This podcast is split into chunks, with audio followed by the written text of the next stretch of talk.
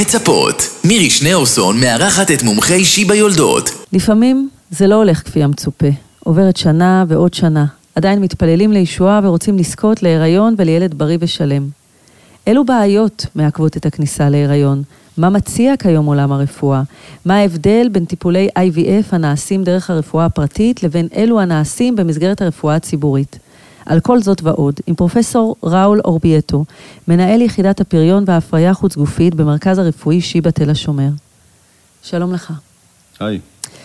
אז מה זה בעצם IVF ומתי יש בו צורך? IVF זה בעצם אה, הפריה חוץ גופית. אה, יש מגוון בעיות פוריות לאוכלוסייה, אנחנו יודעים ש-15% מהאוכלוסייה סובלים מבעיות פריון, ו-IVF זה למעשה אה, טיפול שנותן מענה בסוף לכל האוכלוסייה, לכל מי שלא מצליח להיכנס להיריון בכל, ה, בכל השיטות האחרות, ויש כאלה שמגיעים אליו כבר כשיטת טיפול ראש, ראשונית. זאת אומרת, זוגות עם אה, בעיית זרע קלה, או זוגות שאי פירון על רקע בלתי מוסבר.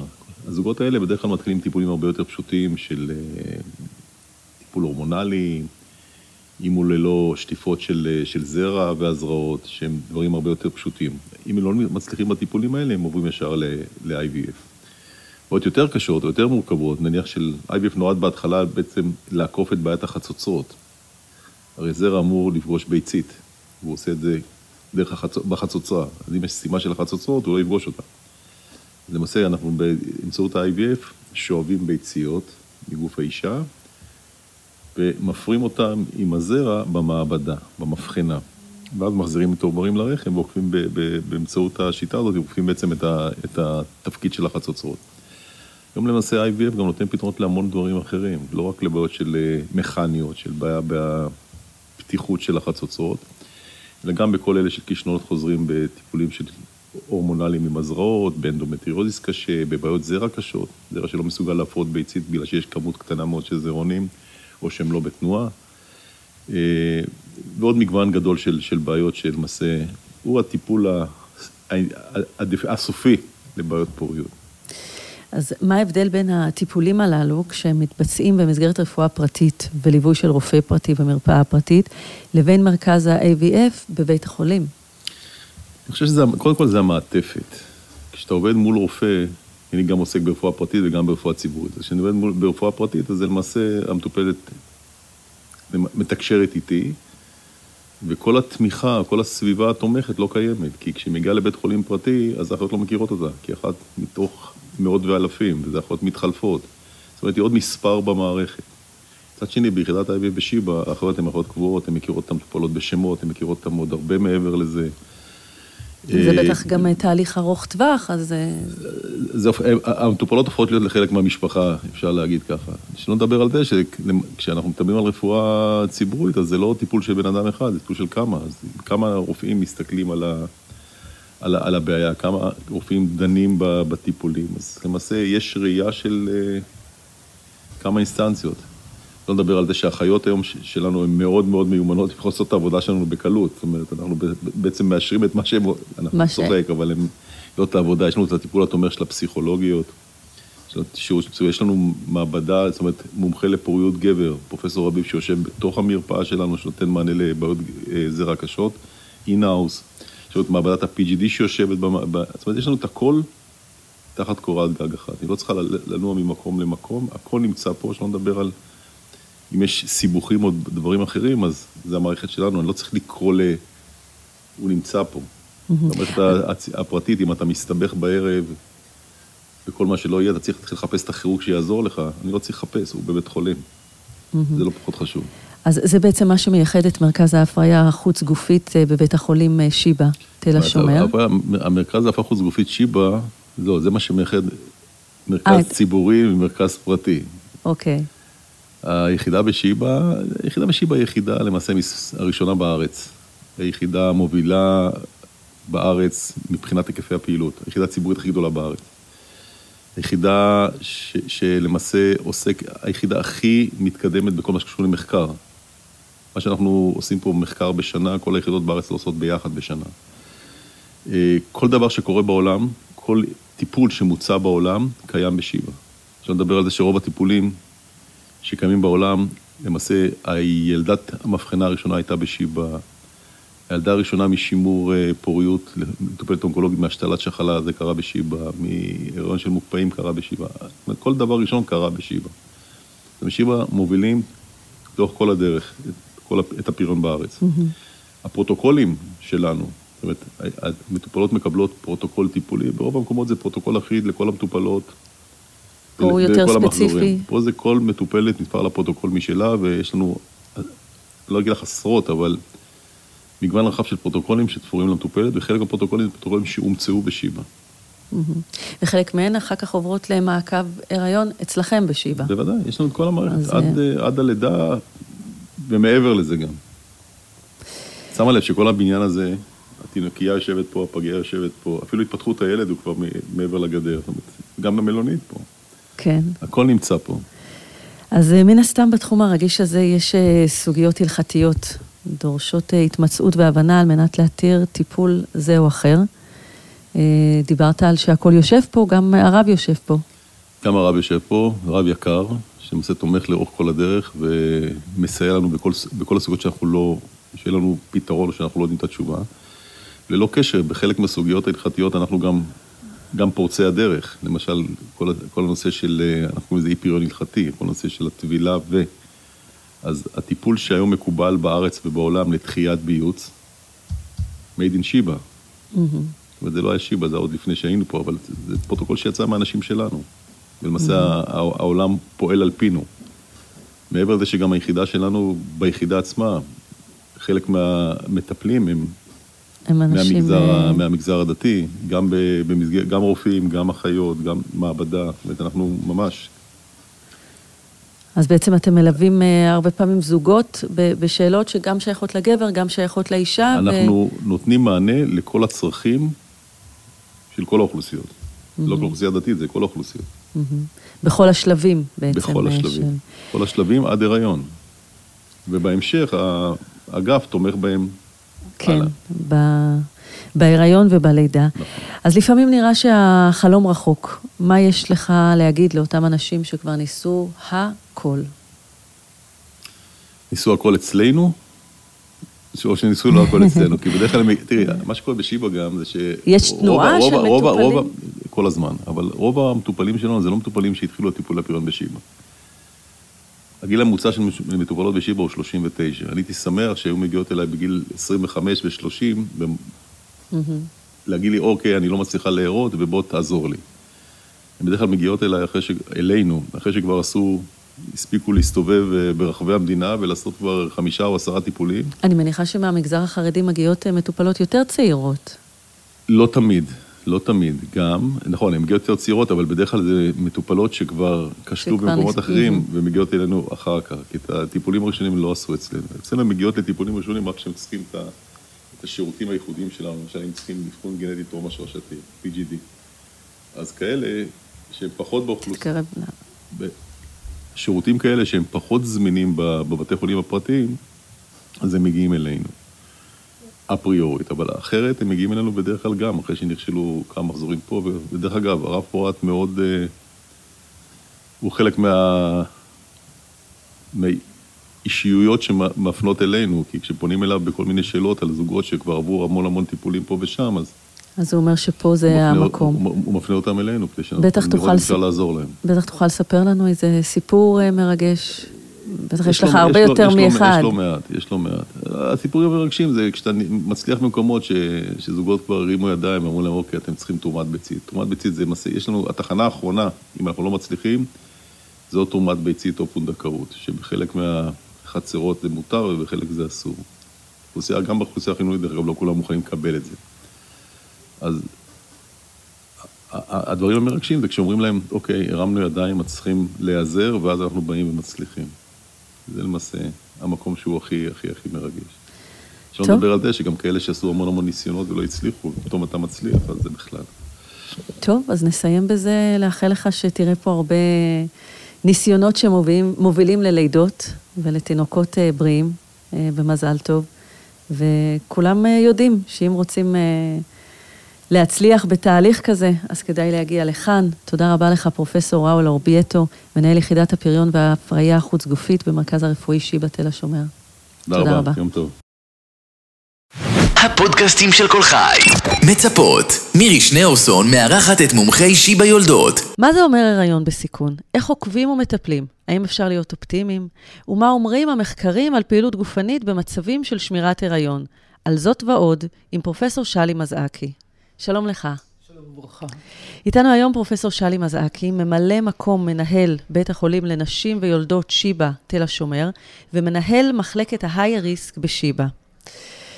טוב, אז אה, קודם כל נרצה להבין מתי הריון מוגדר הריון בסיכון. שאלה מצוינת. כי למעשה אין תשובה חד משמעית לשאלה הזאת. הייתי אומר שבאופן כללי ישנם שלושה מצבים שעשויים, עלולים להביא את המטופלת למצב של הריון בסיכון. מצב ראשון זה אם יש לגברת מחלת הרקע ידועה, למשל יתר לחץ דם ידוע או סוכרת לפני הריון, כלומר אם ישנה מחלה לפני ההריון שלא קשורה בכלל להיריון, זה יכול לשים אותה בעמדת סיכון ולהציב אותה בעמדה, בעמדה שהיא תצטרך אה, מעקב של הריון בסיכון. דבר נוסף שיכול להיות זה אם יש לגברת היסטוריה של סיבוך בהריונות קודמים או בהריון קודם.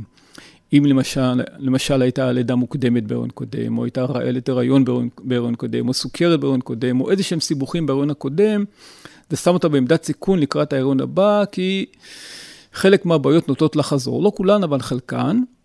ודבר שלישי, וזו אולי הקבוצה הגדולה ביותר, זו קבוצה שבה במהלך ההיריון הנוכחי, שבו כעת נמצאת הגברת, מתגלית איזושהי בעיה, כמו צירים מוקדמים, או קיצור צבא, או רעלת, או סוכרת, או עובר קטן, או עובר גדול. שלושת, הדבר, שלושת הדברים האלה בעצם שמים את המטופלת בעמדת סיכון של, של, שנחשבת הריון בסיכון. ואז אתם מתחילים, אה, מה שנקרא, לשמור עליה. אה, הזכרתם שתי תופעות שכיחות מאוד, נרצה להבין אותן. קודם כל, רעלת הריון, שאנחנו כן. שומעים את המושג הזה הרבה, אבל נכון. מה זה אומר ומה בעצם הסימנים? רעלת ש... הריון היא אה, מחלה, למרות השם, רעלת הריון יכולה להיות גם אחרי הלידה, אבל ברוב העצום של המקרים, המחלה הזאת, התופעה הזאת מופיעה בהיריון עצמו. זו מחלה שבאה לידי ביטוי בעלייה בלחץ דם, בהופעה של חלמון בשתן, ויש לה מגוון רחב מאוד של ביטויים, ממצב שבאופן פרקטי לא משפיע לא על האישה ולא על העובר, עד מצבי קיצון שעלולים לסכן גם את האימא וגם את העובר. מבחינת המטופלת עצמה, מה שהיא עשויה להרגיש, ואלה דברים שצריכים לשים אליהם לב לאורך כל ההיריון וביתר שאת בטרימסטר השלישי, זה סימנים כמו כאבי ראש חריגים, משהו חריג יוצא דופן, טשטוש בראייה בשתי העיניים, לא משהו רגעי, טשטוש בראייה שנמשך לאורך זמן, או כאבים עזים בחלק העליון של הבטן.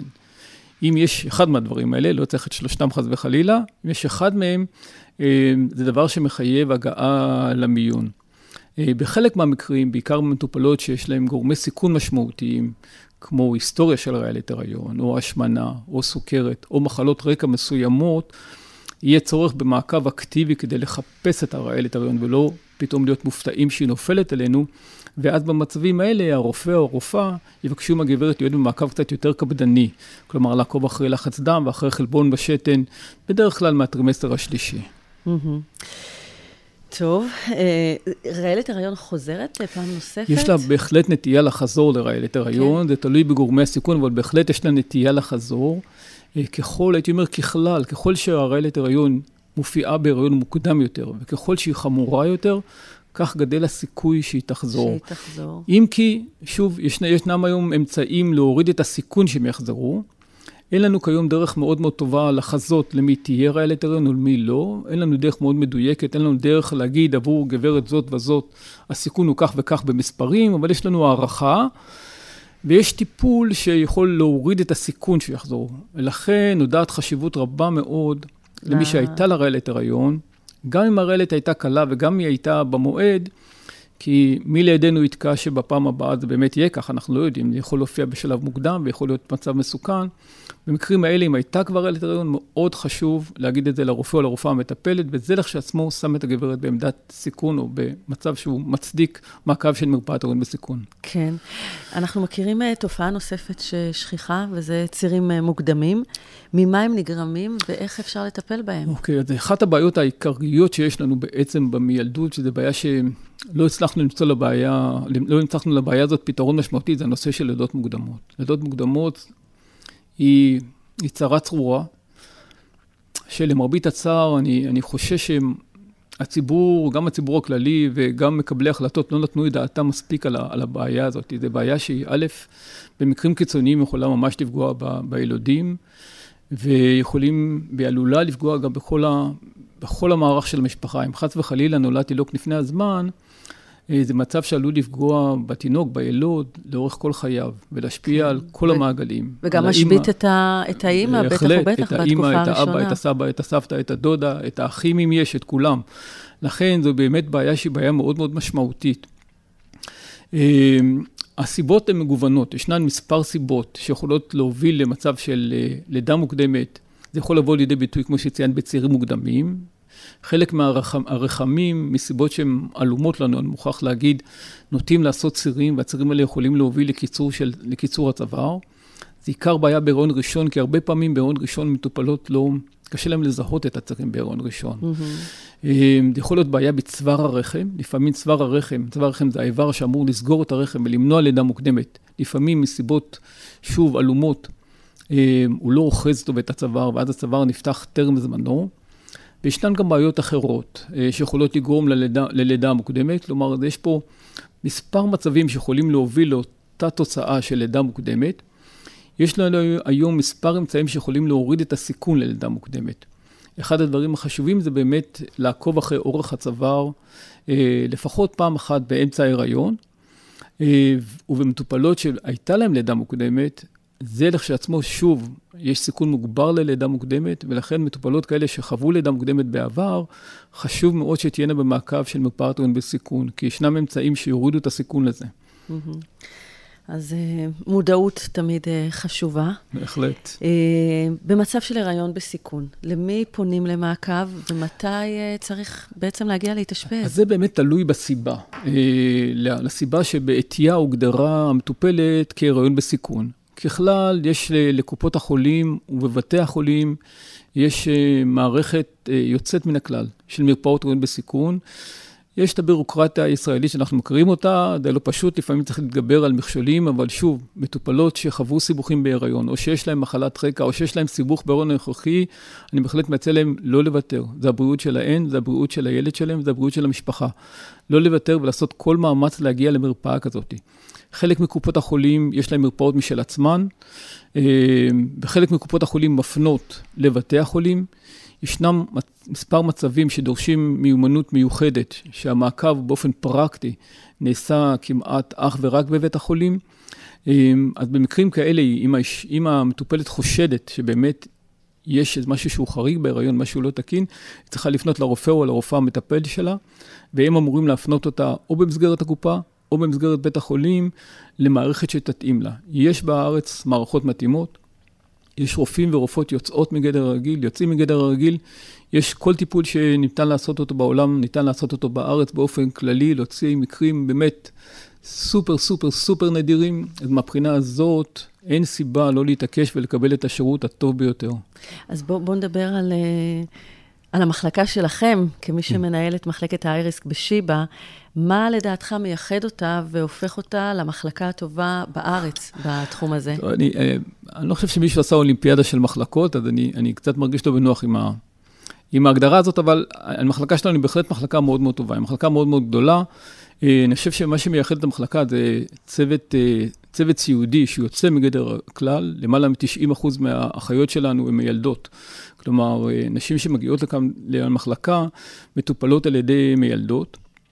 בנוסף, יש לנו באמת צוות רופאים שאני מסיר את הקור בפניו, רופאים ורופאות עם תת-התמחויות ועם ניסיון עצום, אה, מספר רב של רופאים מאוד מאוד מיומנים, אה, שהם מעולים בכל קנה מידה, גם קנה מידה מקצועי, גם קנה מידה אקדמאי, וגם אה, רופאים ורופאות מאוד מאוד נחמדים.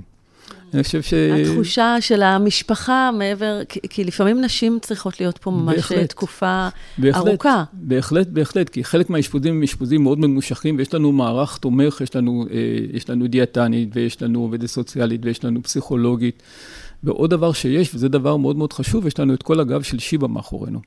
אז אם ישנם סיבוכים שהם סיבוכים נדירים, למשל אנשים חלילה עם בעיות לב קשות, או חלילה גידולים לא עלינו, או בעיות מעין אלה, יש את המערך של שיבא הגדול, mm-hmm. שיודע לתת לנו את הרופאים הכי טובים בשיבא ולעזור לנו, וזה מעשה כמעט של מדי שבוע, שאנחנו יושבים עם רופאים מדיסציפלינות אחרות ומדברים על מטופלות שלנו, וככה מטופלות נהנות בעצם מכל העולמות. גם מהמחלה הבסיסית, לתת להם את הטיפול המושלם, וגם מבחינת ההיריון. כן.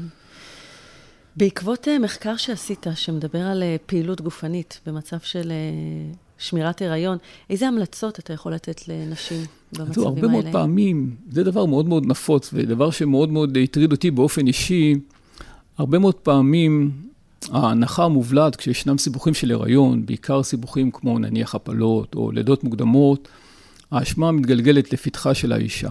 מאשימים תמיד את, ה, כן. את האישה. ובדרך כלל אומרים לה, תנוחי, אולי לא נחת מספיק. בדיוק. אז הרבה מאוד פעמים אנשים מאשימות את עצמם. הרמתי, סחבתי, התאמצתי, ובגלל זה קרה מה שקרה, בגלל זה הייתה לידה מוקדמת, בגלל זה עובר קטן, בגלל זה עובר גדול, בגלל זה הייתה הפלה. ואם האישה לא, מש... לא מאשימה את עצמה, תמיד יש נשמות טובות שעוזרות לה להגיע למסקנה הזאת. זה דבר שמאוד מאוד הטריד אותי, כי מבחינה, מבחינה רפואית, מבחינה מקצועית, הדבר הזה הוא, הוא הבל הבלים. אה, ומה שאנחנו עשינו, אה, עשינו מחקר אצלנו במחלקה, ובדקנו אה, מטופלות עם, שהן נמצאות בסיכון מאוד מאוד גבוה ללידה מוקדמת. כלומר, מטופלות שהתאשפזו עם צוואר מאוד מאוד קצר, צוואר רחם מאוד קצר, שזה סימן, סימן, או נגיד גורם סיכון מאוד מאוד גדול ללידה מוקדמת. וביקשנו מהם לעקוב אחרי מספר, מספר הצעדים שהן עושות. נתנו להם צמיד שעקב אחרי התנועות שלהם, בלי שהן שמות לב לזה. בדקנו כמה הן באמת הולכות, תכלס, כמה הן הולכות. בלי סיפורים, מדד אובייקטיבי. ומה שגילינו להפתעתנו, זה ככל שהאישה הלכה יותר, הסיכוי ללידה מוקדמת היה יותר קטן, לא יותר גדול. וואו. כן, עתידנות באמת, אה, וואו. בתחום ה... בהחלט, ולכן מדהים. אנחנו, בהחלט אנחנו אומרים, א', מבחינה הזאת, נשים צריכות לדעת לא לקחת את האשמה על עצמן, ממש לא. כן. זה מוכח מדעית שזה ממש לא ככה, ולא צריך לגעור בנשים, ו... כי בעצם כשאת אומרת לאישה לנוח, את בעצם אומרת, אומרת לה, אוקיי, זה קרה בגלל שלא נחת. וזה, זו... בגלל שלא היית בסדר ולא שמרת על התינוק שלך, לא ופתאום לא מגלים שדווקא לא הפעילות הגופנית היא זאת שכן תשמור נכון, ותגן לא אומר, עליה. אני לא אומר לרוץ ולהתאמן למרתון, כן. אבל בטח לשכב במיטה, רתוקה למיטה כל היום, אין שום מצב בהיריון שזה עוזר. וואו. אף מצב. באמת אה, שינוי אה, בגישה, וזה שינוי אה, מרענן, mm. וזה רק מראה איזה ניסיון יש אצלכם במקרים מורכבים הרבה יותר. אז יש הרבה תקווה, אפשר לראות אור בקצה המנהרה, גם במקרים המורכבים ביותר. איזה סיפור מרגש ממשהו שקרה לאחרונה? האמת שהמחלקה, המחלקה לרום בסיכון באמת מקום שבו מתרחשים ניסים, כמעט על בסיס יומי. ולפני יומיים ביקרה אותנו מטופלת שילדה תינוק בשבוע 32, תינוק ששקל 630 גרם, והגיע אלינו אחרי שכמובן יעצו לה לה להפסיק את ההיריון, כי בשלב מאוד מאוד מוקדם העובר כמעט לא התפתח, ואמרו שאין סיכוי ואין תוחלת. ו... והתינוק הזה הוא כבר בן שנה, וגדול, וחזק, ונהדר. אמ, שבוע שעבר ילדו אצלנו שתי שלישיות. אמ, אז יש לנו באמת ניסים גלויים על בסיס יומי כמעט. כן, אתה ממשיך uh, להתרגש, אה, בהחלט. למרות הניסיון. תודה רבה לך, פרופ' שלי מזקי, ממלא מקום מנהל בית החולים לנשים ויולדות שיבא, תל השומר, ומנהל מחלקת היי-ריסק בשיבא, שתמיד יהיה בשורות טובות. אמן. מזל טוב. אמן, אמן. הפודקאסטים של כל חי. מצפות. מירי שניאורסון מארחת את מומחי שיבא יולדות. מה זה אומר הריון בסיכון? איך עוקבים ומטפלים? האם אפשר להיות אופטימיים? ומה אומרים המחקרים על פעילות גופנית במצבים של שמירת הריון? על זאת ועוד, עם פרופסור שלי מזעקי. שלום לך. שלום וברכה. איתנו היום פרופסור שלי מזעקי, ממלא מקום מנהל בית החולים לנשים ויולדות שיבא, תל השומר, ומנהל מחלקת ההיי ריסק בשיבא. טוב, אז אה, קודם כל נרצה להבין מתי הריון מוגדר הריון בסיכון. שאלה מצוינת, כי למעשה אין תשובה חד משמעית לשאלה הזאת. הייתי אומר שבאופן כללי ישנם שלושה מצבים שעשויים, עלולים להביא את המטופלת למצב של הריון בסיכון. מצב ראשון זה אם יש לגברת מחלת הרקע ידועה, למשל יתר לחץ דם ידוע או סוכרת לפני הריון, כלומר אם ישנה מחלה לפני ההריון שלא קשורה בכלל להיריון, זה יכול לשים אותה בעמדת סיכון ולהציב אותה בעמדה, בעמדה שתצטרך אה, מעקב של הריון בסיכון. דבר נוסף שיכול להיות זה אם יש לגברת היסטוריה של סיבוך בהריונות קודמים או בהריון קודם.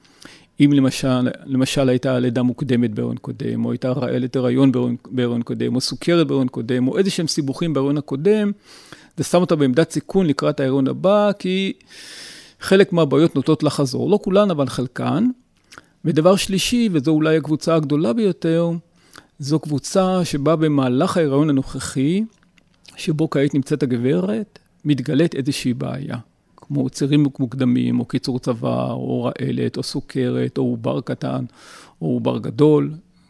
שלושת, הדבר, שלושת הדברים האלה בעצם שמים את המטופלת בעמדת סיכון של, של, שנחשבת הריון בסיכון. ואז אתם מתחילים, אה, מה שנקרא, לשמור עליה. אה, הזכרתם שתי תופעות שכיחות מאוד, נרצה להבין אותן. קודם כל, רעלת הריון, שאנחנו כן. שומעים את המושג הזה הרבה, אבל נכון. מה זה אומר ומה בעצם הסימנים?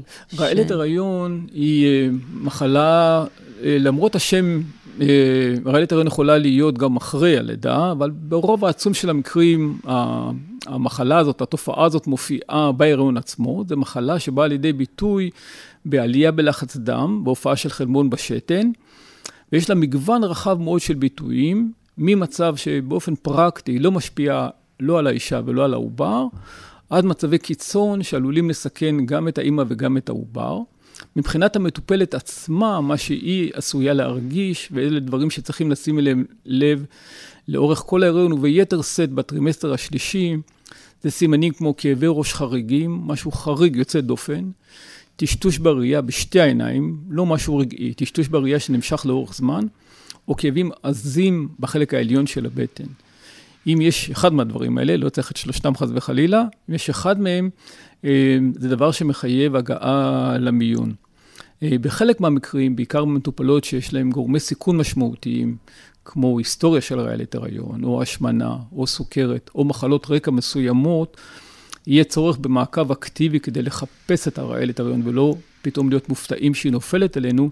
ואז במצבים האלה הרופא או הרופאה יבקשו מהגברת להיות במעקב קצת יותר קפדני. כלומר, לעקוב אחרי לחץ דם ואחרי חלבון בשתן, בדרך כלל מהטרימסטר השלישי. טוב, אה, רעלת הריון חוזרת פעם נוספת? יש לה בהחלט נטייה לחזור לרעלת הריון, כן. זה תלוי בגורמי הסיכון, אבל בהחלט יש לה נטייה לחזור. אה, ככל, הייתי אומר ככלל, ככל שהרעלת הריון מופיעה בהריון מוקדם יותר, וככל שהיא חמורה יותר, כך גדל הסיכוי שהיא תחזור. שהיא תחזור. אם כי, שוב, יש, ישנם היום אמצעים להוריד את הסיכון שהם יחזרו. אין לנו כיום דרך מאוד מאוד טובה לחזות למי תהיה רעלת הריון ולמי לא. אין לנו דרך מאוד מדויקת, אין לנו דרך להגיד עבור גברת זאת וזאת, הסיכון הוא כך וכך במספרים, אבל יש לנו הערכה. ויש טיפול שיכול להוריד את הסיכון שיחזור. ולכן נודעת חשיבות רבה מאוד למי אה. שהייתה לה רעלת הריון, גם אם הרעלת הייתה קלה וגם אם היא הייתה במועד, כי מי לידינו יתקע שבפעם הבאה זה באמת יהיה כך, אנחנו לא יודעים, זה יכול להופיע בשלב מוקדם ויכול להיות מצב מסוכן. במקרים האלה, אם הייתה כבר רעלת הריון, מאוד חשוב להגיד את זה לרופא או לרופאה המטפלת, וזה לכשעצמו שם את הגברת בעמדת סיכון או במצב שהוא מצדיק מעקב של מרפאת הריון בסיכון. כן. אנחנו מכירים uh, תופעה נוספת ששכיחה, וזה צירים uh, מוקדמים.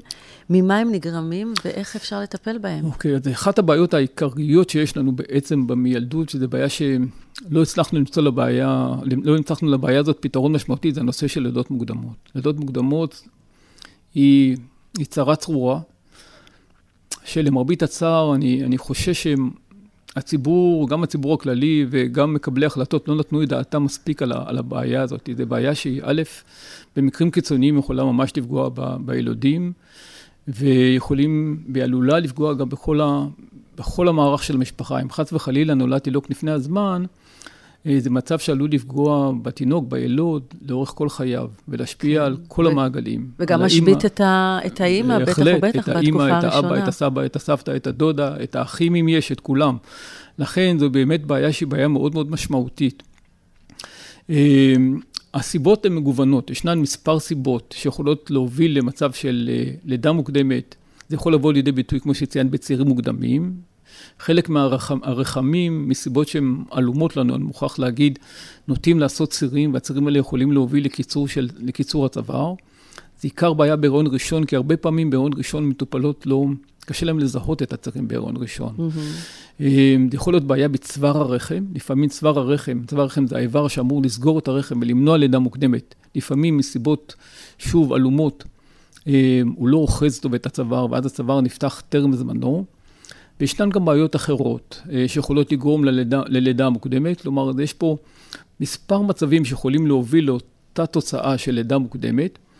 יש לנו היום מספר אמצעים שיכולים להוריד את הסיכון ללידה מוקדמת.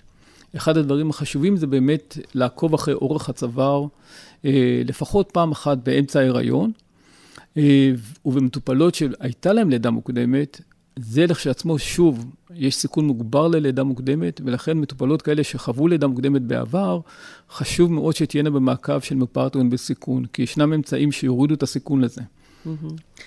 אז אה, מודעות תמיד אה, חשובה. בהחלט. אה, במצב של הריון בסיכון, למי פונים למעקב ומתי צריך בעצם להגיע להתאשפז? אז זה באמת תלוי בסיבה. לסיבה שבעטייה הוגדרה המטופלת כהריון בסיכון. ככלל, יש לקופות החולים ובבתי החולים, יש אה, מערכת אה, יוצאת מן הכלל של מרפאות רואים בסיכון. יש את הבירוקרטיה הישראלית שאנחנו מכירים אותה, זה לא פשוט, לפעמים צריך להתגבר על מכשולים, אבל שוב, מטופלות שחוו סיבוכים בהיריון, או שיש להן מחלת רקע, או שיש להן סיבוך בהיריון הנוכחי, אני בהחלט מציע להן לא לוותר. זה הבריאות שלהן, זה הבריאות של הילד שלהן, זה הבריאות של המשפחה. לא לוותר ולעשות כל מאמץ להגיע למרפאה כזאת. חלק מקופות החולים יש להם מרפאות משל עצמן, אה, וחלק מקופות החולים מפנות לבתי החולים. ישנם מספר מצבים שדורשים מיומנות מיוחדת, שהמעקב באופן פרקטי נעשה כמעט אך ורק בבית החולים. אה, אז במקרים כאלה, אם, האש, אם המטופלת חושדת שבאמת יש משהו שהוא חריג בהיריון, משהו לא תקין, היא צריכה לפנות לרופא או לרופאה המטפל שלה, והם אמורים להפנות אותה או במסגרת הקופה או במסגרת בית החולים למערכת שתתאים לה. יש בארץ מערכות מתאימות, יש רופאים ורופאות יוצאות מגדר הרגיל, יוצאים מגדר הרגיל, יש כל טיפול שניתן לעשות אותו בעולם, ניתן לעשות אותו בארץ באופן כללי, להוציא מקרים באמת סופר סופר סופר נדירים, אז מהבחינה הזאת אין סיבה לא להתעקש ולקבל את השירות הטוב ביותר. אז בואו בוא נדבר על... Uh... על המחלקה שלכם, כמי שמנהל את מחלקת האייריסק בשיבא, מה לדעתך מייחד אותה והופך אותה למחלקה הטובה בארץ בתחום הזה? אני, אה, אני לא חושב שמישהו עשה אולימפיאדה של מחלקות, אז אני, אני קצת מרגיש לא בנוח עם, ה, עם ההגדרה הזאת, אבל המחלקה שלנו היא בהחלט מחלקה מאוד מאוד טובה, היא מחלקה מאוד מאוד גדולה. אה, אני חושב שמה שמייחד את המחלקה זה צוות, אה, צוות סיעודי שיוצא מגדר הכלל, למעלה מ-90% מהאחיות שלנו הן מיילדות. כלומר, אה, נשים שמגיעות לכאן למחלקה מטופלות על ידי מיילדות. בנוסף, יש לנו באמת צוות רופאים שאני מסיר את הכל בפניו, רופאים ורופאות עם תת-התמחויות ועם ניסיון עצום, אה, מספר רב של רופאים מאוד מאוד מיומנים, אה, שהם מעולים בכל קנה מידה, גם קנה מידה מקצועי, גם קנה מידה אקדמאי, וגם אה, רופאים ורופאות מאוד מאוד נחמדים. אני חושב ש... התחושה של המשפחה מעבר, כי, כי לפעמים נשים צריכות להיות פה ממש בהחלט, תקופה בהחלט, ארוכה. בהחלט, בהחלט, כי חלק מהאשפוזים הם אשפוזים מאוד ממושכים, ויש לנו מערך תומך, יש לנו, יש לנו דיאטנית, ויש לנו עובדת סוציאלית, ויש לנו פסיכולוגית. ועוד דבר שיש, וזה דבר מאוד מאוד חשוב, יש לנו את כל הגב של שיבא מאחורינו. אז אם ישנם סיבוכים שהם סיבוכים נדירים, למשל אנשים חלילה עם בעיות לב קשות, או חלילה גידולים לא עלינו, או בעיות מעין אלה, יש את המערך של שיבא הגדול, mm-hmm. שיודע לתת לנו את הרופאים הכי טובים בשיבא ולעזור לנו, וזה מעשה כמעט של מדי שבוע, שאנחנו יושבים עם רופאים מדיסציפלינות אחרות ומדברים על מטופלות שלנו, וככה מטופלות נהנות בעצם מכל העולמות, גם מהמחלה הבסיסית, לתת להם את הטיפול המושלם וגם מבחינת ההיריון. כן. בעקבות אה, מחקר שעשית, שמדבר על אה, פעילות גופנית במצב של אה, שמירת הריון, איזה המלצות אתה יכול לתת לנשים במצבים האלה? הרבה מאוד פעמים, זה דבר מאוד מאוד נפוץ, ודבר שמאוד מאוד הטריד אותי באופן אישי, הרבה מאוד פעמים ההנחה המובלעת כשישנם סיבוכים של הריון, בעיקר סיבוכים כמו נניח הפלות או לידות מוקדמות, האשמה מתגלגלת לפתחה של האישה. מאשימים תמיד את, ה, כן. את האישה. ובדרך כלל אומרים לה, תנוחי, אולי לא נחת מספיק. בדיוק. אז הרבה מאוד פעמים אנשים מאשימות את עצמם. הרמתי, סחבתי, התאמצתי, ובגלל זה קרה מה שקרה, בגלל זה הייתה לידה מוקדמת, בגלל זה עובר קטן, בגלל זה עובר גדול, בגלל זה הייתה הפלה. ואם האישה לא, מש... לא מאשימה את עצמה, תמיד יש נשמות טובות שעוזרות לה להגיע למסקנה הזאת. זה דבר שמאוד מאוד הטריד אותי, כי מבחינה, מבחינה רפואית, מבחינה מקצועית, הדבר הזה הוא, הוא הבל הבלים.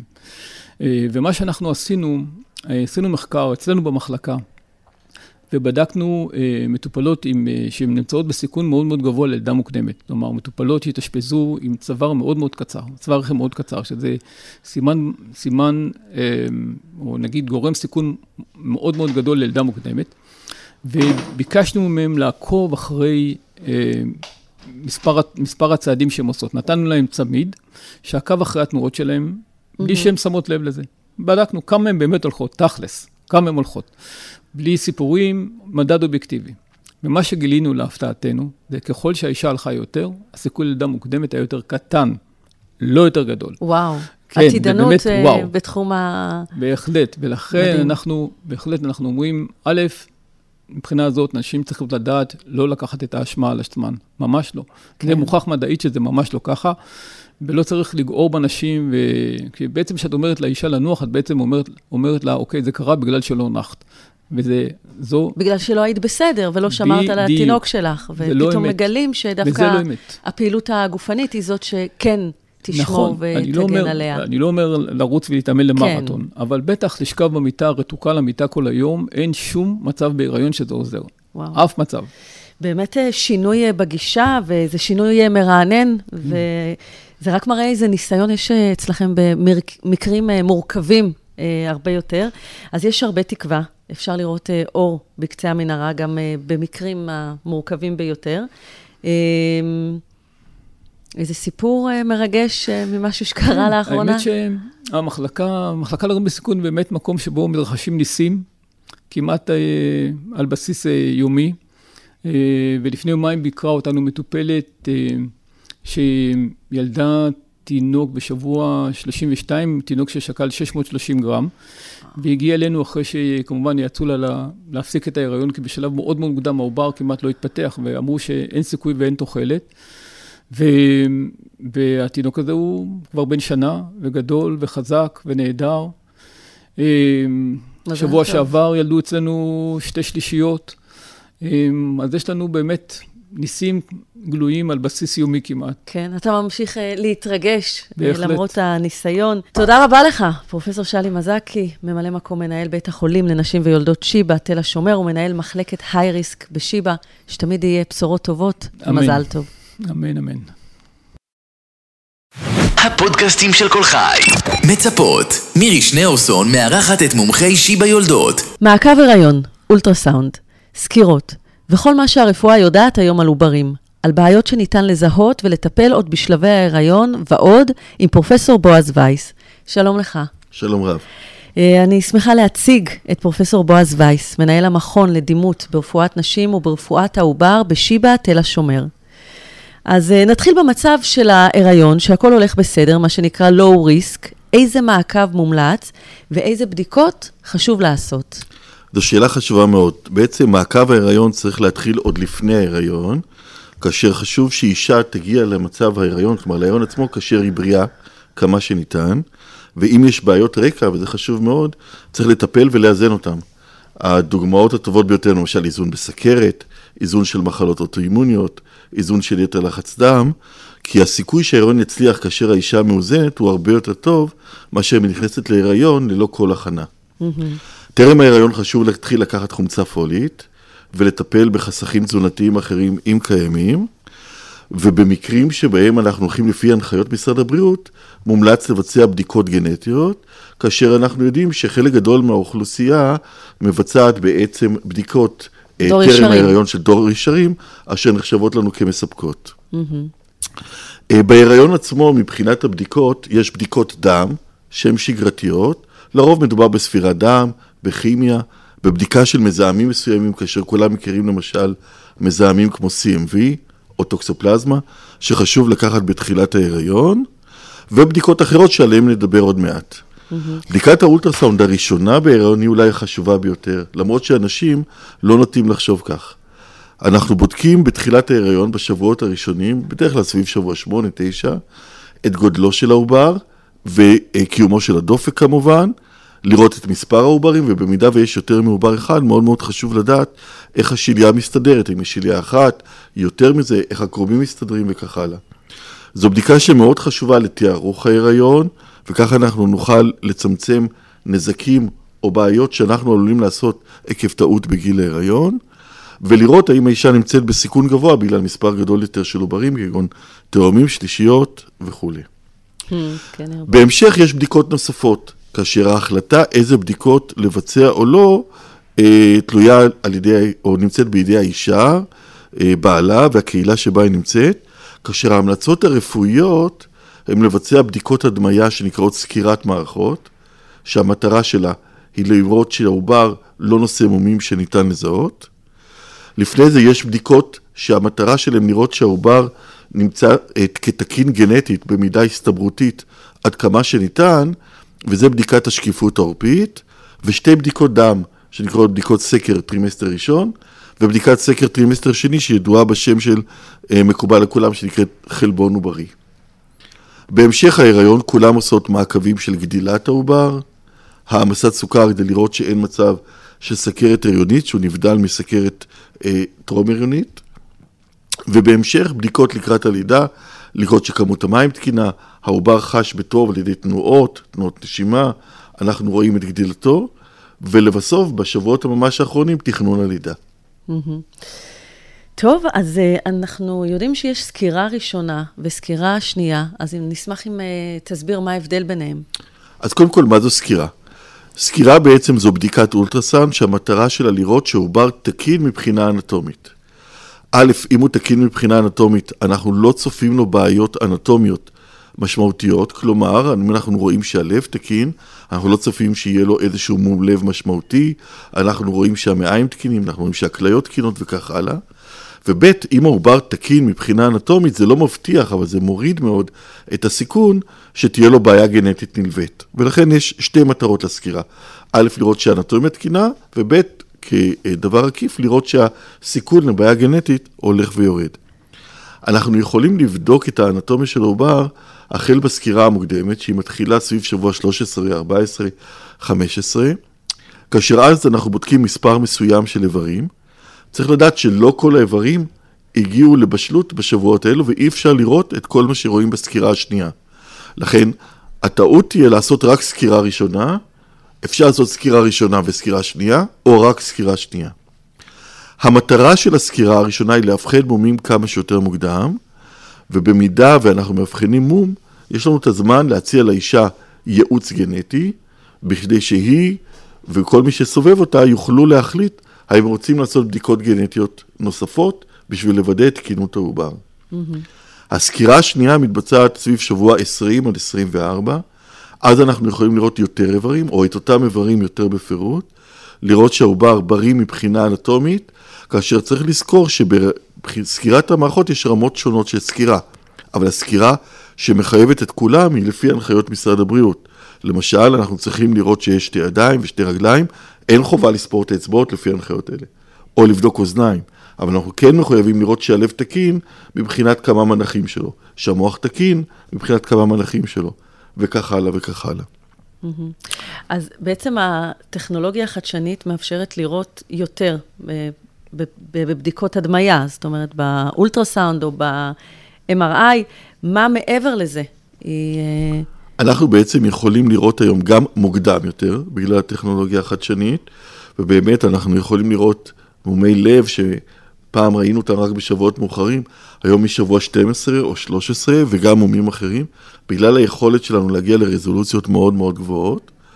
אנחנו יכולים גם לראות, ובמיוחד להדגים לאישה, את העובר, שלרוב כשהוא בריא על ידי התלת מימד, אבל לעיתים, גם כאשר אנחנו צריכים להמחיש לה מה הבעיה, לפעמים היא לא מבינה או זה לא נתפס כאשר אנחנו רק מציירים, רק מסבירים וכולי, ואז אנחנו יכולים להשתמש בטכנולוגיות נוספות כדי להסביר לה, לבעלה, למשפחה, וכל מי שצריך באיזה מום מדובר, על ידי תלת מימד של העובר. Mm-hmm.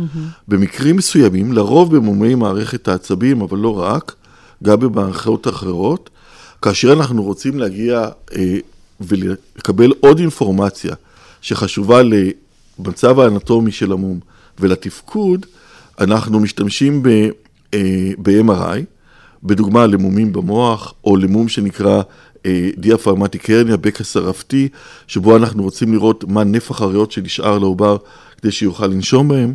אנחנו משתמשים בטכנולוגיות האלה, שהן דרך אגב זמינות, במידה מאוד מאוד תכופה ובאיכות מאוד גבוהה, גם כאן בתל השומר.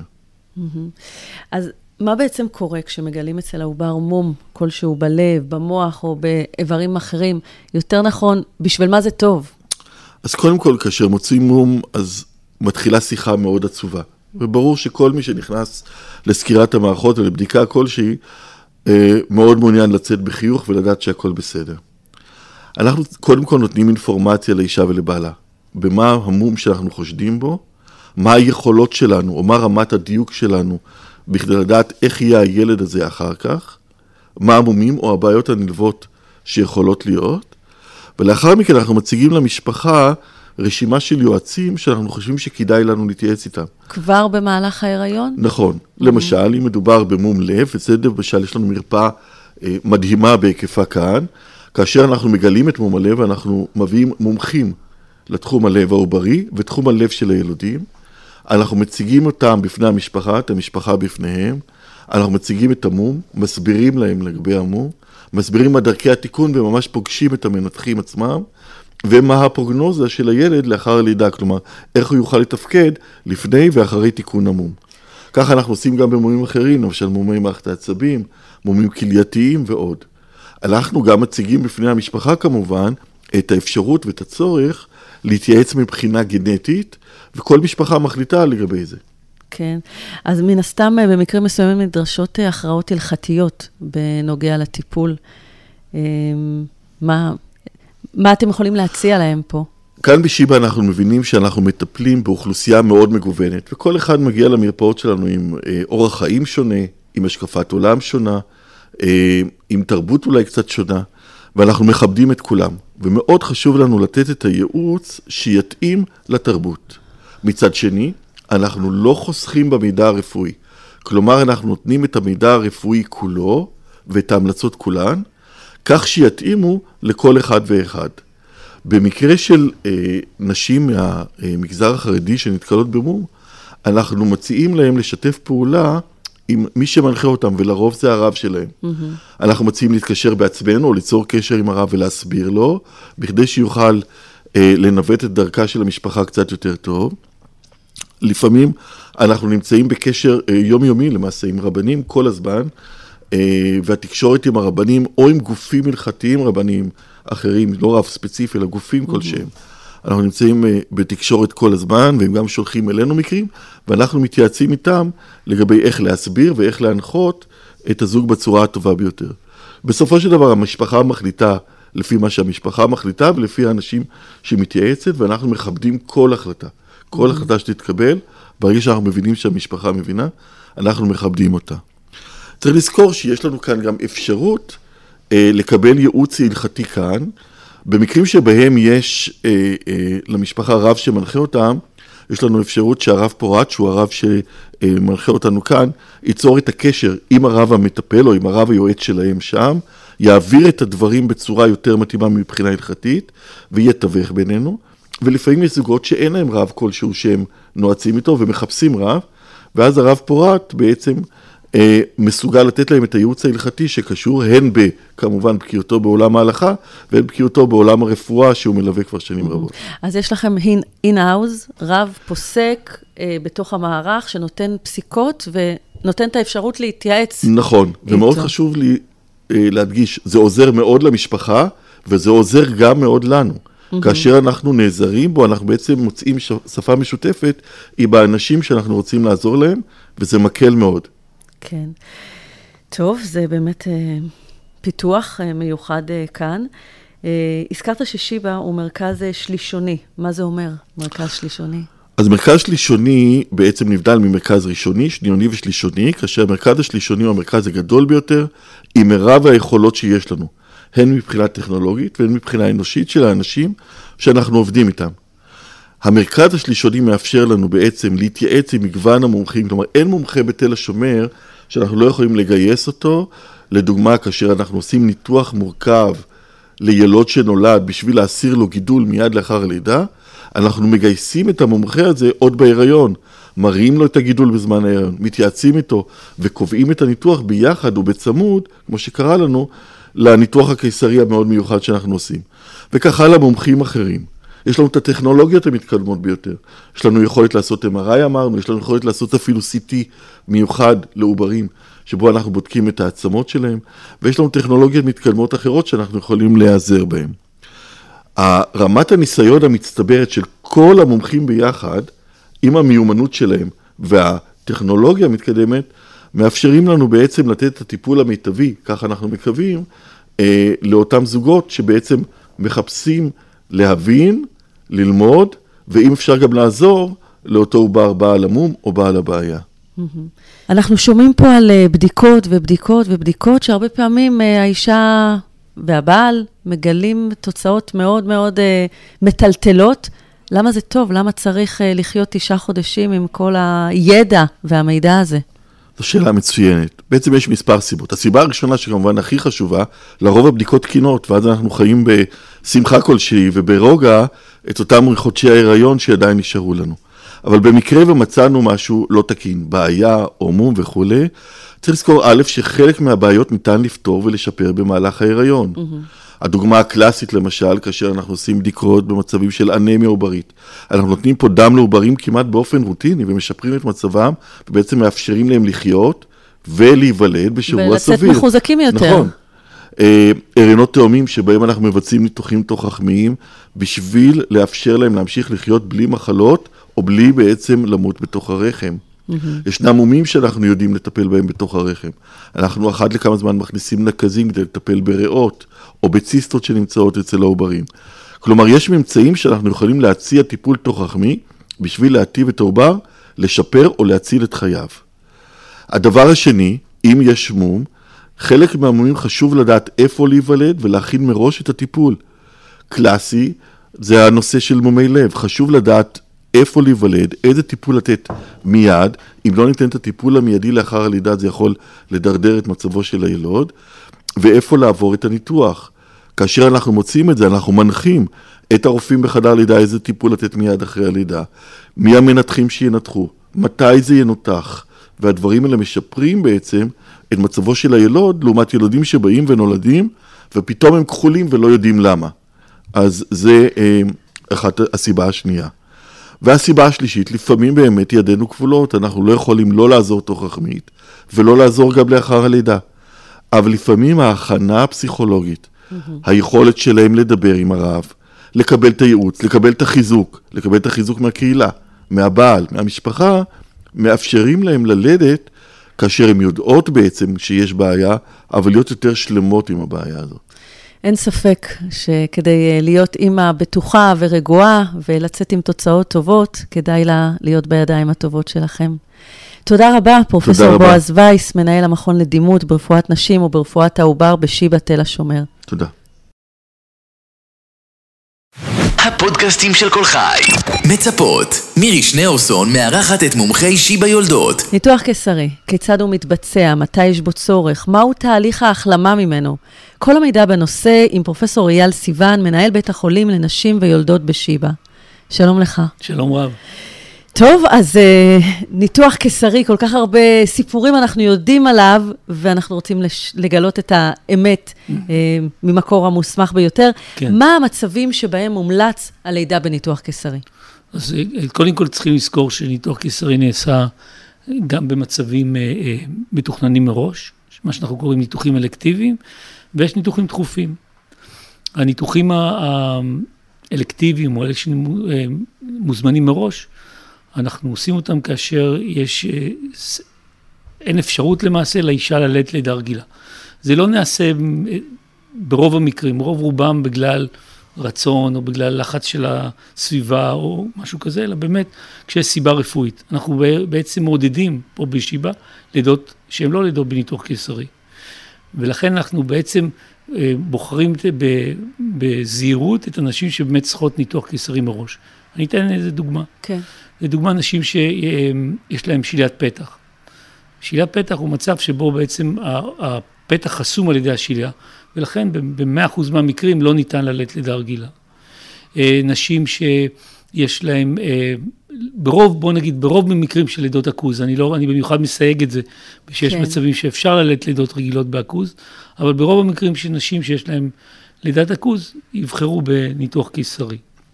אה, מצבים שבהם אנחנו יודעים ש, ש, או מעריכים שהעובר הוא גדול מדי והוא לא יוכל לעבור בתעלת הלידה. זו עוד דוגמה למצבים. זה מצבים שאנחנו מתכננים מראש את הניתוח. כן. או אה, לידות אה, קודמות שכבר היו בניתוח. אז זה אה, תלוי, זה, גם פה יש, צריכים לסייג את זה, כמו לגבי עכוז, יש מצבים, במיוחד פה בשיבא, אנחנו כן מאפשרים דברים שאולי בחלק מבתי החולים האחרים לא מאפשרים, כמו לידות אחרי ניתוחים קיסריים, כמו לידות, לידה רגילה עכוז, ולכן זה, כל מקרה צריך להיבחן לגופו. כן. נשים רבות יודעות מראש שעליהן לעבור ניתוח קיסרי, קובעות אותו מראש, ויכולות אה, להתכונן פיזית ונפשית, אבל ישנם מצבים שהם אה, ניתוחים קיסריים, מקרי אה, חירום. אז, אז באופן כללי, 50 אחוז בערך מהניתוחים הם ניתוחים מתוכננים. מה- באיזה מצב נדרש ניתוח ניתוח? דחוף? אה, כן. אז ברוב, ברוב המקרים של ניתוחים הדחופים זה תהליכים שקורים במהלך לידה. מהמם. רוב רובם. דרך אגב, גם הדחיפות זה דבר יחסי. אה, אם אה, מדובר על מצוקת עובר, אז זה מאוד מאוד דחוף. אם יש אה, שמץ של חבל הטבור, זה מאוד מאוד דחוף. אבל רוב רובם, דרך אגב, רוב רובם של הניתוחים הקיסריים הלא מתוכננים, מתרחשים במהלך לידה בגלל חוסר התקדמות של הלידה. במצב הזה זה לא ממש, ממש חירום במובן הזה שצריכים לרוץ לניתוח, אבל זה מצב שבו המשך הלידה עלול לסכן את האימא או את העובר או את שניהם, ולכן עוברים לניתוח קיסרי בצורה חצי מתוכננת, נקרא לזה. כן. כלומר, יש עדיין, אפשר להכין את הכל בצורה רגועה, אפשר להכין את הצוות. במקרים האלה, בניגוד לניתוחים מאוד מאוד דחופים, אפשר גם ב, ברוב המקרים לאפשר גם למלווה להיכנס, להיכנס, לחדר לעומת הניתוח. ניתוח שהוא בחירום, אישה שהגיעה עם דימום אה, מאוד משמעותי, אישה שכמו שאמרנו, שיש מצוקת עובר, שבהם צריכים לחלץ את העובר במהירות האפשרית, אז בהם אה, קרוב לוודאי מלווה לא יוכל להצטרף. מה שאתם אה, קוראים לזה ניתוח ידידותי, במקרים שהם חירום, אין אפשרות לעשות נכון. את זה. ניתוח, ניתוח, ניתוח ידידותי זה משהו שיזמנו פה בשיבא בשנים האחרונות, בעיקר מתוך כוונה אחת, והיא לדמות עד כמה שניתן את הלידה הרגילה גם בניתוח. מהמם. בגלל שלידה היא קודם כל חוויה משפחתית, היא גם חוויה של האישה כמובן. כן. מעבר לזה שאנחנו רוצים שלא יכאב לה, ושהיא תרגיש הכי נוח שאפשר, ובסביבה הכי בטוחה, אנחנו רק רוצים לתת לה את האפשרות שתהיה חלק מהחוויה הזאת. כן. אז בשביל זה עשינו כמה שינויים שיאפשרו לחוויה הזאת להיות יותר חווייתית ופחות ניתוחית. אז, אז אפילו באופן הטכני, תסביר לי מה זה אומר אה, ניתוח אה, מה- ידידותי. מה שזה אומר, זה אומר שקודם כל אה, אנחנו מאפשרים לה להישאר עם הילוד מיד אחרי הלידה ולא מעבירים אותו ישר אה, לפגייה או לתינוקייה. הוא נשאר עם האישה לאורך כל הניתוח. היא יכולה גם להעניק אותו אם היא רוצה, אה, כמובן להחזיק אותו. כן. וגם מאפשרים למלווה או מי שנמצא איתה אה, להיות כל, לאורך כל הניתוח עם האישה. ויותר מזה, אנחנו גם מאפשרים לה- לאלה שרוצות, זה דרך אגב מיעוט המקרים, אה, אפילו לראות את תהליך החילוץ של העובר, כמו שבלידה רגילה. אבל זה אני יכול להגיד שרוב הנשים לא בוחרות באופציה הזאת, אבל כן. זה אפשרי. אנחנו נותנים להן לבחור. ודבר אחרון זה שמיד אחרי הלידה היא בעצם ממשיכה להיות עם היילוד שלה.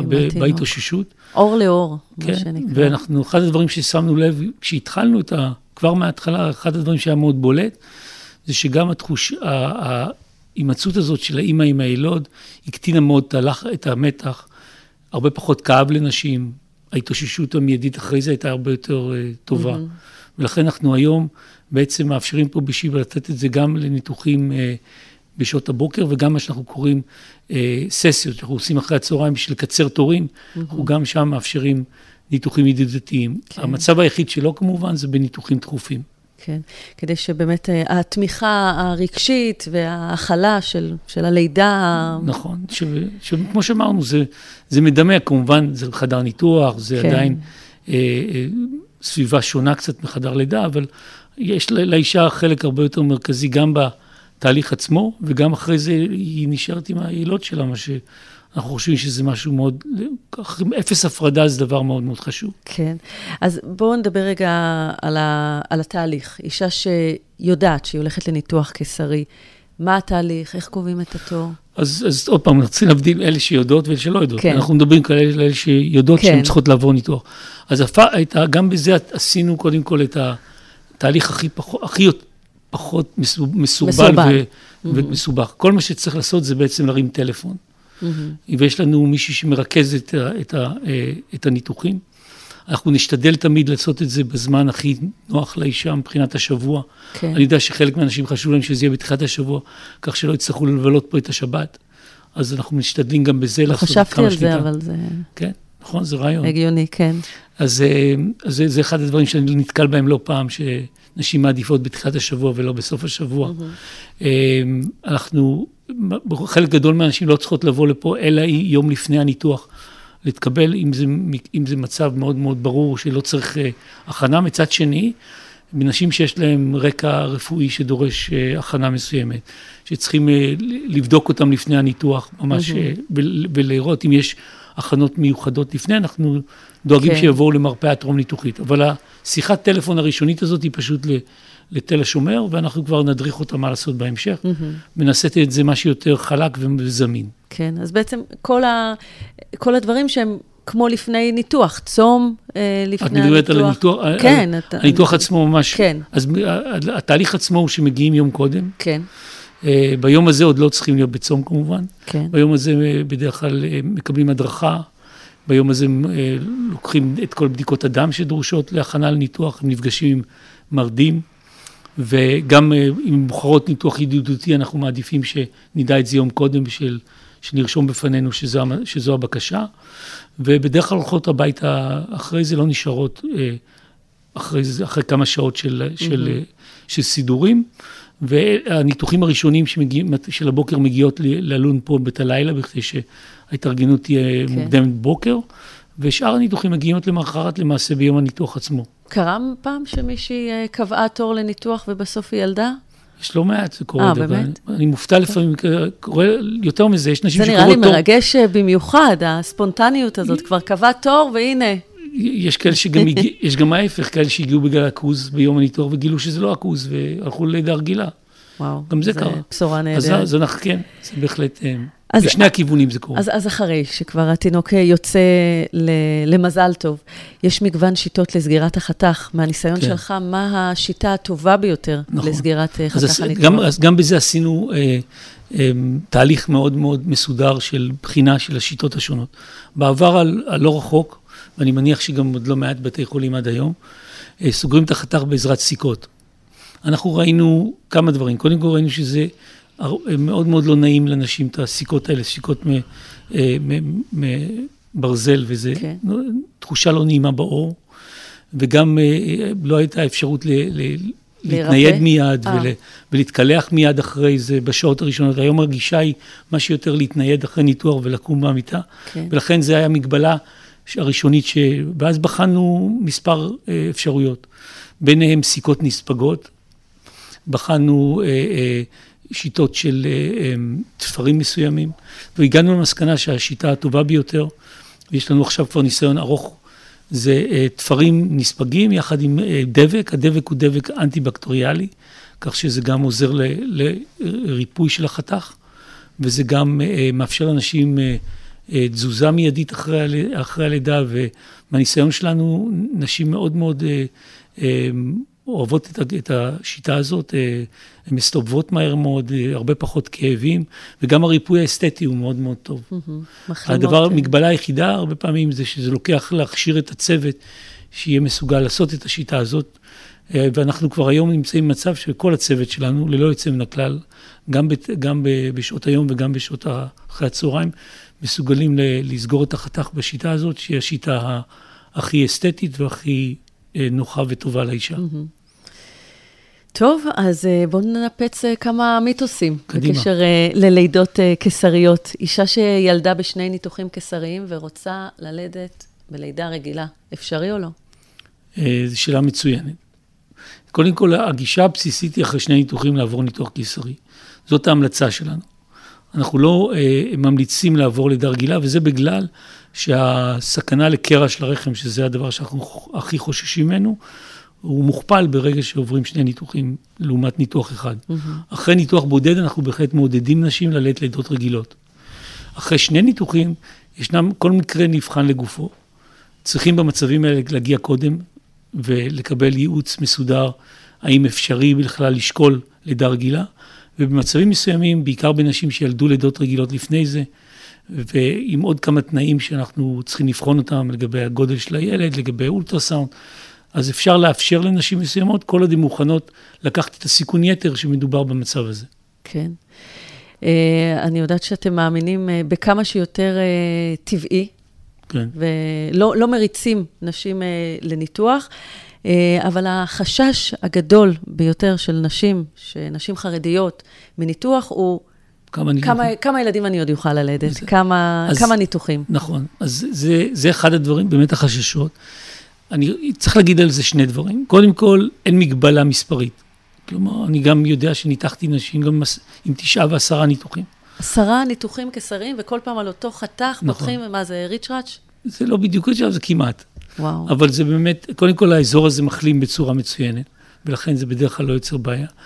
אבל אה, אם, אם תשווי נשים שעברו ניתוחים קיסריים, שתי נשים, אחת התחילה עם ניתוחים ואחת התחילה בלידות רגילות, יש מצבים שבהם נגיד לאישה עם ניתוח קיסרי, תשמעי, המצב לא מאפשר יותר ניתוחים. Mm-hmm. זה, לא, זה לא קשור בכלל למספר, זה קשור יותר להחלמה בין ניתוח לניתוח, מצב הרחם אחרי כל ניתוח.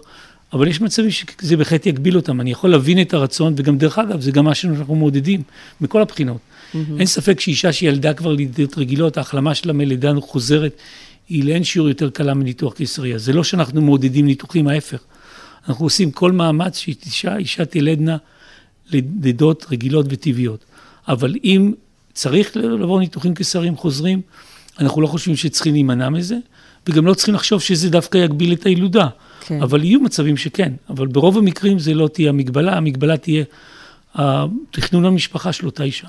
כן, אז גם המיתוס הזה שניתוח קיסרי זה סוף העולם, גם הוא נכון, ברבות אנשים, הש, אנשים, ברבות השנים, כן. אה, ככה פחת, ש... נכון, אפשר בהחלט, אין לזה מגבלה ברורה. וברוב האנשים היום, בטח בשיטות שאנחנו נוהגים בניתוחים קיסריים, mm-hmm. יכולות ללדת הרבה הרבה ילדים, גם בניתוחים קיסריים. כן. אה, עוד אה, מיתוס שנפוץ במיוחד זה לידת הכוז, שתמיד היא מסת... מסתיימת בניתוח אה, קיסרי. כן. זה חייב להיות? אז קודם כל התשובה היא, הקצרה היא לא. אוקיי. התשובה היותר ארוכה... זאת אומרת, אתה יודע שילדו נשים במצב כן, עכוז? אני בעצמי ילדתי פה לאחרונה לידת הכוז. אבל מה, השוני... שמה בעצם הסיכון שם? הסיכון העיקרי הוא זה שבלידות רגילות הרי הראש, הוא תחילה. בעצם עובר את כל תהליך הלידה. לאחר מכן הגוף יוצא באופן טבעי. כן. בלידת הכוז, האיבר שהוא הכי פחות גמיש, מגיע אחרון. כן. לכן עד שלא, הראש יצא, אתה לא יודע בעצם שהצלחת בלידה הזאת. נכון. ולכן זה נכון שהיה תמיד חשש מהנושא הזה של... הראש שמגיע אחרון, והאם הוא ייתקע. חשש לילודים. כן, חשש לילוד. ולכן ערכו באמת מחקר מאוד מאוד גדול לפני מעל, למעלה מעשור, ובדקו את הנושא הזה, ויצא בבחינה ראשונית של הנתונים, התקבל הרושם יותר בטוח ללדת בניתוח קיסרי. אבל כשבחנו את זה לאורך זמן, ובדקו את הילדים האלה עם השנים, האם באמת הם נפגעו מזה, ראו שלמעשה אין הבדל. ולכן, מצד אחד, התהליך הזה גרם למצב שבו פחות ופחות רופאים מיומנים בלידת הקוזבי, שצריך פה להיות מיומנות מאוד מאוד גבוהה. לא להפריע ללידה הזאת, mm-hmm. להעביר אותה בצורה חלקה, לבחור אותה במקרים הנכונים, זה גם מאוד כן. מאוד חשוב. ולכן המיומנות הזאת הלכה ונעלמה ברוב בתי כן. החולים וברוב המקומות, ואצל רוב הרופאים. אצלנו הצלחנו לשמר את זה כאן בשיבא, את היכולת הזאת מצד אחד. מצד שני, אנחנו עדיין חושבים שלא מעט נשים צריכות לעבור את הלידה בניתוח קיסרי. את המקרים העיקריים שמתאים להם לידות אה, רגילות זה נשים שהן ולדניות, ילדו בעבר, נשים שהיו בארץ להם לא, לא, לא גדול, גדול במיוחד, mm-hmm. וצריכים לבחור את זה באופן ספציפי, וצריך בעיקר שיהיה צוות מיומן שמסוגל אה, לקבל את הלידה הזאת. כן. בלי הצוות המיומן הזאת, אני מציע שאתה לעבור ניתוח קיסרי. אז אצלכם אה, בשיבא יש את ה... כן, אז אנחנו, ה... אז אנחנו שימרנו יותר מזה, אנחנו מתארגנים ככה שתמיד יהיה אחד מהרופאים המיומנים שיהיה אה, מוכן גם כשהוא לא תורן וגם כשהוא לא כונן וגם כשהוא בבית. להיות מוזעק למקרים האלה של נשים שרוצות אה, לידות רגילות, לבוא ולהיות אה, חלק מהצוות. יש לזה שני מטרות. א', באמת להבטיח את הבטיחות של האישה, וגם לשמר את זה גם לדורות הבאים. כן. שאנחנו חושבים שזה משהו שכדאי לשמר אותו. אה, יש עוד סיבוכים שבגללם נשים עוברות ניתוחים קיסריים? אז ככל שנשים עוברות יותר ניתוחים קיסריים, מן הסתם האזור של הניתוח הופך להיות יותר צלקתי. אמנם מתרפא, אבל צלקתי. ולכן, אה, אם יש טרשת השליה באזור האזור הזה של התחתון של הרחם, איפה שמתבצע הניתוח הקיסרי, אז אה, יכול להיות מצב שבו השליה הזאת תחדור לעומק הדופן של הרחם. Mm-hmm. במצב הזה, בניגוד למצב הרגיל, שכאשר אחרי לידת הילוד אה, אמורה השליה לצאת, השליה למעשה לא מתנתקת. במצב הזה גורר בעקבותיו דימום מאוד מאוד רציני, שלמעשה מסכן את חיי האישה. אם הוא לא מטופל. וברוב המקומות, גם בארץ וגם בעולם, הטיפול הוא מחייב בעצם כריתה של הרחם כחלק أو. מהעניין, וזה בעצם כמובן מסיים את, את היכולת סוף, של האישה כן. ללדת לידות רגילות, לידות בכלל. כן. אמ, ולכן אנחנו, בגלל שהחשיבות בעצם לאפשר לנשים אה, ללדת בעתיד, גם אחרי מצב כזה של שילה נעוצה, ובגלל שהמצב הזה הוא יותר נפוץ ככל שיותר נשים בוחרות ללדת יותר ניתוחים, בניתוחים קיסריים. אז אנחנו פיתחנו שיטות כאן בשיבא, לשמר גם את הרחם, ולאפשר בעצם לנשים האלה ללדת אחרי זה. יש לנו נשים שכבר ילדו אחרי המצב הזה, מצב שבכל מקום אחר היו בעצם מסיימות את, את הקריירה, את הקריירה שלהם, שלהם מבחינת יולדת, נכון? וואו. עד כדי כך שאנחנו בעצם מקבלים פניות מכל הארץ. מגיעים אלינו אה, נשים שמגלים אצלהם. היום יותר ויותר יש מודעות אה, בנשים שעוברות אה, ניתוחים קיסריים, שאם השליה נמצאת באזור התחתון של הרחם, צריכים להסתכל ולראות באולטרסאונד, האם יש סימנים לשליה נעוצה. החשיבות היא לדעת את, ה, לדעת את זה מראש ולא לגלות את זה תוך כדי ניתוח. Mm-hmm. שגילוי תוך כדי ניתוח למעשה לא מאפשר לך לעשות שום דבר חוץ מלבאמת לקרות את הרחם. אתה צריך היערכות מאוד מיוחדת לזה. כן, בעצם במקום אחר אמרו להם, תדעי לך שאת נכנסת לניתוח קיסרי, ומן הסתם גם uh, יכרתו לך את הרחם. נכון, ומה שאנחנו מאפשרים בערך ב-80% מהמקרים, לשמר לה את הרחם, ולאפשר לה בעצם לידות בעתיד. Mm-hmm. זה כמובן דורש היערכות מאוד מאוד מיוחדת. הצוות גם, זה צוות שלנו שכבר פיתחנו עם השנים המון המון ניסיון.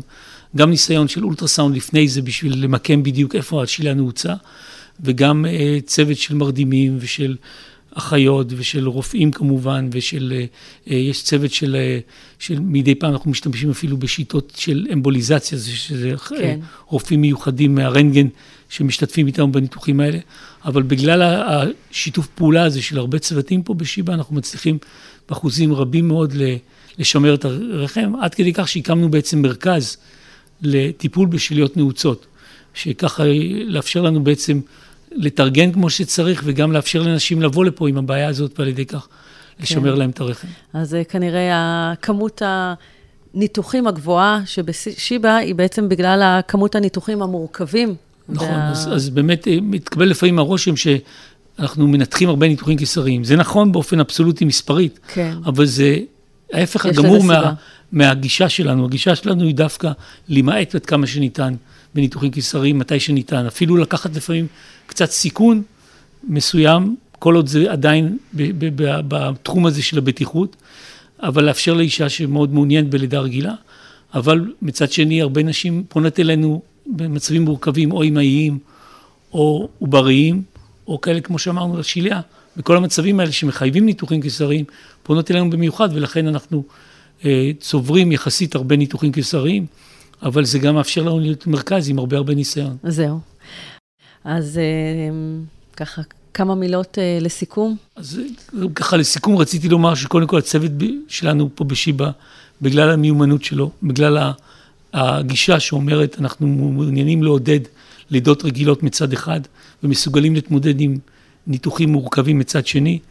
חושבים שבשיבא זה המקום הטוב ביותר ללדת גם בלידות רגילות וגם בניתוחים קיסריים, וכמו שצריכים לזכור, 15, חצי מהניתוחים הקיסריים הם בסופו של דבר ניתוחים שלא היו מתוכננים, ולכן גם פה, ברגע שתצטרכי ניתוח, את נופלת לצוות שהוא אה, צוות מיומן ועם אה, גישה מאוד מאוד חיובית לאישה ולילוד ולחתך הניתוחי, ולכן אנחנו אה, מזמינים אתכם ללדת בשיבא. תודה רבה, פרופסור אייל סיוון, מנהל בית החולים לנשים ויולדות בשיבא. תודה רבה. הפודקאסטים של כל חי. מצפות. מירי שניאורסון מארחת את מומחי שיבא יולדות. בהיריון עם תאומים, מגיע לכם מזל טוב כפול. אנחנו כאן עם כל המידע החשוב עבורכם בנושא הריון ולידה של תאומים. שלום לך, פרופסור יואב ינון. שלום רב.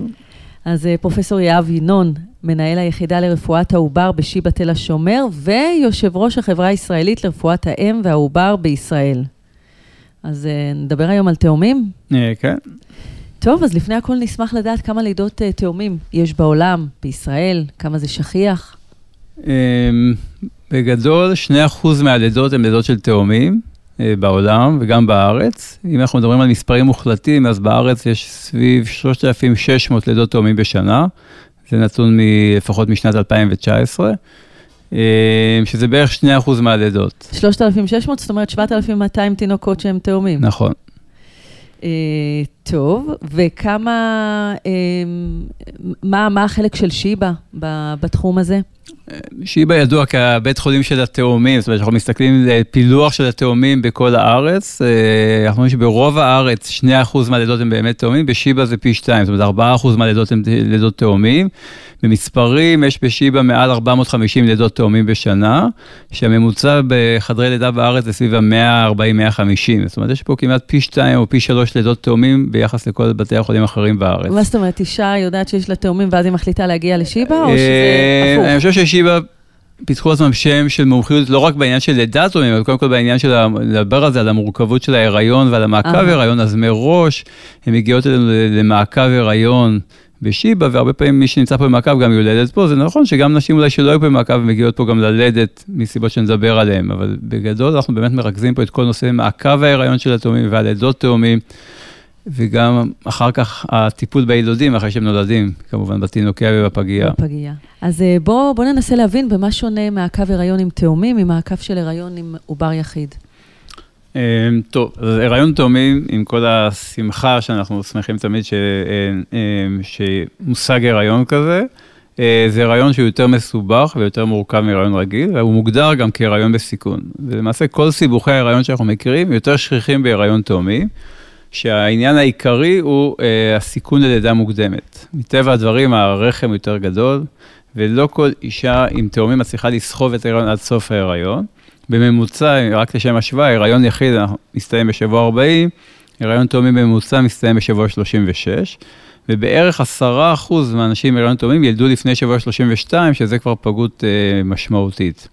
שזה, שזה סיכון, גם uh, לאימא וגם... Uh, בעיקר לילדים, זאת אומרת, כשאנחנו מדברים על לידה לפני שבוע 32, ההגדרה של פגות היא לפני שבוע 37, אבל uh, לידה לפני שבוע 32 זה כבר פגות יותר משמעותית עם יותר סיכונים, ואנחנו מדברים על זה שעשרה אחוז ילדו לפני שבוע 32, כשבהיריון יחיד הסיכוי ללדת לפני שבוע 32 הוא אחוז אחד, אז ככה פי, פי עשרה יותר סיכון ללידה לפני שבוע 32.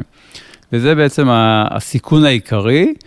אה, מעבר לזה שיש יותר סיבוכי הריון אחרים בתאומים, יש יותר סכרת הריון, יש יותר מחלות יתר לחץ דם בהריון, קצת יותר סיבוכים אחרי לידה, אה, נדבר על הלידה בהמשך, אבל יותר סיכוי כמובן להגיע לניתוח קיסרי. אז מבחינת המורכבות של ההיריון, זה הריון יותר מורכב, ובגלל זה אה, צריך להיות במעקב יותר קפדני, ומעקב שאנחנו מגדירים אותו כמעקב של מרפאה להיריון בסיכון גבוה. האם יש מעקבים שונים מיוחדים דווקא להיריון עם תאומים? אה, הבדיקות שנדרשות במעקב הריון טובים הן דומות למעקב הריון רגיל, רק המעקב צריך להיות יותר תכוף ויותר אינטנסיבי.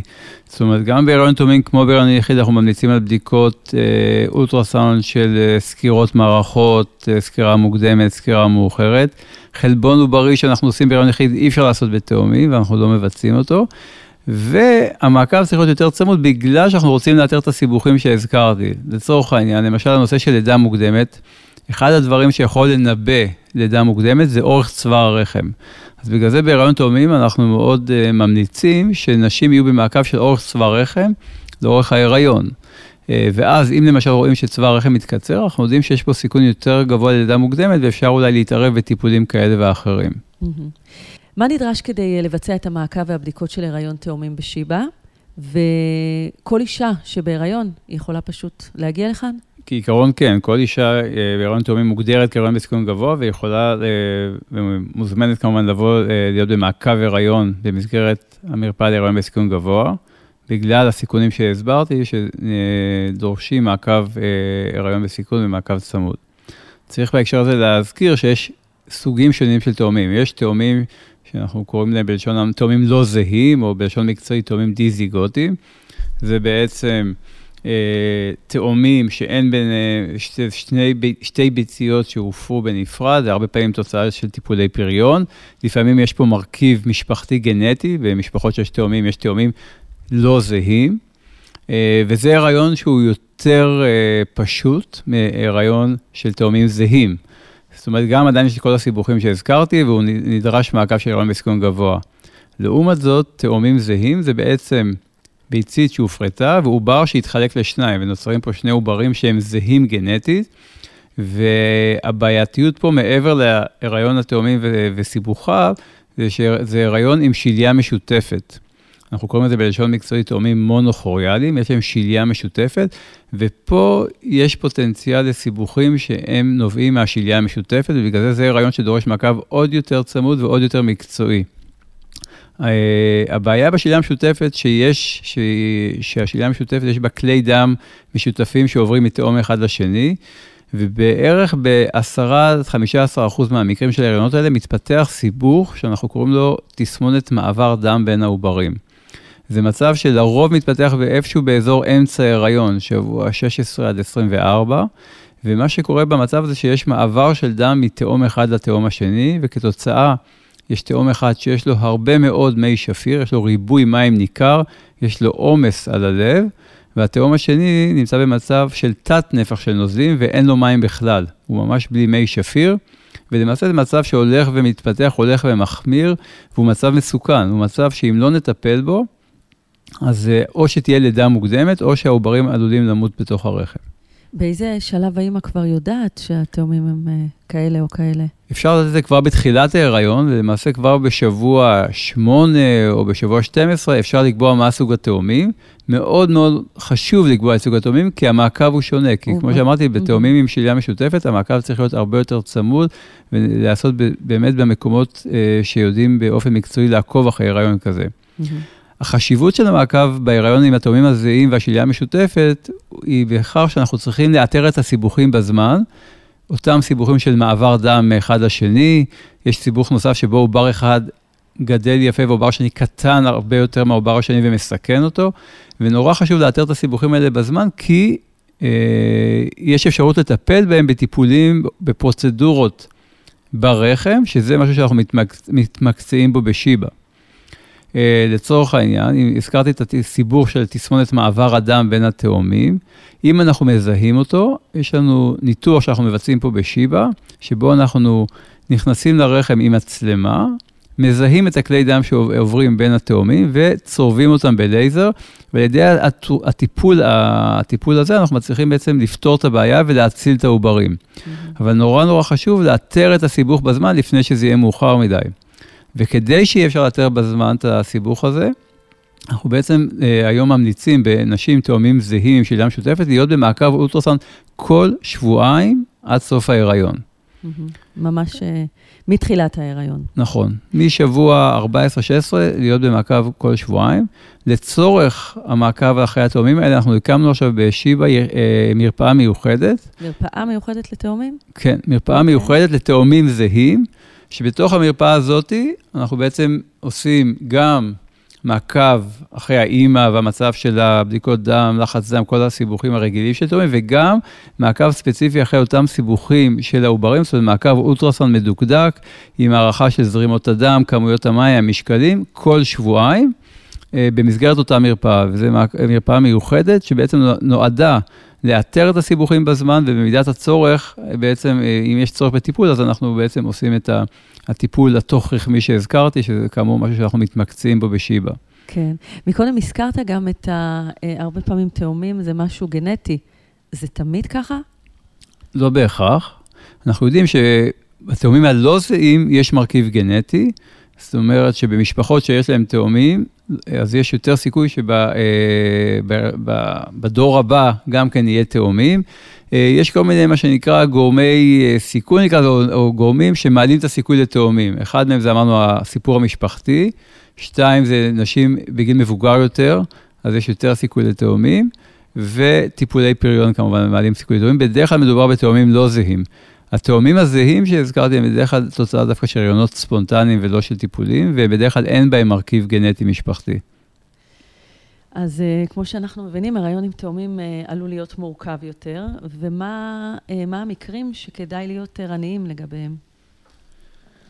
אז כמו שאמרתי, כל הריון תאומים, פר הגדרה, צריך להיות במעקב של הריון בסיכון, ובוודאי הריון תאומים של ים משותפת, שמוגדר, שאמרנו שאפשר לאתר את זה כבר בהתחלה, צריך להיות במעקב עוד יותר צמוד של אולטרסאונד ומעקב כל שבועיים עד סוף ההיריון.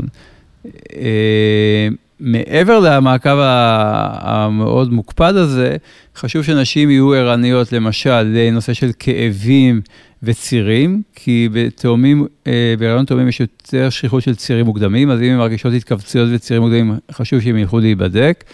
הנושא של, אה, של טפיחות הבטן, אחד הסימנים של תסמונת המעבר דם בין העוברים שהזכרתי בתאומים זהים, זה שהבטן הולכת וגדלה בצורה מהירה מאוד, וזה נובע מהריבוי מים שיש לאחד התאומים. אז אם אישה עם תאומים זהים מרגישה שהבטן שלה פתאום גדלה בצורה מאוד חריגה, חשוב מאוד שהיא תלך להיבדק. מה זה גדלה? בטווח של ימים, שעות? בטווח של ימים עד שבועות, כן. וואו. ויש איזה מקרה מרגש שככה חווית, או שהיית עד לו? לאחרונה היה לנו מקרה של הריון שלישייה, שבתוכו היו תאומים זהים. זאת אומרת, זו הייתה שלישייה, עם עובר אחד נפרד ושניים זהים עם אותה שליה. מכירים זה... כזה דבר בהיסטוריה? בוודאי, יש את זה בהיסטוריה, זה היה רעיון ספונטני של האישה, שהיו לה כבר שלושה ילדים, ובאיזשהו שלב באמצע ההיריון היא אה, הופנתה אלינו לשיבא, זה היה בערך בשבוע 22, במצב מאוד מאוד חמור. כשבתוך השלישייה התאומים, היה להם תסמונת מעבר דם, אבל בדרגה מאוד חמורה, כשהעוברים היו במצב ממש של גסיסה, ולמעשה כל מי שראה אותה מחוץ לשיבא המליץ לה להפחית, להפסיק את ההיריון של התאומים ולוותר עליהם ולהישאר עם עובר יחיד. האישה כמובן רצתה אה, לשמור על השלישייה, והיא עברה ניתוח דחוף שבו עשינו צריבה וצרבנו את הכלי דם ביניהם. למרות המצב הקשה שהם היו בו, אחד העוברים היה ממש במצב של אי ספיקת לב קשה, ואחרי הצריבה עוד עשינו עירוי דם לאחד העוברים כי הוא סבל מחסר דם. אז היא עברה שתי פרוצדורות בתוך הרחם. תוך פרק זמן של שבועיים. בסופו של דבר העוברים התאוששו יפה, והיא ילדה בסופו של דבר בשבוע 32, שלושה ילדים בריאים. אה, וזה בהחלט היה סיפור אה, מאוד אה, מרגש ומוצלח. מדהים. זה... אז ברוך השם ההיריון עבר בשלום, והגענו לשלב הלידה. איך מתקיימת לידת תאומים? אז לידת תאומים, ראשית יש את השאלה מתי צריך לילד תאומים. אנחנו בדרך כלל לא נותנים לתאומים למשוך אה, לשבוע 40. ההמלצה היא בתאומים לא זהים, אה, לילד איפשהו באזור שבוע 37-38, ותאומים זהים אנחנו מילדים מוקדם יותר בגלל הסיבוכים שציינתי, באזור שבוע 36. מבחינת הלידה, אין מניעה מלידה רגילה, ואנחנו אפילו מעודדים לידה רגילה בתאומים. אה, אבל צריך, צריך שיהיו תנאים שיאפשרו לידה רגילה. כדי לאפשר לידה רגילה, חשוב שהתאום הראשון יהיה במצג ראש. אם הוא במצג עכוז, זה הולך לניתוח, זה, זה התוויה לניתוח קיסרי. והתאום השני פחות חשוב, זאת אומרת, התאום השני יכול להיות גם מצג ראש וגם מצג עכוז, עדיין מאפשר רגילה, אנחנו יכולים לילד את התאום השני עכוז אחרי שהראשון נולד ראש. צריך לזכור שהסייג היחידי לזה זה אם התאום השני הוא עכוז והוא הרבה יותר גדול מהראשון, שזה קורה לפעמים. זאת אומרת, אם הוא 20 אחוז יותר גדול מהראשון והוא שוכב במצב עכוז, אז אנחנו נמליץ על ניתוח קיסרי. כך שבהחלט אפשר לילד תאומים אה, לידה רגילה, וזה... זה מתבצע בחדר ניתוח? הלידה עצמה, כשהאישה מגיעה לשלב ה... של הפתיחה המלאה, בעצם עוברת לחדר ניתוח, והלידה עצמה מתבצעת בחדר ניתוח, מהסיבה שבערך ב-2 עד 3 אחוז מהמקרים, יכול להיות מצב שאחרי שהתאום הראשון נולד, יצטרכו לעשות ניתוח קיסרי לתאום השני, וכדי שהמעבר הזה יהיה יותר מהיר וחלק. אז בגלל זה כ, כפרוטוקול, כל לידות תאומים מתקיימות בחדר ניתוח. אז מכל המחלקות פה בבית חולים של היולדות והילודים, נראה לי אתה נמצא במקום הכי מרגש. בטח יש אה, עוד אה, איזשהו סיפור אה, מרגש. אמ, כן, זה בהחלט יש הרבה סיפורים מרגשים. אמ, אמ, וההתמודדות עם הלידות הריונות תאומים הן תמיד התמודדויות יותר מורכבות. אם תלכו לראות את המחלקת הריון בסיכון של האשפוז פה, אתם תראו שבערך חצי מהמחלקה זה נשים עם הריונות תאומים ושלישייה. חלקם האימות בלידה מוקדמת, ואנחנו מנסים לעצור את הלידה המוקדמת ולמשוך אותם כמה שיותר. אה, ו, ולפעמים גם, אנחנו מלווים אותם גם אחרי הלידה, כי הם לפעמים ילדות לידה מוקדמת, ואז יש את הליווי בפגייה וה, וההתמודדות שלהם עם, ה, עם, ה, עם, ה, עם הטיפול בתאומים אחרי הלידה בפגייה. אז ההתמודדויות תמיד אה, מורכבות ומלוות בהרבה רגש ומצוקות ו... והצלחות, ובסופו של דבר אנחנו תמיד שמחים לראות את האימהות באות עם העגלות אה, אחרי גיל שנה, שנתיים, ומראות לנו את הילדים ואת מה שיצא בסופו של דבר. סוף טוב, הכל טוב. כן. תודה רבה, תודה רבה, אה, פרופסור יואב ינון, מנהל היחידה לרפואת העובר בשיבא תל השומר ויושב ראש החברה הישראלית לרפואת האם והעובר בישראל. תודה לכם. הפודקאסטים של כל חי.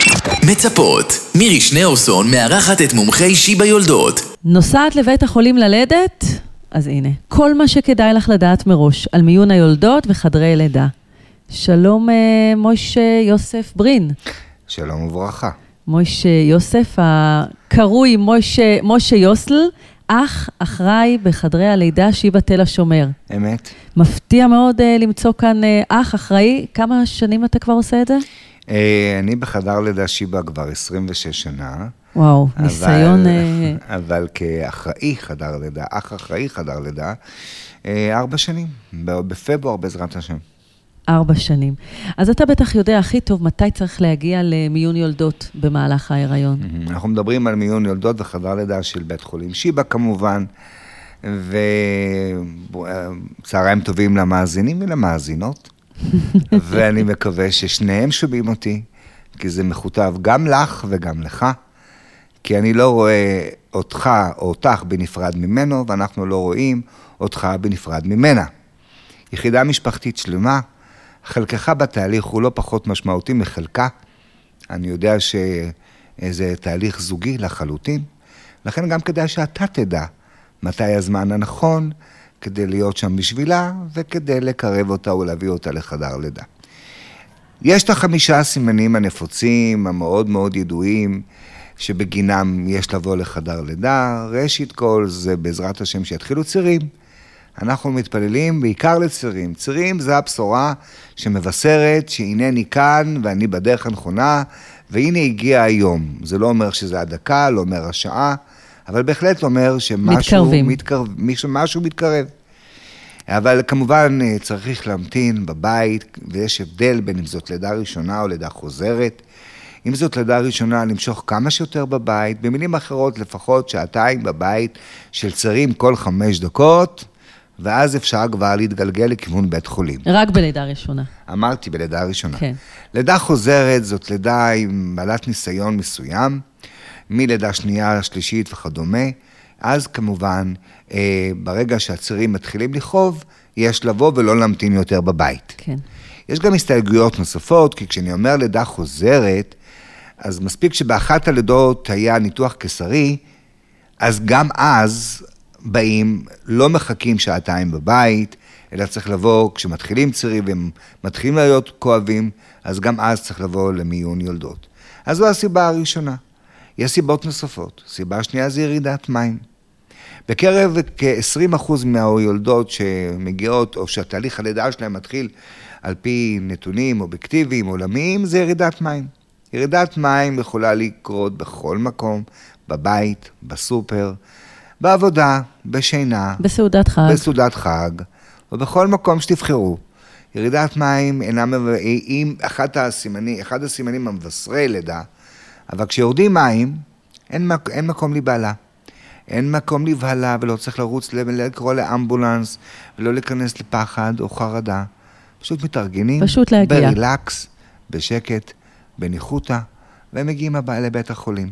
גם פה יש הסתייגויות.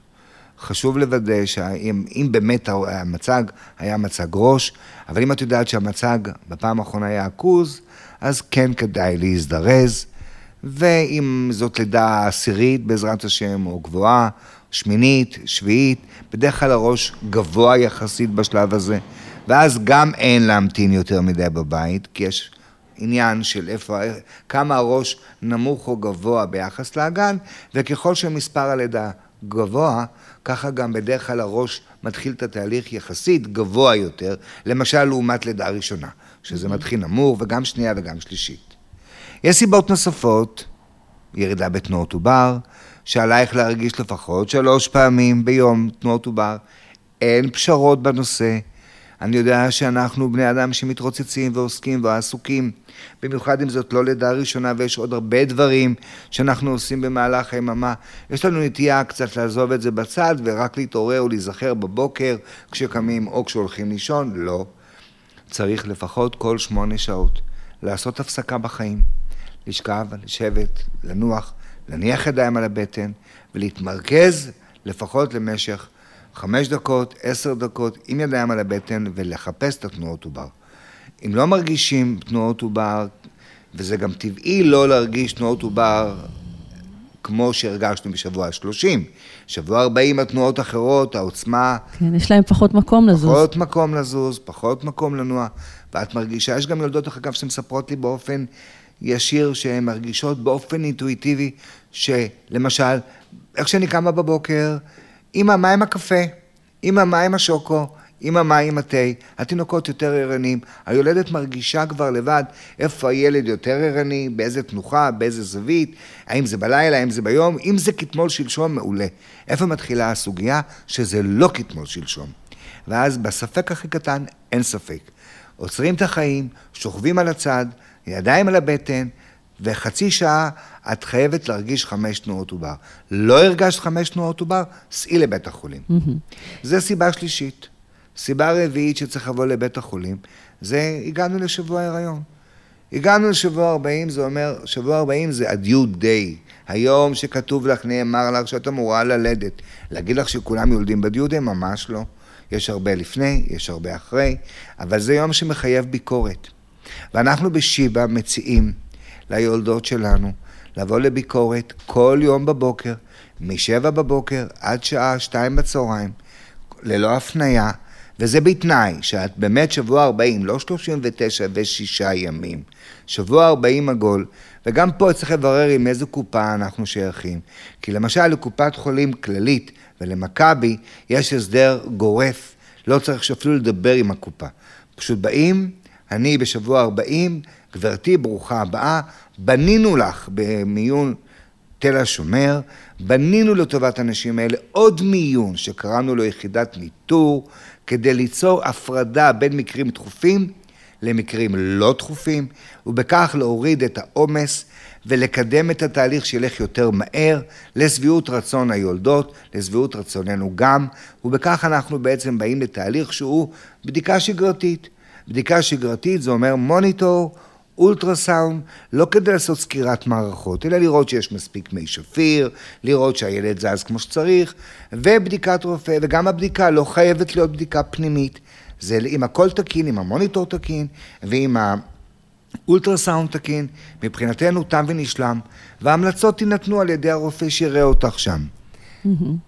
יש עוד כמובן סיבה נוספת, סיבה אחרונה, שבגינה נשים מגיעות להיריון, בוא נאמר, זה הסיבות, אומנם הן קורות, כל שינוי שאת מרגישה, לרבות כאבי ראש, טשטוש ראייה, חולשה פתאומית שלא הייתה לפני, איזשהו משהו שונה לך בגוף, לא כמו שהיה אתמול ושלשום, כי גם אז את צריכה להגיע לבית החולים, או לפחות להתייעץ עם מוקד בריאות האישה, למנוע, לראות, לזהות, כי הריון חווה בתוכו גם איזה שהם אה, אה, סיכונים פוטנציאליים לאישה, כמו רעלת הריון, יתר לחץ דם, שאין לזה סימנים מבשרים של שבוע, שבועיים, שלושה קודם. זה יכול לקרות ממחר להיום. מהרגע להרגע.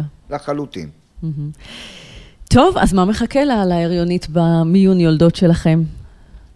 החדש, יש לומר. לחלוטין. תראי, אני רוצה לומר פה, ולנצל את הבמה הזאת, לומר שבחדר לידה שיבא תל השומר, אני כבר עובד כאן 26 שנה, כפי שציינתי, ומהיום הראשון שהגעתי לשיבא, הבחירה שלי בשיבא, כי באותה תקופה שהתחלתי לעבוד כמיילד, גילוי נאות הוצע לי לעבוד בשלושה חדרי לידה שונים, למעט שיבא. ו... ואני הכרתי את שני החדרי לידה האחרים. היכרות אפילו קרובה, קרובה מאוד, ובחרתי בשיבא. בחרתי בשיבא כי כבר אז הבנתי, והייתי בסך הכל מיילד מאוד מאוד צעיר, ששיבא הוא חדר לידה שמתווה מדיניות לכל חדרי הלידה בארץ. הוא ממש, זה, אני יכול להגיד את זה היום בצורה חד משמעית ברורה, הוא מתווה מדיניות לאומית לגבי ההתנהלויות בחדרי לידה בארץ. וכשפגשתי את זה אז, אז כבר, למשל, מה שאמרתי לפני דקה, יחידת ניטור. יחידת ניטור הייתה רק בשיבא. זאת אומרת, בשאר חדרי הלידה בארץ, כל יולדת שבאה לביקורת התנקזה יחד עם כלל היולדות למיון יולדות. ומטבע הדברים יש תכופות יותר ממך, אז תמתיני. וגם כל מיני נשים, למשל נשים שהיו מיועדות לניתוח קיסרי, גם אותן הפנו לאותו מיון, ונוצר צוואר בקבוק נורא קשוח במיונים. וכבר אז, לפני 26 שנה, בית חולים הזה השכיל להבין שיש להפריד הפרדה מוחלטת בין התכופות ללא תכופות, לשביעות רצון היולדות ומשפחותיהם, וכדי לקדם את התהליך כמה שיותר מהר. הנה הגעתי לשיבא, ומאז בית חולים שיבא, עד עצם היום הזה, כולל היום, מתווה מדיניות זהה לכל בתי החולים בארץ. יש לי המון דוגמאות לספר לכם, החל מ... אה, אה, יש, לא יודע אם אתם יודעות, מאזינות יקרות, אבל יש לנו שירות שהוקם לפני 16 שנה, שקוראים לו את לא לבד. מה זה את לא לבד? מה, מה עושים שם? כל, יש, מסתבר, שבערך בין אחוז אחד לשתיים, יש תלוי איזה עבודות אתה קורא ואיזה מחקרים, אני לא מדבר על... יש בין אחוז אחד לשתיים, אולי אפילו חמישה במקומות אחרים, שחוו איזושהי חוויה, איזושהי חוויה בחייהן, שמעיבה עליהן, מאיימת עליהן, שלא לומר מרתיעה אותן וקצת גורמת להן לחששות וחרדות. זה יכול להיות אה, תקיפה מינית, זה יכול להיות אה, אה, חס וחלילה, חס ושלום, גילוי עריות, זה יכול להיות המון דברים שהיולדת חוותה, אובדן, אה, לא עלינו, אה, אימא בגיל צעיר, שזה נשאר עד היום. כל האובדנים האלה, אישה מגיעה לחדר לידה כיתומה לצורך העניין, זה אחד המשברים הקשים של אותה יולדת, שבאה לפה עם המון המון חששות וחרדות לבד. הקמנו לפני 16 שנה את הפרויקט המדהים הזה, שהוא היה פורץ דרך בארץ, והוא עדיין לא קיים ב-90% מחדרי לידה בארץ. אנחנו לקחנו את זה ברצינות, הכשרנו פה חמש-שש מיילדות שעברו כל מיני קורסים על, אה, פורמליים ואף-פורמליים. נפגשת, את, בדרך האתר שלנו בשיבא, את ניגשת לדבר הזה שנקרא את לא לבד, נרשמת, שולחת את הפרטים, חוזרים אלייך, קובעים לך פגישה עם ילדת, שעה שלמה, ולפעמים השעה הזאת לא מספיקה, אז אנחנו קובעים עוד שעה כדי להכין ולגרום, לעטוף אותך, לחבק אותך ולבנות עבורך את התוכנית הלידה, ההתערבות הנכונה והמותאמת לך. מאז אני יכול להגיד לכם שעשרות אם לא מאות מכתבי תודה הגיעו אלינו בגין המפגשים האלה, והמידע הזה עובר לצוותים, ומגיע עד אחרון המיילדות. וכשהיא מגיעה לחדר לידה, כולם יודעים במה מדובר, ואנחנו לא מתקשקשים ברכילות, אנחנו עושים את המיטב ואת המרב כדי להיות שם. זו דוגמה נוספת, למשל, שפורץ דרך שלא היה קיים בשום, ועדיין לא קיים ב-90% מחדרי הלידה, ומה שקיים בשאר חדרי לידה זה רק ליד.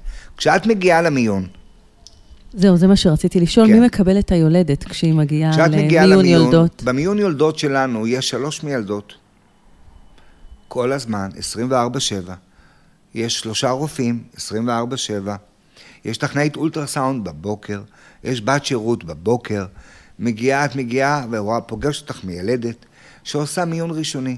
שלום גברתי, מה אני יכולה לעזור לך? ואת מספרת לה את הסיפור. אני לפני הריון כזה וכזה, לפני לידה כזו וכזו, באתי בגלל XYZ.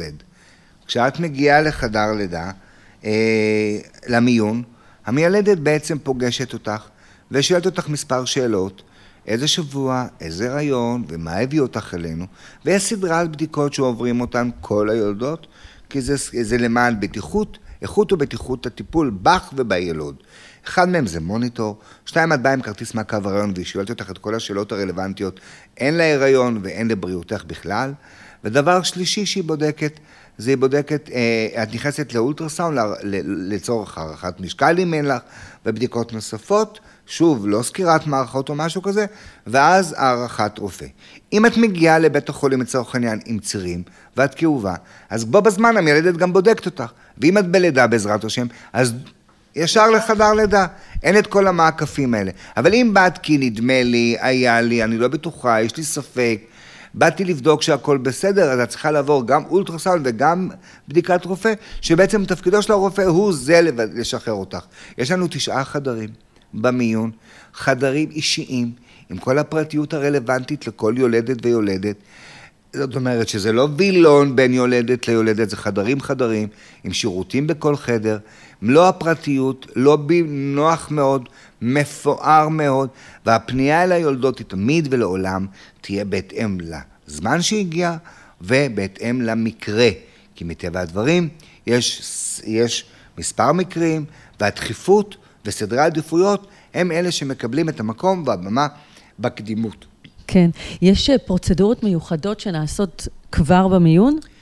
אה, למעט מוניטור, אה, בדיקות דם לעיתים, קורונה, nice to meet you, ברוכים הבאים, לעידן החדש. אבל אם כל יש- יולדת שמתקבלת לבית החולים, שמתקבלת בעזרת השם לחדר לידה, אנחנו כבר. כבר ממש מהרגעים הראשונים דואגים לקחת לה בדיקת קורונה כדי שזה לא יעכב אותה בהמשך. כי משך הזמן של הבדיקה המהירה, התקינה והאמינה, היא ארבע שעות. וכדי להימנע מהמצב הזה, שתמתיני ותמתיני, במיוחד אחרי לידה, כי אנחנו לא מעבירים את היולדות אחרי לידה ללא תוצאת קורונה, אז כבר עכשיו עובדים על הבדיקה, ובעזרת השם, עד שתלדי, ואת כבר תתאושי, גם תתאוששי, כבר תוצאה. יהיו תשובה. טוב, עכשיו אנחנו נרצה לדעת איזה סוגים של לידות יש. וואו. אם דיברנו על uh, פורצי דרך, ושיבה פורץ דרך, אני אחזור על זה הרבה, כי אני גאה להיות חלק מהצוות הזה, והיום להוביל אותו, בארבע שנים האחרונות. Uh, שיבה היה הראשון במדינת ישראל לפתוח את המרכז ללידה טבעית. כשאז כולם הרימו גבה, שומו שמיים, שמע ישראל, מה אתם עושים? מה זה הדבר הזה? מה זה מרכז לידה? מרכז לידה זה בעצם שני חדרי לידה, אשר מיועדות ליולדות שרוצות ללדת בבית, אבל בבית חולים.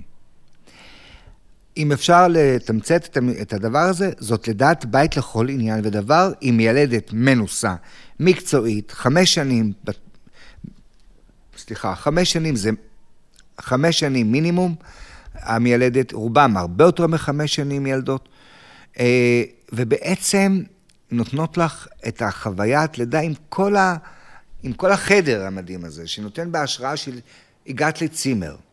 וכדי לזכות, לזכות בשירות הנפלא שהוא חינם, את, כל, עלייך, כל מה שעלייך לעשות, לבוא למיון ולהגיד, אני רוצה ללדת במרכז לידה טבעית. עכשיו, מי שנמצא פה במיון, בין היתר, כמו שאמרתי, עושים מוניטורים שהמוניטור תקין, והתנאי השני שאת באמת בשלב אקטיבי של לידה, ודבר שלישי, מקבלים אישור של רופא, זה מבחינה מדיקו-לגלית משהו פרוצדורלי, שוב, בהנחה שהכל תקין, ואז את נכנסת למרכז לידה בליווי של מיילדת צמודה שמלווה אותך מההתחלה עד הסוף. מה מייחד את החדר הזה? א', אין בו התערבויות רפואיות, מרגע זה את והמיילדת עד סוף הלידה, ובהנחה שבעזרת השם הכל ילך כמתוכנן.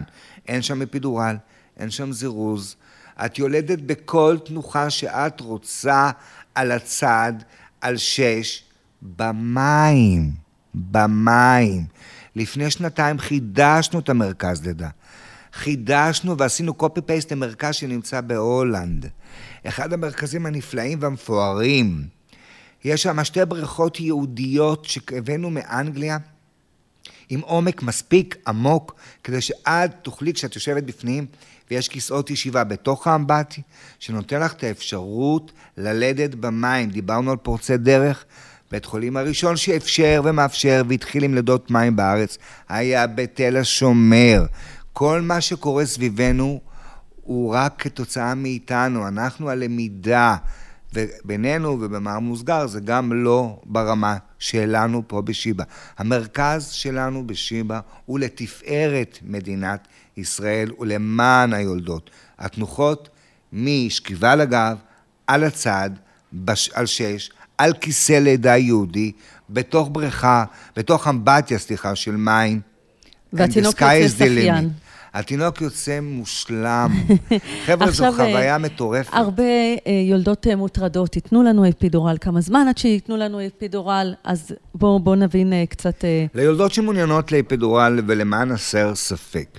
בחדר לידה שיבא יש לנו שני מרדימים, 24-7, שמלווים אותנו בחדר לידה בוקר, צהריים וערב, קיץ, סתיו, אביב, חורף, כל חגי תשרי וגם חגים אחרים. משך, הז... יש טיימינג למתן אפידורל, לא נותנים אפידורל כשלא כואב, ברור לכולנו.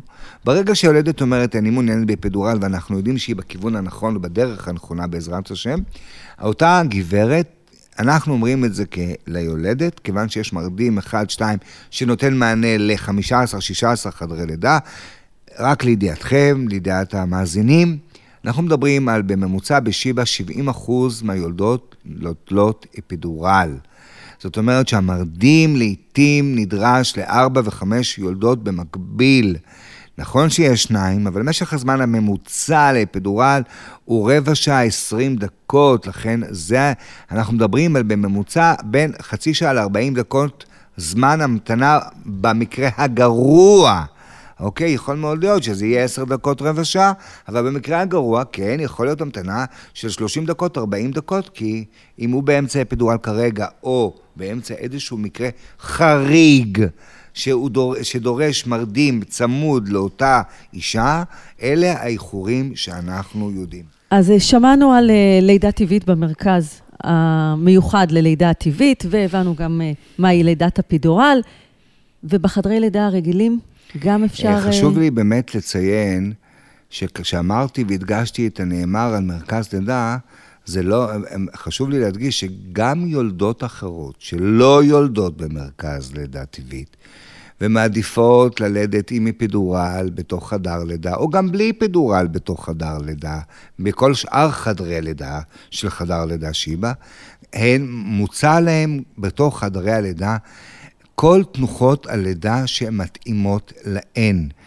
רק חשוב להדגיש שלידת מים כמים מתקיימת רק במרכז, שאר הלידות בתנוחה כזאת על הצד, על שש, על כיסא גם מתאפשרות, מתאפשרות בתוך חדר לידה. מיותר לציין שאם ליולדת יש אפידורל, היא לא יכולה לרדת מהמיטה, אי לכך ובהתאם לזאת, יש לנו מגבלה שכל שאר התנוחות מתקיימות רק על המיטה עצמה, על הצד, על שש או על הגב.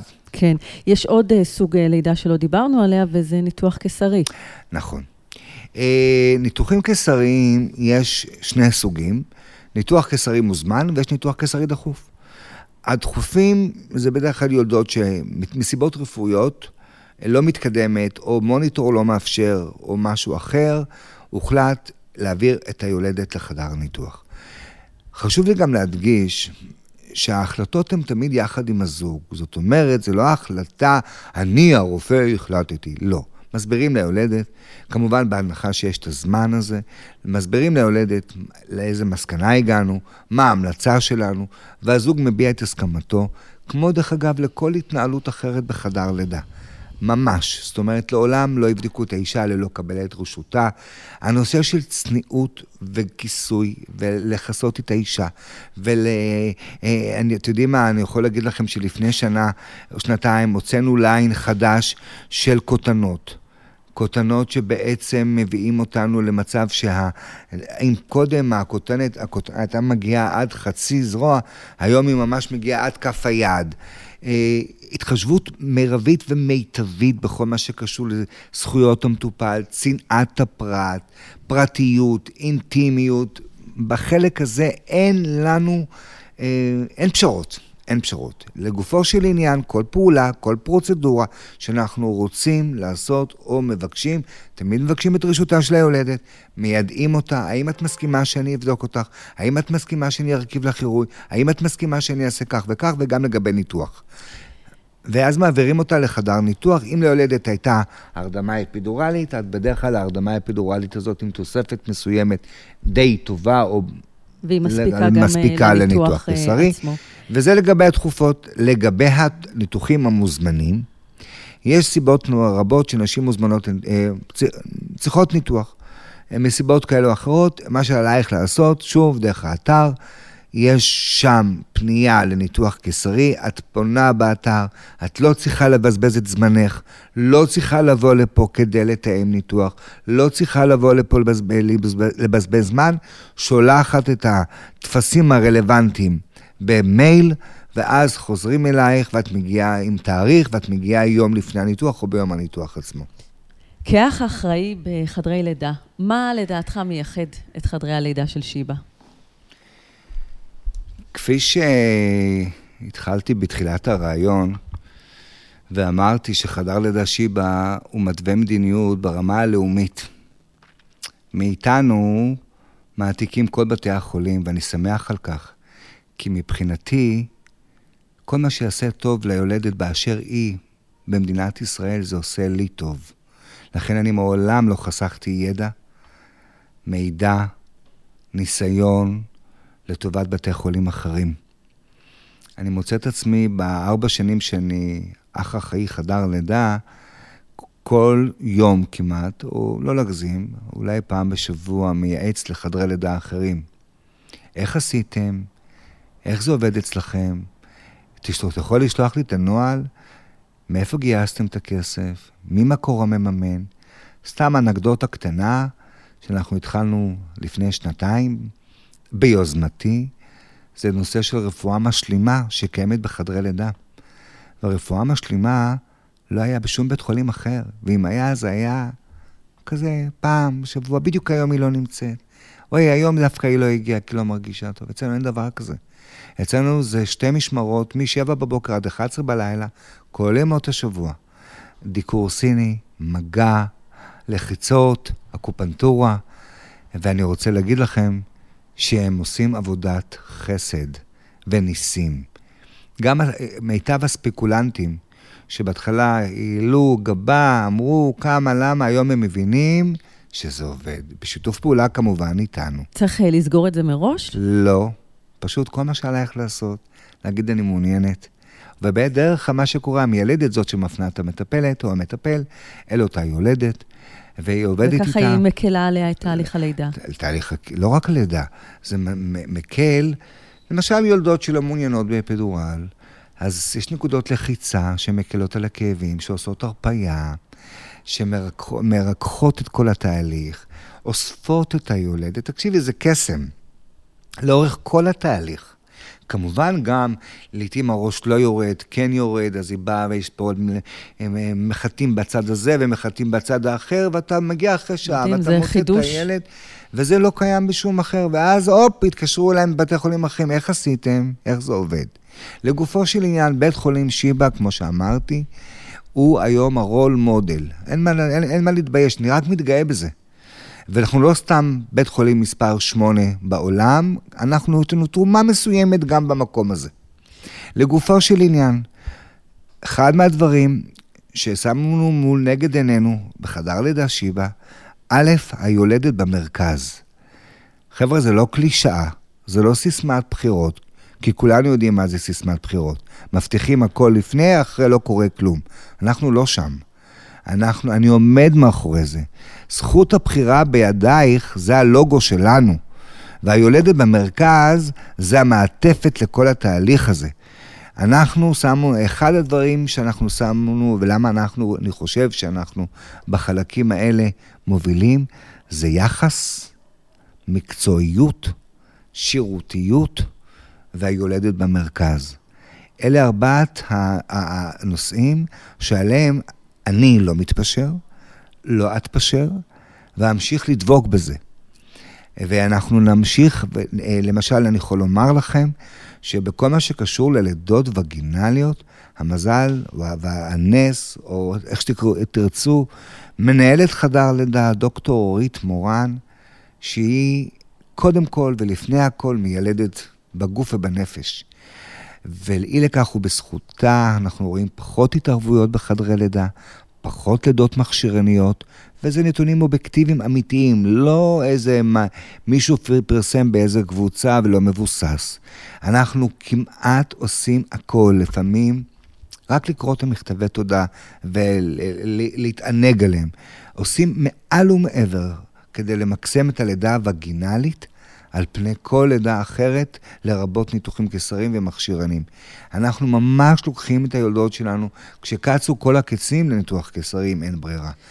ימינה, שמאלה, קדימה, אחורה, בוא נפסיק, בוא נביא את המדקרת, בוא ניתן לחיצות כאן, בוא נוריד אותה מהמיטה, בוא נעמיד אותה, אולי בתנוחה הזאת, אולי בתנוחה האחרת.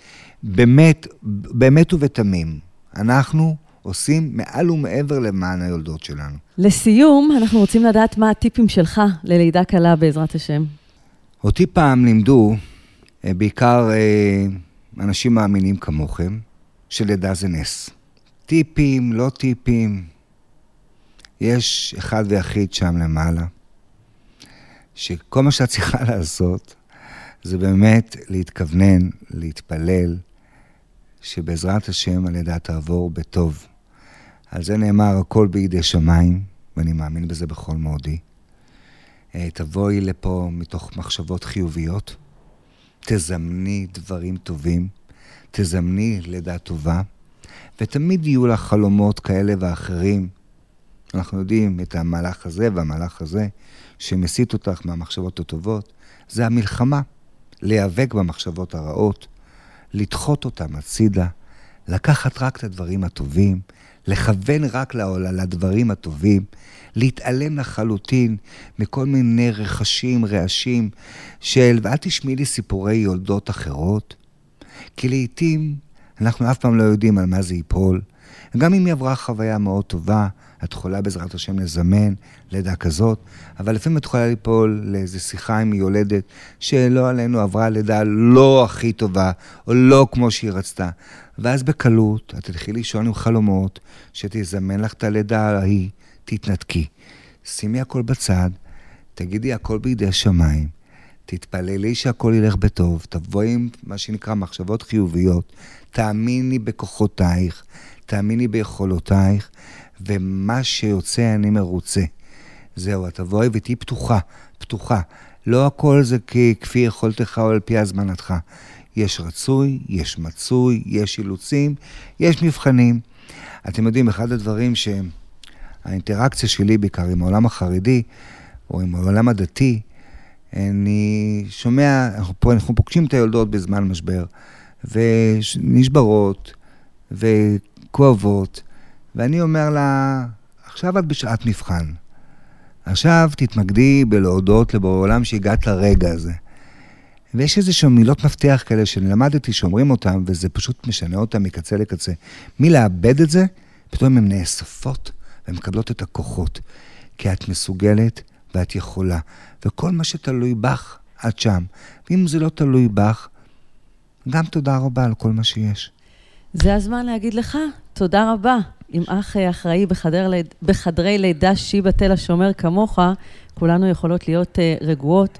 תודה רבה לך, משה יוסף ברין, אח אחראי בחדרי לידה שיבא תל השומר. תבורך. אמן, תודה. הפודקאסטים של כל חי. מצפות. מירי שניאורסון מארחת את מומחי שיבא יולדות. איזה לידה את מתכננת? האם תרצי ביות מלא או חלקי? האם תוכלי לקבל הדרכות מקצועיות לטיפול בתינוק החדש? איפה תוכלי לקבל את כל המידע הנחוץ לך לשלב שלפני הלידה, לשלב הלידה וגם לשלב בו הפכת לאימא? נשמח לעשות לך ביחד סדר בדברים עם הגברת חביבה ארנון, מיילדת בכירה, יועצת מועדון שיבא יולדות. שלום חביבה ארנון משיבא. אה, כמיילדת בכירה ויועצת במועדון שיבא יולדות, נשמח שתספרי לנו איזה שירותים מיוחדים מציעים ליולדות. אה, לכל אחת יש חלום, איך היא הייתה רוצה שהלידה שלה תיראה, ובשיבא יש את זכות הבחירה. אז בואו נשמע מה זה כולל. אז קודם כל, שלום לכולם. אה, אני אה, אספר לכם קצת איך אנחנו עובדים פה בשיבא, מה האג'נדה שלנו. אנחנו בעצם אה, מאמינים, ועל פי זה אנחנו גם, גם עובדים, שהלידה היא שלכם, ושאתם מחליטים איך אתם רוצים ללדת, אנחנו נמצאים פה על מנת לעזור לכם להגיע לאותם מקומות שבחרתם, תוך, תוך כדי כמובן הקפדה מלאה, גם על בטיחות האימא וגם על בטיחות התינוק. אז אם אני אתן דוגמאות אה, קיצוניות בטווח, אה, אה, לא בהחלטה, אז מי שרוצה ללדת בלידה טבעית ללא התערבויות, יכולה ללדת בלידה טבעית ללא שום התערבות, למעט מוניטור פעם בחצי שעה לחמש דקות, כשבשאר הזמן היא עושה כל מה שהיא למדה והתכוננה לקראת הלידה הטבעית. בצד השני של הטווח, יש את הניתוח קיסרי לבחירת היולדת, זאת אומרת, גם אם אנחנו לא חושבים שהאישה היולדת צריכה את הניתוח קיסרי, אבל היא רוצה, מסיבותיה שלה, היא תקבל ניתוח קיסרי. בין לבין, כמובן, יש אה, מגוון גדול של אה, אפשרויות שאתן יכולות אה, לבחור. כמובן שהלידה, חשוב לדעת שהלידה לא תמיד מתנהלת בדיוק כמו שחשבנו, פינטזנו וציפינו, אבל גם אז יש את אפשרויות הבחירה. אין לנו שליטה על מה שקורה בלידה, לא לנו ולא לכם. יש לנו שליטה על מה אנחנו בוחרים לעשות בכל שלב ושלב, וזה בעצם אה, אה, נתון אה, לבחירות, לבחירתכם. אז כמו שאמרתי, יש את הלידות טבעיות, יש לידות מים, ויש לידות עם אפידורל למי שרוצה, עם משככי כאבים. יש ניתוח קיסרי, כמו שאמרתי, יש ניתוח קיסרי ידידותי, יש ניתוח קיסרי באפס הפרדה. אחרי הלידה יש גם את מה שנקרא אפס הפרדה, ביות מלא, ביות חלקי. אה, בעצם היולדת בוחרת בכל השלבים, כמובן אם הכל תקין, לפעמים יש דברים שצריכים כן אה, להיכנס לאיזשהו אה, נישות כאלה ואחרות בגלל בעיה כלשהי, אבל אם הכל תקין, האישה בעצם יכולה לבחור גם את הלידה וגם מה שקורה אחרי הלידה עם אפס, הפריה, אפס הפרדה, או ביות מלא, או ביות חלקי. בעיקרון, זה שלכם. אנחנו נמצאים פה באמת לעזור לכם להגיע למקומות שרציתם להגיע אליהם. תוך כדי הקפדה מלאה, וזה אני חושבת מאוד אה, מאוד, מאוד אופייני לחדר לידה בשיבא. אנחנו איתכם, אנחנו נעשה מה שאתם רוצים, אבל ההקפדה על אה, אימא בריאה, תינוק בריא, מבחינתנו זה במקום הראשון. זה הדבר אז, החשוב. נכון, זה הדבר החשוב, ולכן אנחנו נעשה את הכל בשביל שתקבלו את הלידה שרציתם, תוך כדי הקפדה מלאה, גם על בריאות האימא וגם על בריאות התינוק. אז עכשיו, כיוון שבאותם אה, שלבים, נשים אולי לא תמיד מבינות הכל, נשמח להבין מה ההבדל בין אפס הפרדה לביות מלא וביות חלקי. אוקיי, okay, אפס הפרדה זה אה, אומר שהתינוק לא נפרד מהאימא בכלל. לא לדקה, לא לשתיים, לא לשעה ולא, ולא בכלל. הוא כל הזמן נמצא ליד האימא. יש לזה הרבה הרבה יתרונות, שאני כרגע לא אפרט את כולם, אבל בין השאר זה אה, תינוק יותר רגוע, ביסוס הנקה, bonding עם האימא, אה, יש לזה המון יתרונות, אה, וזה אומר שכשהאישה יולדת ורוצה אפס הפרדה, אנחנו נדאג שאת כל הטיפולים הראשוניים שמטפלים, שהת, שהתינוק מקבל, הוא יקבל בחדר הלידה ליד האימא. בנוכחות, בנוכחותה, לפעמים גם עליה. היא רואה את הכל, היא נמצאת איתו, היא לא שולחת את התינוק לתינוקיה עם, המל, עם, עם האבא או עם המלווה אחר. זאת אומרת, יגיע רופא לא רופא, לא רופא, רופא, רופא לא צריך בשלב Aha, הראשון, אוקיי. בשש שעות אחרי הלידה רק צריך, ואז יזמינו את האימא יחד עם התינוק לחדר הרופא, ובנוכחותה הרופא יבדוק, יבדוק אותה. אותו. האחות מגיעה מהתינוקייה אלינו, לחדר הלידה, ועושה את כל הטיפולים ליד האימא. וכך, כשהאישה אמורה לעבור לחדר, למחלקה לאשפוז, היא עוברת מכבר עם עם התינוק. התינוק. היא לא נפרדת ממנו, היא עוברת עם התינוק אה, למחלקה, ושם כמובן היא יכולה להמשיך את אפס הפרדה. ברור. כן. אה, עכשיו אני, ביות יכ- מלא. אני רוצה, גם חשוב אה. לי להדגיש אבל ש, אה, שכל אה, אה, כל הנשים שבוחרות באפס הפרדה או בביות מלא וזה, הן לא לבד עם התינוק. יש שם אה, אה, האחיות בתינוקייה, יוצאות החוצה, נמצאות במחלקה, שומרות על התינוקות, עוזרות לאימהות, מדריכות, בודקות, זה לא שהן מטפלות, שלא יחשבו שאפס הפרדה, אני והתינוק לבד, בזה זה נגמר. ממש לא, יש להם הדרכות, יש להם השגחה של האחיות בתינוקייה שנמצאות כל הזמן גם במחלקה. אה, אז זה אפס הפרדה. ביות מלא זה כאשר האישה לא בטוחה או לא רוצה אפס הפרדה, והיא כן רוצה קצת לנוח אחרי הלידה, ולא, לא, לא, כרגע היא עייפה, היא... אז היא שולחת את התינוק לתינוקייה, יחד עם המלווה, וברגע שהיא מגיעה למחלקה ומתאוששת, היא יכולה לקבל את התינוק בחזרה, ומאותו רגע הוא יכול בעצם להיות איתה שוב בביות מלא, יחד איתה, כל הזמן, אה, כשהיא מטפלת בו בהשגחה שוב של האחרות במחלקה. ויש גם את הביות הגמיש, אה, זאת אומרת, אישה שלא רוצה שהתינוק יהיה איתה, כי היא עייפה, כי היא רוצה לנוח, כי כל מיני סיבות אה, זהו, ורוצה לה- להחזיר את התינוק לתינוקייה מב- מדי פעם, לקחת אותו מתי שהיא מרגישה אה, טוב או צורך, או לקחת, איתו, לקחת אותו להנקה, גם זה אפשרי. זאת אומרת, בעצם יש מה שאת רוצה. אם הכל תקין, יש מה שאת רוצה. בין ביות גמיש, בין אפס הפרדה, בין ביות מלא, כן. מה שאתם רוצות. לפעמים בהתחלה היא חושבת שהיא מס- כל יכול ומסוגלת נכון, להחזיק אותו, נכון. ואחר כך היא ככה וגם מטייפת להפך, קצת. גם להפך, לפעמים האישה נורא מפחדת מאפס הפרדה, ורוצה, מרגישה שהיא חושבת שהיא תרצה לנוח, ואז פתאום היא נורא מתגעגעת לתינוק שלה, והיא היא נורא רוצה אותו עכשיו. אז היא יכולה לקבל. אה, אז כן, בעצם... ותמיד אפשר לשנות גם אה, תמיד, תוך כדי. נכון, תמיד אפשר גם לשנות תוך כדי.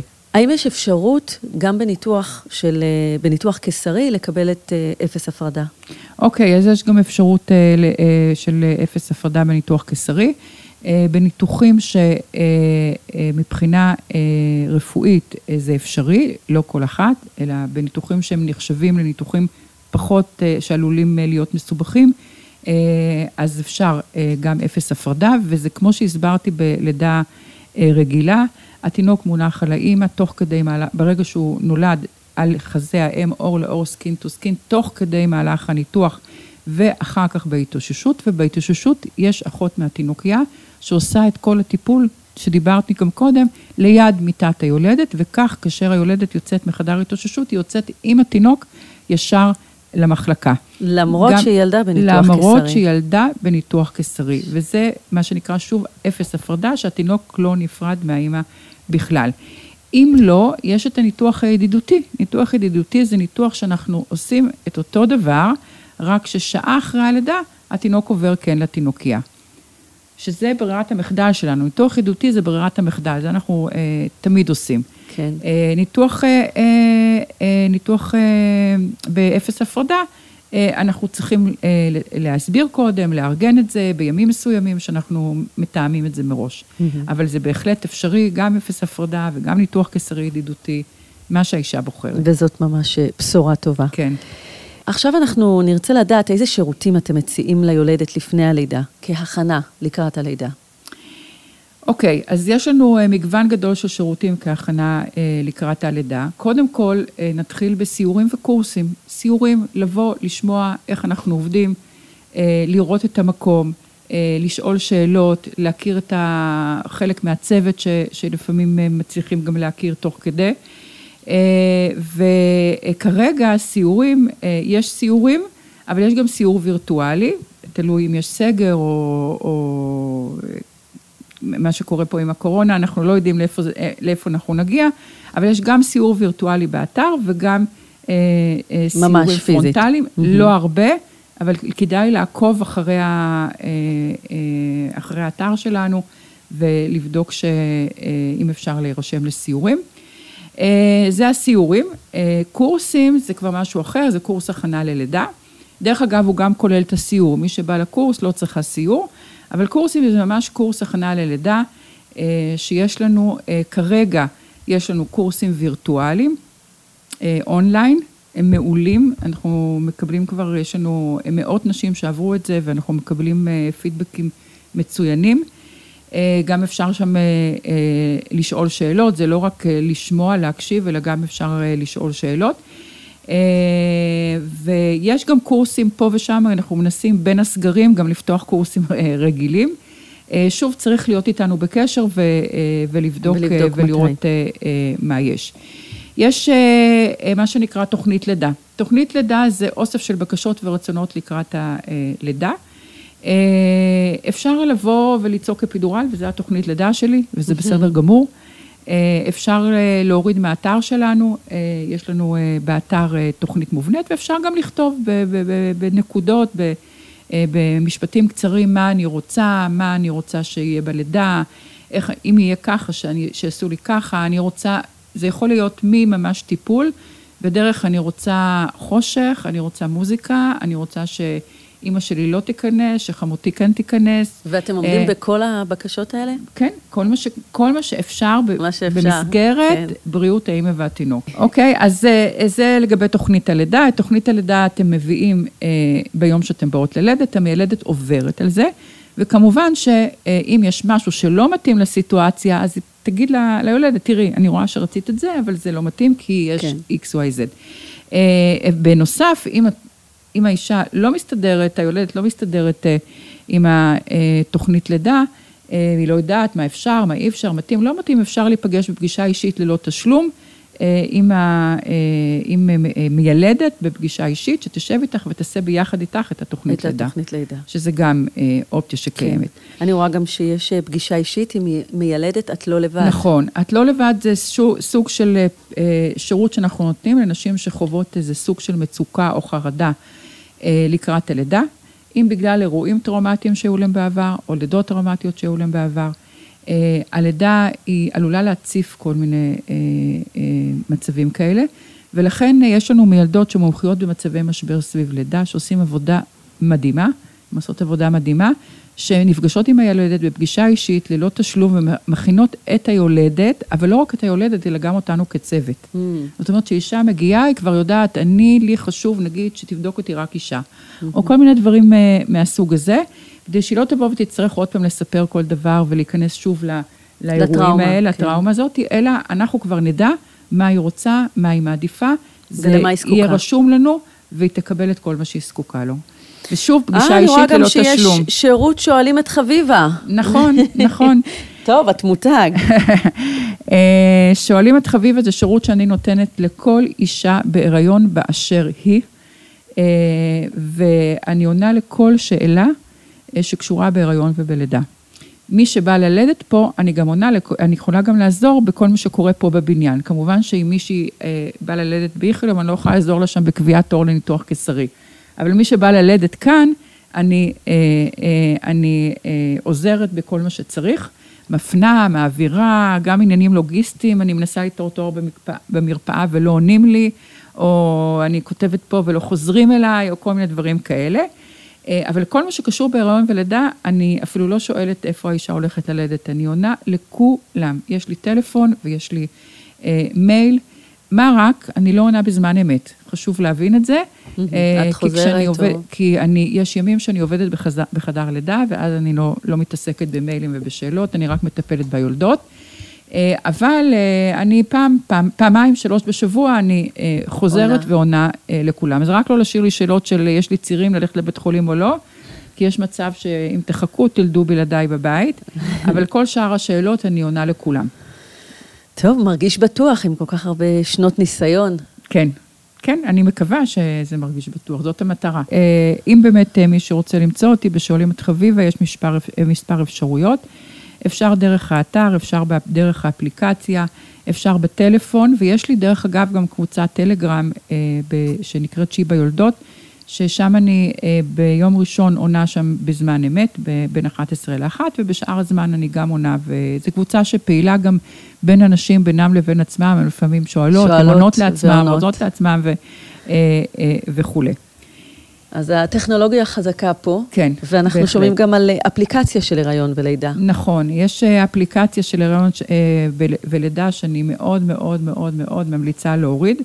יש שם גם פירוט של אה, כל התכנים של המועדון יולדות ושל מה שאני עושה ושל מה שכבר הסברתי ומה שאני אסביר. אה, יש סרטונים שרלוונטיים לכל אה, שלבי הריון, למהלך הלידה ולאחרי הלידה. יש טיפים מיוחדים שנותנים מדי פעם לנשים בהיריון ולנשים בלידה. יש כל מיני ערוצים של מיינדפולנס, יש מה עובר עליי ועל התינוק. כמובן ששם יש גם את הסיור שדיברנו עליו, אבל גם יש קורסי הכנה ללידה, שמצולמים, שישה פרקים, וניתן לצפות בהם בכל זמן ש, שאתם רוצים, בבית, אה, בסלון, אה, לא צריך לבוא, ואתם יכולים כל פעם לצפות גם בפרק אחד. אה, יש באפליקציה המון אפשרויות, ואני מאוד מאוד מאוד באמת ממליצה להוריד אותה. סיור לידה וירטואלי, כבר דיברנו, אני חושבת. אה, רפואה משלימה. אה, אפשר להזמין מראש? אפשר, לא, אין צורך להזמין מראש. יש לנו אה, שירות של רפואה משלימה, של מטפלים ברפואה סינית, שעוסקים בדיקור, בלחיצות, בכל הדברים האלה שקשורים לרפואה סינית. הם נמצאים אצלנו בין כל יום מ-7 בבוקר עד 11 בלילה, ונותנים שירות ללא עלות לכולם. לא צריך להזמין ולא צריך אה, לתפוס תור ולא צריך אה, לשלם ולא צריך שום דבר. ברגע שאנחנו חושבים שזה יכול לעזור לאישה, אנחנו עם ילדות, הן עובדות איתנו אתם כצוות, מציעים להם אנחנו את לא זה. קוראים להם מאיזה מקום, הן נמצאות בחדר לידה איתנו, אנחנו מציעים לאישה, יש לנו שירות כזה וכזה שאולי יכול לעזור לך, ומפנים אותה, אבל גם כדאי שגם אתם תדעו, אם יש לכם איזה רצונות, אתם רוצים, אתם רוצים לעזר בהם, אז כן, תבואו את המילדת ותגידו, תשאלו אם זה מתאים. הן עוזרות המון בכל מה שקשור בזירוז לידה, בלידה, בלידות שנתקעות, הן עוזרות המון בהרפייה, בלשכך כאבים, אה, בכל הדברים האלה, וזה דברים שמאוד מאוד עוזרים בלידה, הם עושים אה, עבודה מדהימה. מדהים. ואתם תראו שאם תיתקלו בהם, אתם תודו להם מאוד אחר כך. אז אה, בשעה טובה כבר יש לידה, מזל טוב, ואחרי הלידה, האם גם ההורים מקבלים הדרכות? אוקיי, בוודאי ההורים מקבלים הדרכות גם מהאחיות של המחלקה, אה, מהאחיות של מחלקת יולדות, שמקבלות הדרכה בכל מה שקשור בטיפול באישה, זה דבר ראשון. אה, אה, כל מה שקשור ברצפת האגן, כל מה שקשור באוכל, בשתייה, בכל, בכל כל נושא אה, מקבלים הדרכות, כמובן גם הדרכה לפני שחרור אה, אה, וכולי, אבל גם האחיות של התינוקייה אה, נמצאות כל הזמן במחלקה ונותנות אה, הדרכה, אם זה הדרכה על טיפול בתינוק, אם זה אה, הדרכה בהנקה, יש לנו אה, יועצות הנקה שזה תפקידם הבלעדי, מעבר לזה שהן אחיות, אבל כשהן נמצאות במשמרת, אה, אה, במשמרת אצלנו, הן אה, יועצות הנקה ומתעסקות רק עם הנקה, עוברות בין היולדות, אה, אין יולדת שלא מגיעה אליה מדריכת הנקה אה, לעזור ש- בהנקה. שזה נקרא שירות First Baby? לא, לא, לא. תכף נגיע גם לשירות פייפ- אה, First אוקיי. Baby. זה באופן כללי הדרכה, לתינוקות הדרכה- שלישיים, הדרכה מקבלים. להנקה, כולם, כולם מקבלים, גם אישה שלידה חמישית והניקה עד עכשיו, היועצת הנקה תגיע אליה. היא תגיע אליה לתת את, ה, את השירות, יכול להיות שהיא תצטרך פחות לעזור, כי הכל יהיה בסדר, אבל היא תגיע אליה. אה, וגם כל הדרכות בטיפול בתינוק, איך, ל, איך ל, לחתל, איך לרחוץ, וכולי. מעבר לזה, יש את השירות של first baby, שזה שירות שניתן לנשים בלידה ראשונה, שזה שירות שמגיע למיטת היולדת אה, בשעות הראשונות אחרי הלידה. היא לא צריכה לחכות עד שהיועצת הנקה תבוא אולי בעוד כמה שעות, אלא ממש זה שירות שאנחנו נותנים ללידות ראשונות, כדי שהאימא תוכל כבר מיד להכיר את התינוק שלה ולטפל בו. יש נשים שבלידה ראשונה מאוד חרדות לגעת בתינוק, הן לא יודעות תחליף לו, הן לא אפילו, מפחדות אפילו להחזיק אותו, להרים אותו, בטח להעניק אותו. אז אה, אה, השירות הזה בעצם נותן מענה לזה שכל ההדרכות האלה מגיעות ממש בשעות הראשונות אחרי הלידה למיטת היולדת, כדי שהאימא תתחיל אה, בעצם להכיר את התינוק ולהתחיל אה, אה, לטפל בו. כן. כבר מרגישים מוגנים וככה מחובקים בעצם כן. האימהות. ובואי ככה תשתפי אותנו מניסיונך רב השנים, מה מייחד בעינייך את חדרי הלידה שלכם בשיבא? אוקיי, אז אה, קודם כל, אני עובדת בשיבא משנת 86. כבר המון שנים. אה, אני מאוד מאמינה במקום הזה. כאן נולדתי, כאן נולדו לי ילדיי, כאן אה, בניתי את ביתי באמת. אה, ואני מאוד מאמינה במקום הזה, אחרת לא הייתי מצליחה להיות פה כל כך הרבה כל שנים. כך הרבה שנים. אז אני קצת משוחדת, אבל בכל זאת אני אגיד מה, מה, מה, מה, מה אני חושבת. מה מיוחד בעינייך? קודם כל, אני חושבת שיש לנו צוות מקצועי ברמות על, שאני לא מכירה הרבה בתי חולים אחרים, אבל אני יכולה להגיד שמספר אחד.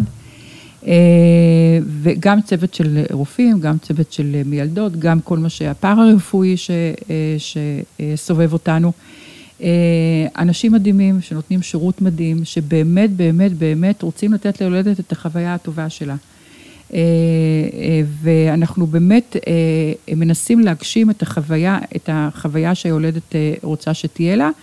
שוב, תמיד אימא בריאה ותינוק בריא בשטח. דבר שני, אנחנו גם מאוד אה, אה, לא. משתדלים לא להתערב בלידות. אה, אני יודעת שלפעמים זה, זה נשמע משהו כמו אה, אקסטרווגנטי, שאני אומרת שזה, שזה נשמע אולי אה, שיווקי, אבל זה ממש לא. אה, אנחנו באמת מאמינים שאישה בלידה רגילה, בלידה רגילה, טבעית, אה, שיולדת ספונטנית. זהו, זה הדבר, ספונטנית זה הדבר הכי טוב שיכול להיות, באמת, ואנחנו עושים הכל בשביל שאישה, אישה, שאישה תגיע ללידה רגילה. אבל לפעמים יש גם אה, דברים שקורים, כמו שאמרנו, אין לנו שליטה על הלידה, אנחנו לא יודעים מה יקרה, ואז יש לנו את הצוות הכי טוב שיכול להיות בשביל לתת מענה גם למצבים אה, האלה. ויש לנו גם ניסיון, הרבה ניסיון בלידות שהן לא בדיוק אה, אה, הולכות אה, בזרם. אם זה בלידות רגילות אחרי ניתוחים קיסריים, שאנחנו מאפשרים אחרי ניתוח אחד בוודאי, אנחנו ממליצים, מאפשרים, אם הסיבה לא חוזרת על עצמה, ויש לנו גם מבחינה סטטיסטית, סטטיסטית אחוז מאוד גבוה של יולדות שמנסות ללדת אחרי ניתוח קיסרי ומצליחות. יש לנו את ה... לפעמים, אגב, במקרים מיוחדים אנחנו גם נותנים אישור לנשים אחרי שתי, שני ניתוחים קיסריים. אה, זה זה מצריך כמובן הכנה מראש ופגישת ייעוץ וכולי, אבל אנחנו, אם אישה מאוד מאוד מאוד רוצה, לפעמים אנחנו מאפשרים גם לידה רגילה אחרי שני ניתוחים קיסריים. אנחנו מאפשרים לפעמים גם לידות תקוז במצבים מסוימים. אה, בעבר כל הלידות תקוז הסתיימו בניתוח קיסרי, היום במצבים מסוימים אנחנו מאפשרים גם אה, אה, אה, אה, לידות אה, אה, עכוז, אנחנו מאפשרים לידת תאומים רק שהראשון ראש, מה שלא קורה בהרבה בתי חולים, בדרך כלל אה, צריך שהראשון והשני יהיו ראש, אצלנו מספיק שרק הראשון יהיה, אה, אה, יהיה ראש, ו, ומעבר לזה, אנחנו, לא רק שאנחנו מאפשרים את זה, יש לנו אנשי מקצוע שיודעים, לילד את זה. שזה מה, ש, מה שהכי חשוב. כן. לפעמים, אם יש נגיד לידת תקוז והיא קורית בלילה, אז יש לנו מישהו שאנחנו מביאים מהבית, במיוחד שיהיה עם היולדת, כדי ש... אה, רופא שמתמחה בזה, שיהיה עם היולדת ב, אה, בלידת תקוז. זאת אומרת, יש לנו גם צוות ש, אה, שיודע לעשות את זה, וזה בעצם מה כדי שזה יהיה אפשרי. שמאוד חשוב, כן. עכשיו בואו נשמע על סוגי הקורסים, הקורסים של הקורסים או הכנה שיש לכם. אוקיי, אז יש לנו מגוון גדול של קורסים, כמובן, יש לנו קורסים רגילים, שהם ארוכים, שהם ארוכים, שהם קצרים. אה, קורס קצר זה חמש, אה, חמש אה, שעות במפגש אחד, קורס ארוך, ארוך זה עשר שעות בכמה מפגשים. בקורס הקצר מדברים אותו דבר כמו בקורס הארוך, אבל יותר, יותר בקצרה. אה, יותר בקורס בתמצית. הארוך, כן, בצור הרוס יותר בנחת, יותר מפרטים, כמובן שזה כולל גם סיור, הקורס. יש לנו אה, קורסים, לס- אה, סדנאות יותר נכון, לניתוחים קיסריים. אה, אישה שהולכת לניתוח קיסרי ורוצה לקבל קצת יותר מעבר להדרכה שנותנים לכל אישה שהולכת לניתוח קיסרי, אז ש, שזה גם קשור להכנה לפני וגם אחר כך, ואפילו איך למניקים תאומים, ו, אז יש לנו קורס, אה, אה, אה, זה גם קורס קצר כזה לניתוחים קיסריים. יש קורס הכנה ללידה לנשים חרדיות שבאות לבד, ללא, ללא בן הזוג, שמעוניינות בזה כמובן, לבוא, להגיע לבד ללא בן הזוג. עושה את זה מיילדת שלנו שהיא כמובן דתייה, ויכולה גם לתת מענה ל- ל- לשאלות כן. ולשאלים הלכתיים, ויש לנו גם את הליווי של הרב פורת, שגם נותן מענה לדברים האלה. אה, וזה בדרך כלל קורס קצר, אנחנו, אה, אה, הנשים מגיעות לפה, עושות את הקורס עם הסיור בפגישה אחת, וכמובן אחר כך יש להם גם מענה. דרך אגב, כל הקורסים, כל מי שעושה אצלנו קורס מקבלת אחר כך מענה לכל מה שהיא צריכה, לשאלות ולכל מיני דברים נוספות. כאלה. כן. יש קורס אונליין שהיום בזמן הקורונה הוא מאוד פעיל, מאוד פעיל אבל גם בלי הקורונה אנחנו מפעילים קורס אונליין. נשים שרוצות להיות בבית ולראות את, ה, את, ה, את הקורסים, נראה לי שעכשיו עם הקורונה זה יימשך עוד זמן מה. אז גם כולם מוזמנות ללא עלות, יושבים בבית, רואים את הקורס, זה קורס אונליין שמיילדת גם יכולה לענות לשאלות, זה לא רק שצופים, אלא גם יכולה לענות לשאלות. יש קורס הכנה ללידות תאומים, שגם גם נותן מענה לכל מה שקשור בלידת תאומים, שהיא קצת שונה מלידה רגילה, וגם נותן מענה לפני הלידה, לאחרי הלידה, לטיפול בתאומים, וכל מה שקשור בזה, אז אני מאוד ממליצה, זה קורס מעולה למי שיש לה תאומים. גם היום באונליין, בזמן הקורונה, יש לנו איזה מענה לתאומים, אם יצרו איתנו קשר, אנחנו נוכל לתת לכם מענה גם לזה, אנחנו נותנים גם איזה שעה של בוסט כזה לנשים שבלידת תאומים, מעבר לקורס הרגיל, ואז הם מקבלים גם את המענה של כל מה שקשור ללידות תאומים, או גם לניתוח קיסרי. יש לנו קורסי הנקה לפני לידה, מאוד חשוב להכין את האישה לפני לידה להנקה, כדי לדעת מה קורה בשטח, זה מאוד מאוד מאוד מאוד עוזר, וגם מאוד אחוזי ההצלחה בהנקה, למי שעברה קורס הנקה לפני הלידה, הם הרבה יותר גדולים. לא שלא, זה לא במקום ההדרכה שתקבלו אחרי זה במחלקה, זה לא במקום, זה איזושהי הכנה שיכולה מאוד לעזור. ויש לנו גם קורס הכנה רגשית לקראת לידה והורות, כל מה שקשור ברגש, בזוגיות, בטיפול בתינוק, בטיפול באחים של התינוק, כל מה שקשור בדברים האלה, כי לידה, כמו שאתם יודעים, מלווה בהרבה רגשות, לפעמים זה רגשות יותר טובים, לפעמים פחות טובים, לפעמים יש קשיים, עם כל העושר, יש קשיים לפעמים, כל מי שאימא יודעת את זה, וזה נותן גם מענה לעניין הזה. טוב, עם שלל כזה של הדרכות וקורסים ושירותים. כן, אני חושבת שיש מענה להרבה דברים, תיצרו איתנו קשר, ואז אנחנו נוכל לעזור לכם ולהפנות אתכם גם לכל אחד מהקורסים האלה. בהחלט עשית לנו סדר בדברים. תודה רבה. הרגשנו הרבה ביטחון מהניסיון שלך כמיילדת בכירה ויועצת במועדון שיבא היולדות. תודה רבה לך, גברת חביבה ארנון. תודה לכם ותודה לכל המאזינות, ונשמח לראות אתכם. תודה, תבורכי. הפודקאסטים של כל חי. מצפות. מירי שניאורסון מארחת את מומחי שיבא יולדות. סוכרת הריון היא אחת התופעות הנפוצות, ואיתנו דוקטור רקפת יואלי שתסביר לנו ממה היא נוצרת, איך עוקבים אחריה, מהם הסיכונים, איך מטפלים ועוד. דוקטור רקפת יואלי, סגנית מנהלת מחלקת הריון בסיכון בשיבא, רופאה בכירה במרפאת סוכרת ומחלות אנדוקריניות בהריון בשיבא, תל השומר. שלום לך. שלום רב. מה שלומך? מצוין. את עוסקת בסוכרת ההריונית, ואנחנו נרצה לדעת מהי סוכרת הריונית וממה היא נגרמת. אוקיי, אז חשוב מאוד באמת להכיר את הסוכרת, מכיוון שסוכרת היא הסיבוך הרפואי השכיח ביותר בהריון, והיא מופיעה בכ-6 עד 7 אחוז מכלל ההריונות, כשבערך 90 אחוז מהנשים עם סוכרת בהריון זו סוכרת הריונית, ובערך עשרה אחוז מדובר בסוכרת טרום הריונית, כשלמעשה סוכרת הריונית היא חוסר סבילות לפחמימות שמופיעה לראשונה בהריון, בעצם נגרמת בגלל ההורמונים שמופרשים מן השליה, שגורמים לעמידה, לעמידות של הגוף לאינסולין, שהוא בעצם ההורמון שחשוב על מנת לאזן את רמות הסוכר בגוף. כתוצאה מכך יש עלייה ברמת הסוכר של היולדת שעוברת ישירות דרך השליה לעובר. למעשה אם אנחנו ננסה לחשוב, ההיגיון שעומד מאחורי זה, זה שהגוף רוצה לספק את אספקת הסוכר וכל חומרי המזון עבור העובר, אבל אצל חלק מהנשים שיש להן מראש נטייה לסוכרת, מתפתחת סוכרת הריונית. לדוגמה, נשים עם עודף משקל, נשים עם סיפור משפחתי של סכרת מבוגרים, נשים שילדו בעבר ילדים גדולים או שהייתה להם סוכרת בהריונות קודמים, נמצאות בסיכון יתר לפתח סכרת במהלך ההיריון.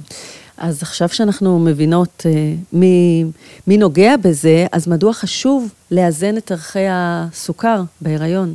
זו שאלה מאוד חשובה, נכון? אנחנו משקיעים הרבה מאוד אה, אנרגיה על מנת לאזן את ערכי הסוכר בהיריון, מכיוון שהסוכר עובר ישירות מדם האם דרך השליה לעובר, ורמות גבוהות של סוכר אצל העובר גורמות לגדילת יתר של העובר, למשקלי לידה גבוהים, נכון? זה מה שאנחנו מכירים שאופייני לנשים עם סוכרת לא מאוזנת.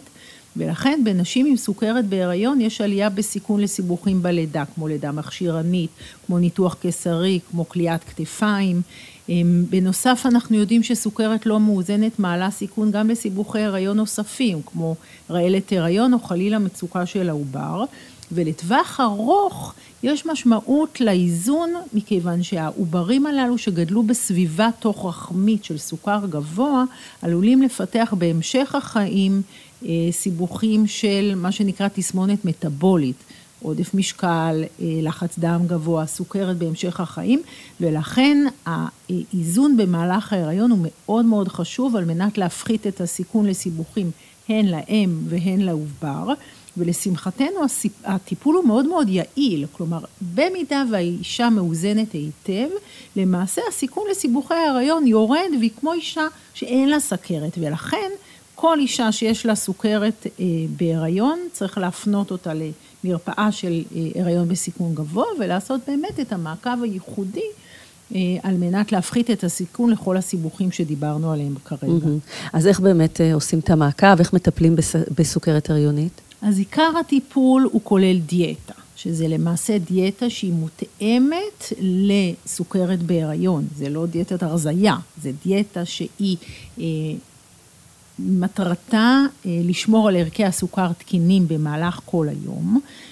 הנשים הללו מודדות את ערכי הסוכר בבית, אנחנו נותנים לכל אישה מד סוכר אה, ביתי והן אה, בודקות את ערכי הסוכר במהלך היום, כשהן קמות בבוקר ולאחר הארוחות, ובמידה והטיפול בדיאטה לא מספיק על מנת לאזן את ערכי הסוכר, אנחנו מוסיפים גם טיפול תרופתי לפי הצורך בזריקות של אינסולין או בכדורים שניתן לקחת דרך הפה, ובסופו של דבר אני תמיד אומרת המטופלות שלי. העובר לא אכפת לו איזה מאמץ גדול אנחנו צריכים לעשות על מנת לאזן את ערכי הסוכר. כן. מה שחשוב בשבילו זה שערכי הסוכר יהיו מאוזנים, ולכן אנחנו עושים כל מה שצריך. אה, שזה דיאטה וטיפול תרופתי לפי הצורך, על מנת שערכי הסוכר יהיו תקינים. אז יש גם מעקב שצריך לבצע בנשים עם אה, סוכרת הריונית? בהחלט. אנחנו בעקבות כל מה שאמרנו שיש עלייה בסיכון לסיבוכים, הנשים הללו צריכות להיות במעקב שהוא מה שנקרא multi-disciplinary, כלומר אצלנו במרפאה, במרפאת ההריון בסיכון בתל השומר, אנחנו אה, עוקבים אחרי הנשים עם צוות רחב, צוות של אחיות שעוקבות אחרי לחץ הדם אה, והופעה של חלבון בשתן, עושות מוניטור, מוניטור של העובר ששומע את הדופק של העובר ומוודא שהעובר חש בטוב, אה, טכנאיות של אולטרסאנד שעוקבות אחרי הגדילה של העובר ואחרי מצב העובר ברחם, וכמובן שכל יולדת נמצאת במעקב של מומחה להיריון בסיכון גבוה, שמרכז את כל הטיפול ואת כל הנתונים, ומתאים את הטיפול התרופתי במידה ויש צורך לכל יולדת, שבמידה אה, ויש צורך, אנחנו גם אה, נעזרים באנדוקרינולוגים שהם מומחים לסכרת, אה, במידה ויש צורך באיזון שהוא מורכב יותר, וכל הצוות יחד עוקב אחרי היולדת במהלך כל ההיריון. מהרגע שהיא מאובחנת ולמעשה אפילו עד אחרי הלידה. Mm. על מנת לוודא שהכל אה, תקין גם אצל האימא וגם אצל התינוקית. אז אה, הנה, בואו, אני באמת מבינה שהטיפול הוא משולב, זאת אומרת, כמה ביחד נוגעים בה ואכפת ממנה ועוקבים אחרי אה, בהחלט. כל דבר.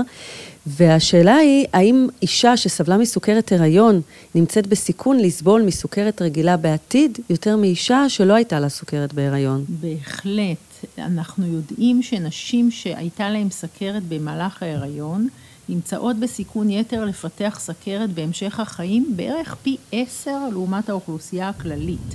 ההריון הוא כמו מבחן מאמץ ללבלב ולאיזון של הסוכר, שחושף את הנטייה של הגוף לפתח סכרת.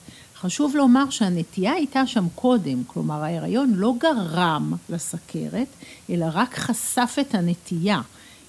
ולכן נשים שעברו הריונות מרובים, או נשים שלא עברו הריונות, עצם ההיריון לא מעלה את הסיכון שלהם לפתח סכרת, אבל אם אה, המבחן מאמץ הזה הראה שיש לאישה נטייה לסכרת, כלומר שהייתה לה סכרת במהלך ההיריון, אנחנו יודעים שצריך לעקוב לטווח ארוך, מכיוון שיש להם סיכור יותר גבוה לפתח סכרת אה, מבוגרים בהמשך החיים, ולכן אנחנו אומרים זו הזדמנות לשינוי אורחות חיים. כלומר, אם אנחנו נקפיד על משקל תקין, על פעילות גופנית, על תזונה נכונה, אנחנו נפחית את הסיכון של היולדת לפתח סכרת בהמשך החיים, ובעצם גם בהריונות הבאים, אה, לאחר ההריון הנוכחי. זאת אומרת, היא פשוט הרוויחה בגיל כל כך צעיר, כשהיה לה את המבחן מאמץ הזה, ואז נגלה לה שבעצם... אה, אה, יכול להיות שיש שם... בהחלט, זה מין ככה שכדאי להקפיד על זה כבר... קריאת השכמה, שימי לב, את שייכת למשפחה, יש לך את הסיכון. המשפחה המתוקה. המשפחה המתוקה. אה, וההקפדה על הדברים הללו, בעצם... שזה דברים חשובים אה, לכולנו. בוודאי שומרת על הבריאות שלה להמשך החיים. כן. מה ההבדל בין סוכרת הריון לסוכרת נעורים וסוכרת מבוגרים? זאת אומרת, סוכרת סוג 2? וסוכרת סוג 1, בהחלט.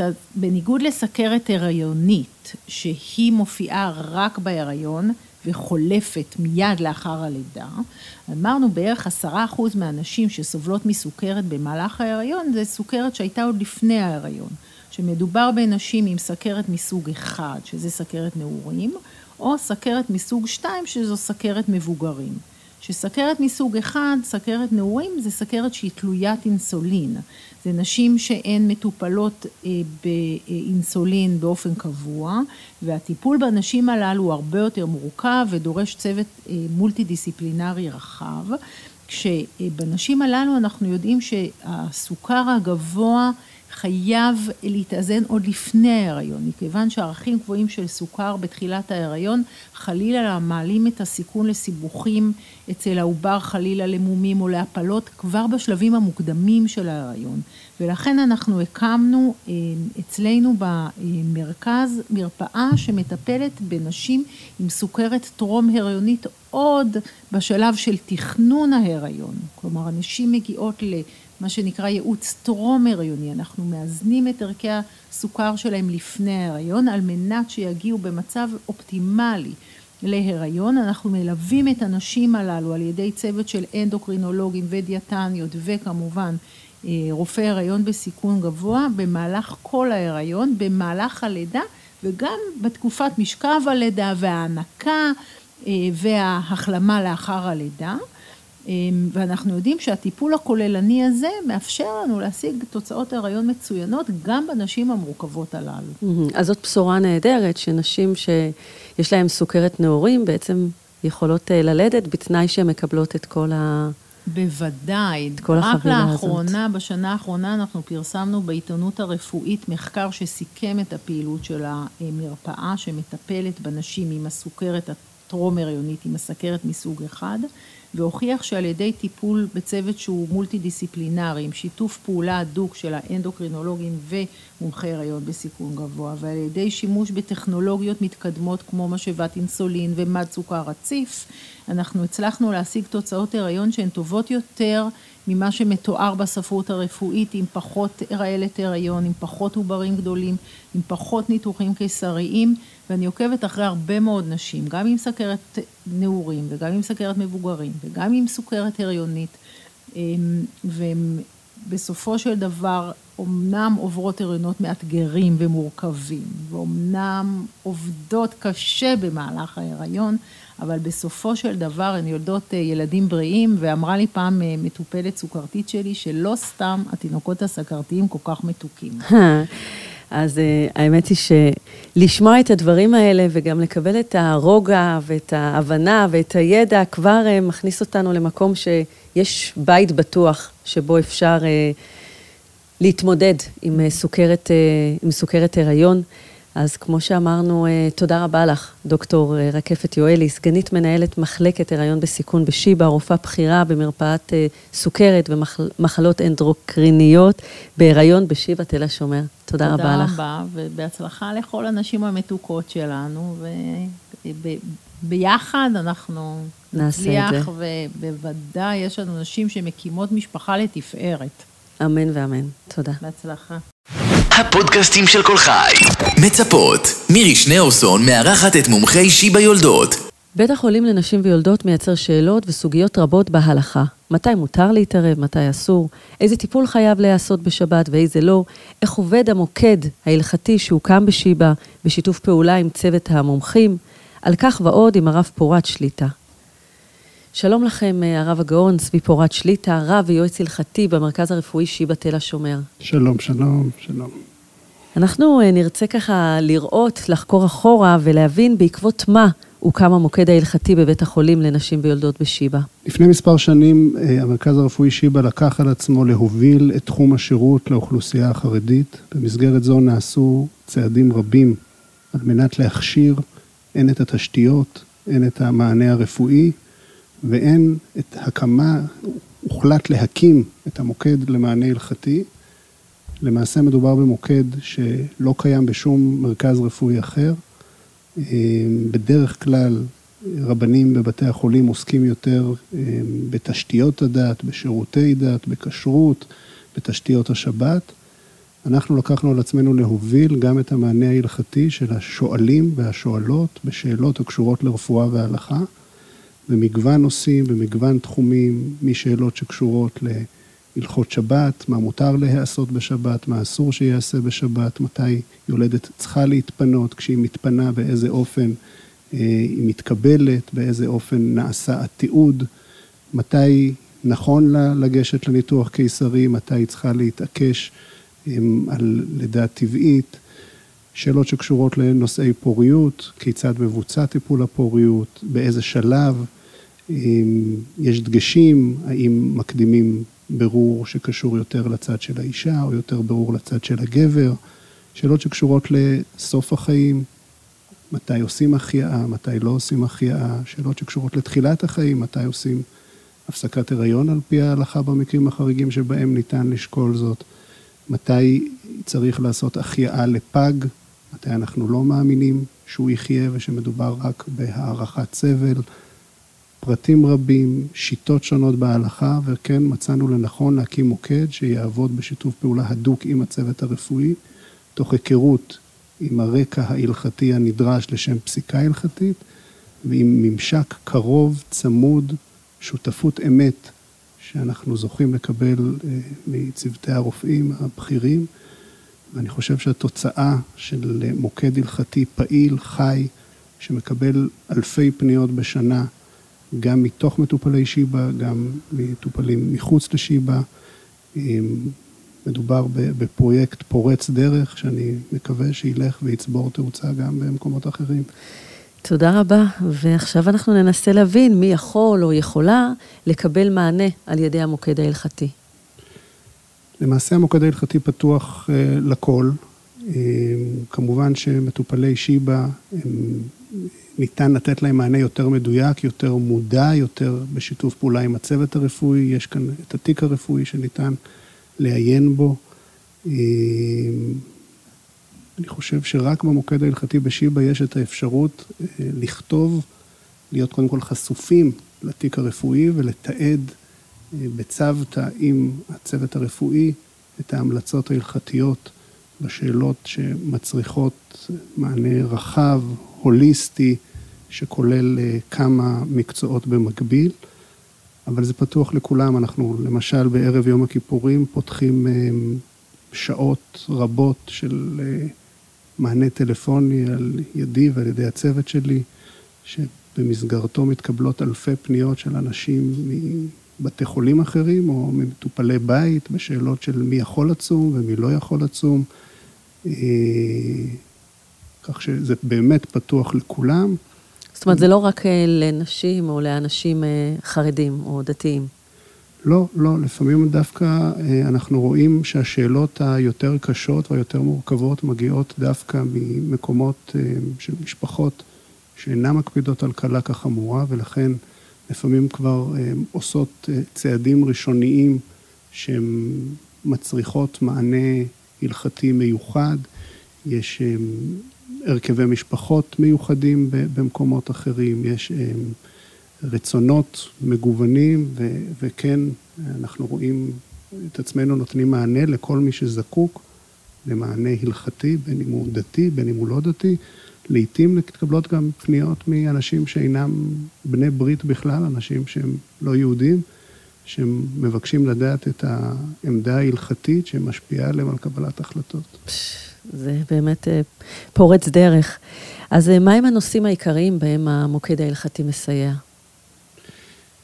אמ, באמת, אה, יש נושאים רבים. כשאנחנו מדברים על בית החולים לנשים ויולדות, השאלות סביב השבת תופס נתח נכבד. במסגרת המוקד יש לנו שירות בתוך המחלקה להיריון וסיכון גבוה. שם מדי יום שישי מתקבלות פניות ממאושפזות המחלקה, שמבקשות לדעת מה עליהם לעשות בשבת עם הניטור, עם האולטרסאונד, עם בדיקות הסוכר במידת הצורך, בדיקות לחץ דם. ומדי יום שישי אני מתכנס אה, ביחד עם אה, מנהל המחלקה, פרופסור מזקי, או עם סגניתו דוקטור אה, יואלי. וביחד אנחנו מקבלים החלטות רפואיות והלכתיות, מי יכול להיפטר מכל הבדיקות בשבת, מי יכול, נכון לו, שיעשה את הבדיקות בצורה מלאה. שירות באמת יוצא דופן, ייחודי, אנחנו וגם מקדימים... וגם מאוד ספציפי לכל, לכל אישה אחת, ואישה. כן, כן, אנחנו לוקחים את הנתונים, פותחים תיק רפואי, בודקים את הרקע הרפואי הספציפי. נותנים את ההנחיות, נותנים גם את ההנחיות מה קורה אם במהלך השבת יש איזשהו שינוי במצב הרפואי המצריך את אה, שינוי ההתנהלות. אה, אנחנו רואים בזה ברכה גדולה, נשים מאוד אה, נלהבות מהשירות הזה.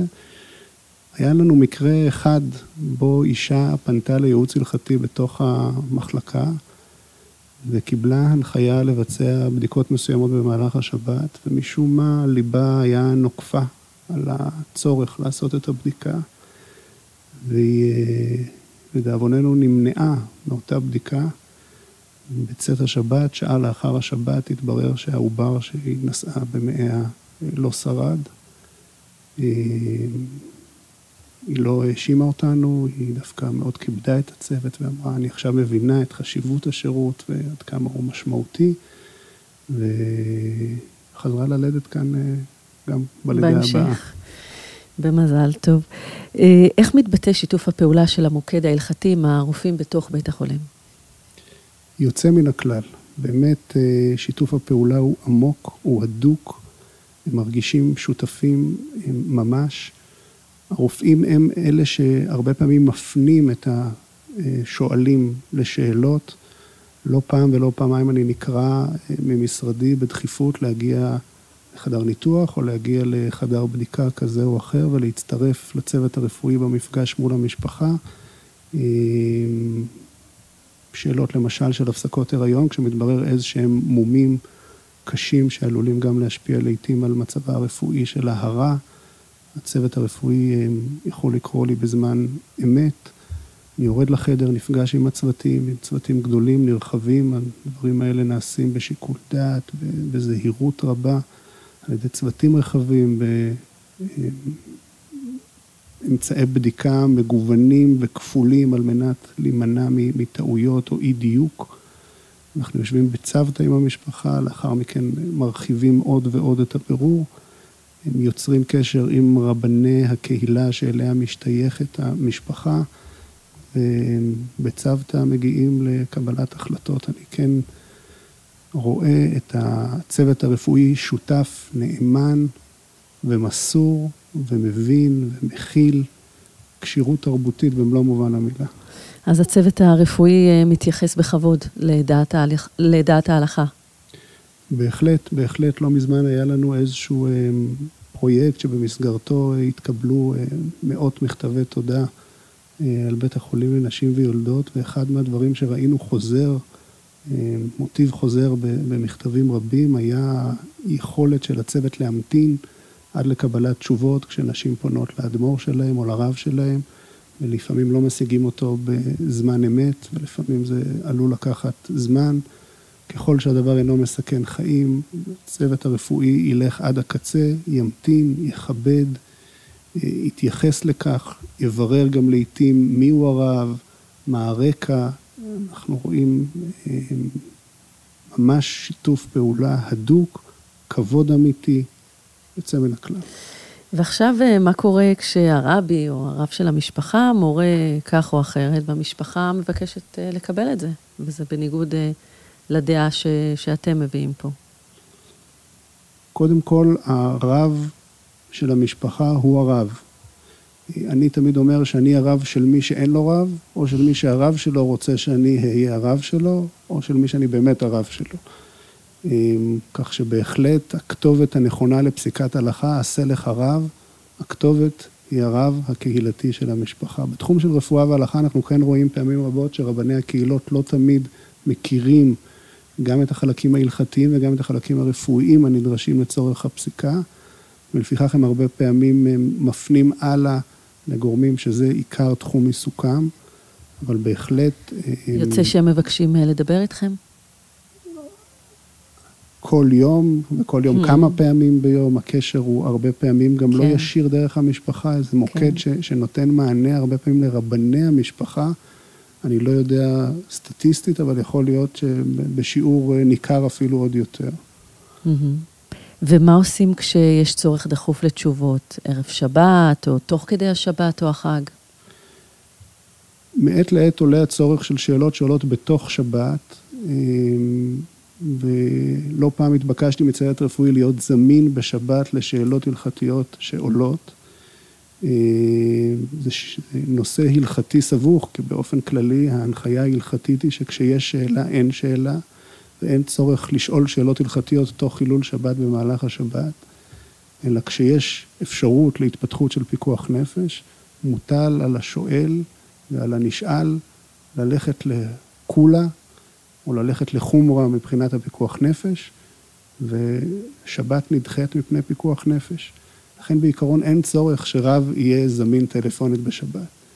לעומת זאת, אנחנו כן רואים בעיקר אצל אה, משפחות אה, מסורתיות, שלפעמים בלי ברכת הרב הן מסרבות פרקטית ללכת לניתוח או לעשות פרוצדורות מסוימות, ואז ייתכן שאין ברירה אלא לחלל שבת, כיוון שאחרת הם לא יסכימו. בינתיים ניצלתי מזה, ברוך השם, ומשפחות מוצאות פתרון בדרך כלל. המענה בערב שבת הוא מענה צמוד עד לכניסת שבת ממש. אני משתדל לפעמים גם מעט אחרי הצפירה והדלקת הנרות, הרבה פעמים אז יש שאלות דחופות שמגיעות, גם אז אני זמין, ככל שהדבר ניתן.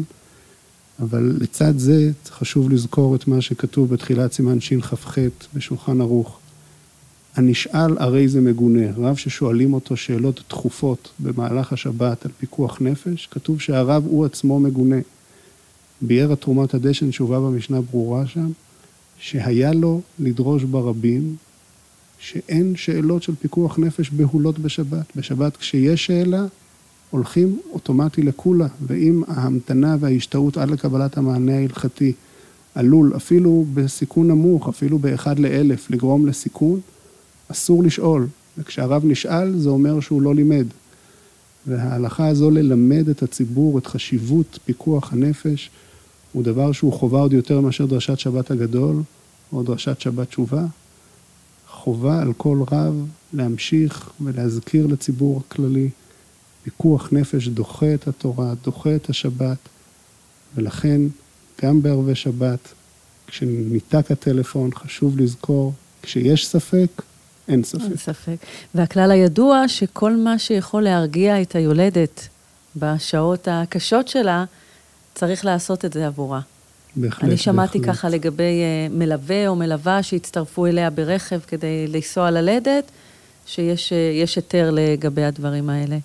נכון, נכון. בגמרא במסכת שבת כתוב שאישוב דעתה של יולדת דוחה אה, חילול שבת גם מדאורייתא. החזון איש אה, למד מזה והמליץ אה, ללוות את היולדות על מנת להרגיע אותם, גם כשמדובר בנסיעה ברכב חשמלי הכרוך באיסורי שבת. אה, זה משהו שהוא רחב, המשמעויות שלו הן בזמן הלידה רבות. ואכן צריך ללמוד מזה לא רק את העניין ההלכתי של אה, דחיית השבת מפני יישוב דעתה של היולדת, אלא גם את חשיבות יישוב דעתה של היולדת בימי החול, כמה חשוב לדאוג שבאמת היולדת תהיה מרוצה ושלווה, דבר חשוב ביותר. טוב, נרצה לשמוע מהרב על כל אה, מערך הכשרות וכל התשתיות שיש לכם בנושא הכשרויות. בשיבא הוקם אה, מחלקת, הוקמה מחלקת מהדרין, שיודעת לתת מענה היום אה, בעיקר באגפים של נשים ויולדות ו- וילדים. במסגרת זו אנחנו היום מעניקים את כל האוכל בכשרות בדת צידה חרדית או ועדת מהדרין תנובה. מערך הכשרות הוא מוקפד, משגיח הכשרות שוהה כל העת, כל עת הארוחה בתוך חדר האוכל. חלק מהדברים מוגשים בעמדת הגשה נפרדת שהיא מהדרין, ובחלק מהדברים החלוקה כולה היא בכשרות מהדרין. מלבד נושא הכשרות, כן הגדרנו לעצמנו למטרה שתשתיות השבת יאפשרו גם למקפידים על קלה כחמורה וגם למחמירים בתוכם לקבל מענה רפואי בשבת ללא חשש לכך שהם מכשילים לא את עצמם ולא את הצוותים בחילול שבת. המצאנו כאן למשל את דוח כלכלה לשבת. יש קושי עם נושא התיעוד של האכלה ויציאות של תינוקות, של, של ילדים. כיוון שהילודים אינם מוגדרים כחולים, לעומת היולדת עצמה שמוגדרת חולה שיש, בהם, שיש בה סכנה בימים הראשונים לאחר הלידה, התינוק הוא תינוק בריא לכל דבר ועניין. לכן קיים קושי הלכתי לחלל עליו את השבת. לפיכך המצאנו דוח שעשוי מדף למינציה, שמודבק עליו מדבקות שמותר להדביק אותן בשבת, שהן יכולות להיות מוסרות גם בקלות, עם טבלה של שעות, וכך אנחנו יודעים היום לתעד במהלך השבת בצורה כשרה למהדרין, ללא שום סרח של איסור את כל המתרחש במהלך התינוקי, במהלך השבת אה, אצל הילוד. מוצאי שבת אנחנו מעתיקים את ה... כל, את כל הנתונים. איך מקבלות את זה האחיות שם בחדרי לידה? נפלא, נפלא. כן. הם גם במחלקת יולדות, גם, במחל... גם בתינוקייה. אנחנו כל הזמן מרעננים, והם אומרים, תביאו עוד מדבקות, תביאו עוד, הן hmm. מספרות את זה לצוות. היום אנחנו מסמנים על ההריסה במדבקה, שומרי שבת עם איור של נרות שבת, על מנת שגם הצוות ידע שלא לקרוא ליולדת במהלך השבת בטלפון, ושידע לתת לה את הדוח הכלכלה המיוחד הזה. אנחנו גם בית החולים היחידי שנותן מטרנה בדת צידה חרדית. אין שום בית חולים אחר, ככל הידוע לי, שנותן אלא אם כן האמא מביאה את זה מהבית. גם אז המחלקות לא מוכנות למיטב ידיעתי להביא מבחוץ אוכל, כי הם לא יודעים אם זה נשמר בצורה נאותה, ואולי חלילה כתוצאה מכך יהיה איזשהו חולי או זיהום. דווקא קהילות חסידיות, קהילות חב"ד מאוד מעדיפות את השימוש באבקה שהיא בד"ץ, שהיא לא חלב נוכרי. מחו"ל. גם בתזונה לפגים אנחנו עושים מאמץ על מנת לאפשר ככל הניתן תזונה בחלב שאיננו חלב נוכרי. במקרים בהם זה לא ניתן, אנחנו יושבים, הצוות הרפואי והנוכרי, ומסבירים שאין מנוס, וזה כמו כל תרופה אחרת, ולעיתים אין ברירה, מותר גם לפעמים לאכול חזיר. בוודאי שמותר גם חלב נוכרי, למרות שראוי בהחלט להקפיד על כך כשהדבר ניתן. אם נניח מבקשים מהאימא שתחתום בשבת? בשיבא היום יצא נוהל שלא מחתימים או שמאפשרים לכל מי שמעוניינת או מעוניין, גם בשאר האגפים, להימנע מחתימה בשבת על ניתוח, על מתן דם, על פרוצדורה מצריכה חתימה של הסכמה מדעת. אנחנו יודעים היום גם משפטית כיצד אה, לעשות את זה נכון, באופן שלא יחייב את המטופל לחלל שבת, עבור צורך שהוא לא צורך רפואי, אלא צורך אה, אדמיניסטרטיבי או משפטי, אבל הוא לא מציל חיים. ולפיכך עשינו עבודה משמעותית מול היועצים המשפט... המשפטיים, מול הניהול סיכונים, בשיתוף פעולה הדוק עם הנהלת מחלקת הרדמה וחדרי ניתוח. והשירות הזה ניתן בצורה יוצאת מן הכלל, כשגם מרכזים רפואיים אחרים לומדים מאיתנו כיצד לתת את זה, כך שהיום אנחנו באמת יודעים לתת את המענה השלם, גם מבחינת התשתיות, גם מבחינת המענה לשאלות ההלכתיות העולות, ושמחים מאוד. והתחושה היא שיש אה, עם מי לדבר. תודה רבה לרב הגאון, צבי פורת שליטה, רב ויועץ הלכתי במרכז הרפואי שיבא תל השומר. תודה רבה. יישר כוח. הפודקאסטים של כל חי. מצפות. מירי שניאורסון מארחת את מומחי שיבא יולדות. מזל טוב, התינוק שלכם הגיח לאוויר העולם. מה עובר על התינוק בשעות הראשונות? למה הוא זקוק ואילו טיפולים, בדיקות עושים לו מיד לאחר הלידה ובמהלך האשפוז? מתי יש צורך בפגייה? על כל זאת ועוד נשוחח עם פרופסור ציפי שטראוס, מנהלת מחלקת ילודים ופגים בשיבא. שלום לך. בוקר טוב.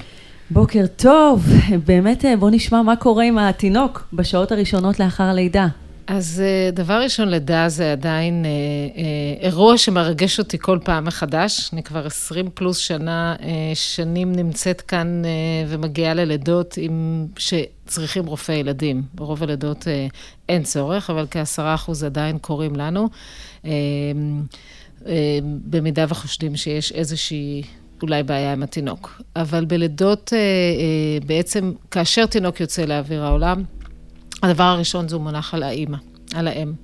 אה, זה מה שנקרא skin to skin care, או מגע אור לאור. מאוד מאוד חשוב, אה, גם מעודד הפרשת חלב, גם מרגיע את האם, מרגיע את הילד. בינתיים חבל הטבור, אה, השלייה זורם אליו הדם, אנחנו היום מחכים, משהים את חיתוך חבל הטבור, שידעו שזה חשוב, וכל זה נעשה כשהתינוק על האם.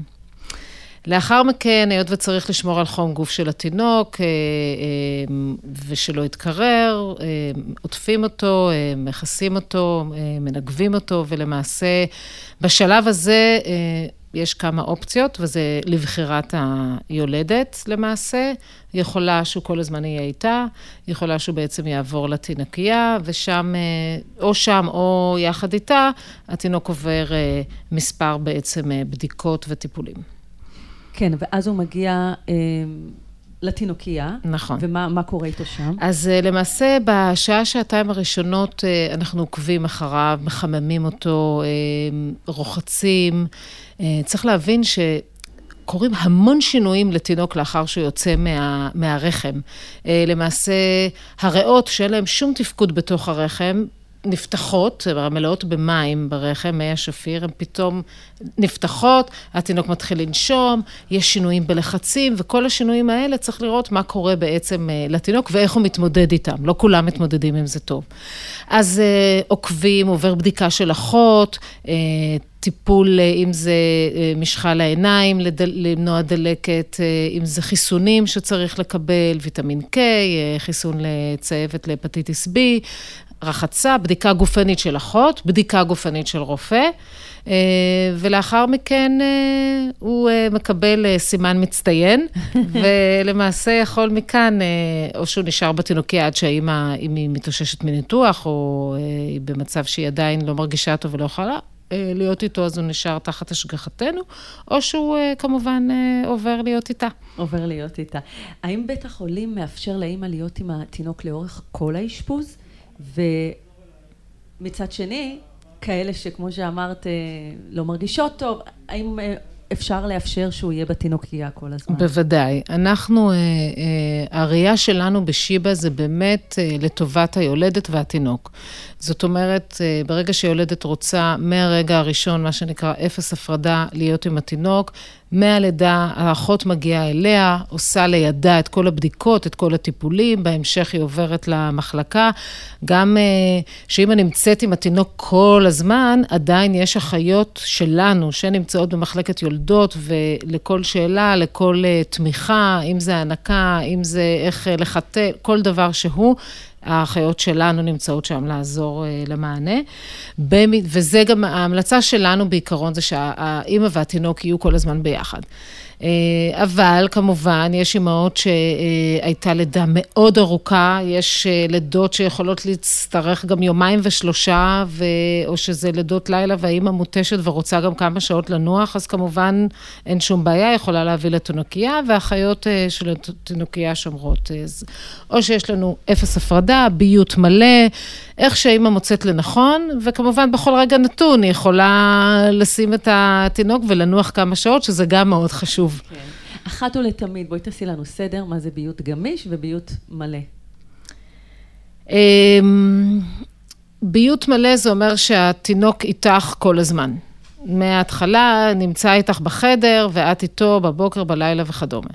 אמ, ביות גמיש זה אומר רוב היום איתך, אבל אם את רוצה, את יכולה להחזיר לתינוקייה, בלילה כמה שעות לישון, זה הכוונה ביות גמיש. כן. ההורים מקבלים הדרכות אה, לטפל בתינוק? המון, המון, איזה, המון. איזה הדרכות? אה, אז יש פה? מספר הדרכות. הדרכה הראשונה ותמיד הכי, אה, הכי קריטית וחשובה זה הדרכה של הנקה. כן. הרבה נשים, במיוחד נשים של לידה ראשונה, ותכף אני אסביר גם על זה, אבל לא תמיד בכלל מבינות מה, מה, מה, מה רוצים, וגם לפעמים לידות חוזרות. פתאום לא הולך כמו בלידה הראשונה. אז uh, יש לנו יועצות הנקה שמסתובבות במחלקה וממש ניגשות פרטני לאימא ועושות לה הדרכה, יש גם הדרכות, uh, לפני תקופת הקורונה היה גם הדרכות קבוצתיות, היום זה הרבה, זה אישי, uh, אחד על אחד. הדרכה כמובן לטיפול בכלל בתינוק, ואצלנו uh, אנחנו היינו ראשונים בארץ שהתחלנו עם כל הנושא של first baby, של ילד ראשון. Mm-hmm. זה בא מכך שאנחנו כרופאי ילדים, שבעצם משחררים, מגיעים לשחרר, אנחנו משחררים ליד האימא ובודקים ועונים על שאלות, אז uh, תמיד אמרנו שאנחנו מזהים מראש את האימא של מי זה ילד ראשון, כי, כי זה מאוד ברור, אימא שבעצם אין לה מושג, היא פתאום נהפכה לאימא ויש לה תינוק, היא לא יודעת מה לעשות איתו, זה המון שאלות. זה גם והמון... אחריות שלכם לשלוח ככה אישה הביתה. לחלוטין, עם... כן. אז תמיד זה היה, אבל זה היה אה, בצורה לא מספיק מאורגנת ומסודרת, ולא דגש באמת לאימהות של ילד ראשון, שצריכות הרבה יותר הדרכה מאימא ש... אתה רואה ישר מאימא של ילד שני ו... ושלישי וכדומה. אה, אז... בעצם עשינו ממש פרויקט שיש אחות ייעודית אה, של First Baby, אה, שנותנת הדרכה כבר מההתחלה לאימהות, מה, מה, מה התינוק, מה זה אומר שהוא קצת רועד, מה זה אומר שהוא בוכה, איך מחליפים, איך מחטאים את החבל לטבור, כמה פיפי הוא צריך לעשות, כמה יציאות, כמה הוא בכלל צריך לאכול, איך אני, איך יודעת שהוא אוכל מספיק, זה, זה כל מיני אה, אין סוף אה, נתונים ודברים שאימא של ילד שהוא לא ילד ראשון, זאת אומרת, אימא שזה לא ילד ראשון, היא כבר יודעת מהניסיון, כן. וזה ממש עשינו פרויקט מיוחד, גם הרופאים שלנו מסבירים יותר, אנחנו, אלון מיוחד שנותן המון טיפים. ובעצם אה, זה, זה 30 אחוז, 30 אחוז לידות ראשונות בשיבא. וואו. אה, בחודש, אז אה, זה הרבה, זה 3,000 לידות של לידה ראשונה, שמקבלים היום הדרכה ספציפית מאוד לילד ראשון. כן, כששומעים את המספרים, מבינים יותר כן. מה רבה האחריות. מהי צוות ילודים ואיך מטפלים בה? צוות ילודים זה, תמיד אני אומרת להורים, זה לא הצוות של המבוגרים, זה לא קשור, זה לא מחלה, אוקיי? זה תהליך פיזיולוגי תקין, אה, שבעצם אה, כדוריות דם אדומות של עובר, אה, הן שונות של עובר ברחם שונות ממה שיש לכדוריות דם אדומות שלנו בחוץ. וכשתינוק נולד, הוא מפרק את הכדוריות דם אדומות האלה, הופך אותם מכדוריות דם של עובר לכדוריות דם של, מבוג... של מבוגר או אה, של אה, מי שמחוץ לרחם. כל פירוק של כדורית דם אדומה משתחרר חומר שנקרא בילירובין. לכן זה טבעי. החומר הזה, בילירובין, הוא זה ששוקע ברקמות ועושה צהבת. הוא, הוא שוקע ועושה את הצבע הצהוב בעור. אה, בעיקרון זה תהליך טבעי שלכולם יש. הכבד של התינוקות בעצם מתמודד עם אותו עודף בילירובין, וזה מופרש בצואה ובשתן. יש מקרים שבהם, הצ... ו... ולכולם יש את הצהבת הזו. אה, והיא מגיעה לשיא ביממה שלוש עד חמש לחיים ויורדת אה, לאט. יש, יש מקרים שבהם הצהבת היא יותר גבוהה, יותר חמורה, וזה יכול להיות אי התאמה בסוגי דם, לפעמים, ואז יש הרס דם יותר ממה שאמור להיות, אם יש פוליציטמיה, G6PD, כל מיני מקרים אלו ואחרים שיש סיבה לכך שיש צהבת יותר מהרגיל, ואז הצהבת עולה. במקרים האלה לפעמים צריך טיפול אור. לכן אנחנו עוקבים אחרי הצהבת, גם אומרים להורים, אנחנו עוקבים גם אחרי השחרור, לפעמים צריך לחזור ולהתאשפז לטיפול. אם זה מתגלה יותר מימים שלוש עד חמש, אז כבר בעצם האימא בבית ברוב המקרים. נכון, ואז עדיין חוזרים אלינו למעקבים. אתם מאפשרים לה... בוודאי, למעקב צייבת אצלנו. זה יכול להיות גם בקופת חולים, אבל במידה והיא צריכה טיפול, אז אנחנו מאשפזים לקבלת טיפול אור, בהחלט. ומה שמעניין אותנו בדרך כלל עם צייבת, זה הנושא של הברית מילה. נכון, אז... אז...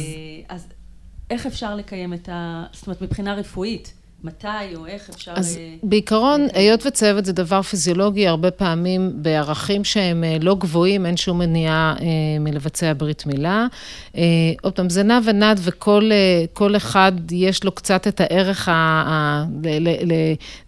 רבנים מסוימים, רופאים מסוימים אומרים 13, חלק 12 וחצי, אבל בדרך כלל מקובל מתחת לסביב ערך של 13 ומטה, אפשר לקיים ברית מילה, כי זה ערך פיזיולוגי. כשזה מתחיל להיות ערכים שהם יותר גבוהים מזה, שזה מתקרב למעשה לטיפול, אז זה ערכים שאנחנו לא ממליצים ברית, כי, כי עדיין זה לא ברור למה ומה הסיבה, ואם יש סיבה נוספת, לא בטוח שמומלץ לעשות ברית. Mm-hmm. חשוב לציין שהטיפול, הטיפול אור, יש לנו גם בשיבא אופציה של... כי, כי למעשה זה אשפוז, והתינוק צריך להיות תחת מנורה כחולה, מנורת פוטותרפיה. בזמנו, זה יכול להיות או שזה אשפוז במחלקה, או שזה גם יכול להיות ליד היולדת, זאת אומרת, אם היא עדיין מאושפזת, וה... שהיא לא בעצם תיפרד מהתינוק, אז יש לנו שמיכה של בילי רובין, שבעצם הוא עם השמיכה הזאת שהיא נותנת את האור ואת הטיפול, אבל הוא לידה. אפשר, יכולה גם להרים, להעניק איתה, שזה עוד פעם, המחשבה שלנו של לא להיפרד מהתינוק בימים הראשונים. באיזה מצבים התינוק ישהה בפגייה?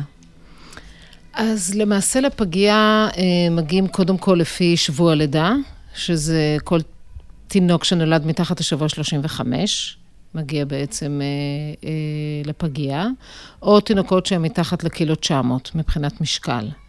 בנוסף, כמובן, אנחנו לא רק פגייה, אנחנו גם טיפול נמרץ ילוד, זאת אומרת, כל תינוק אם יש מומים מולדים, אם חס וחלילה משהו קרה בלידה והוא נולד והוא לא נושם, או היה צריך איזשהו טיפול מסוים, או שהוא מתנשם, או כל ילד שבעצם צריך ניטור הרבה יותר מסיבי והשגחה של טיפול נמרץ, אז למעשה הוא מגיע, עובר לטיפול נמרץ פגים.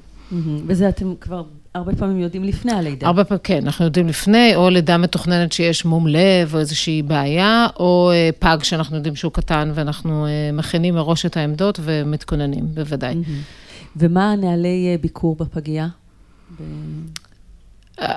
אנחנו מעודדים כמה שיותר שהות בפגייה, מבחינתי 24/7.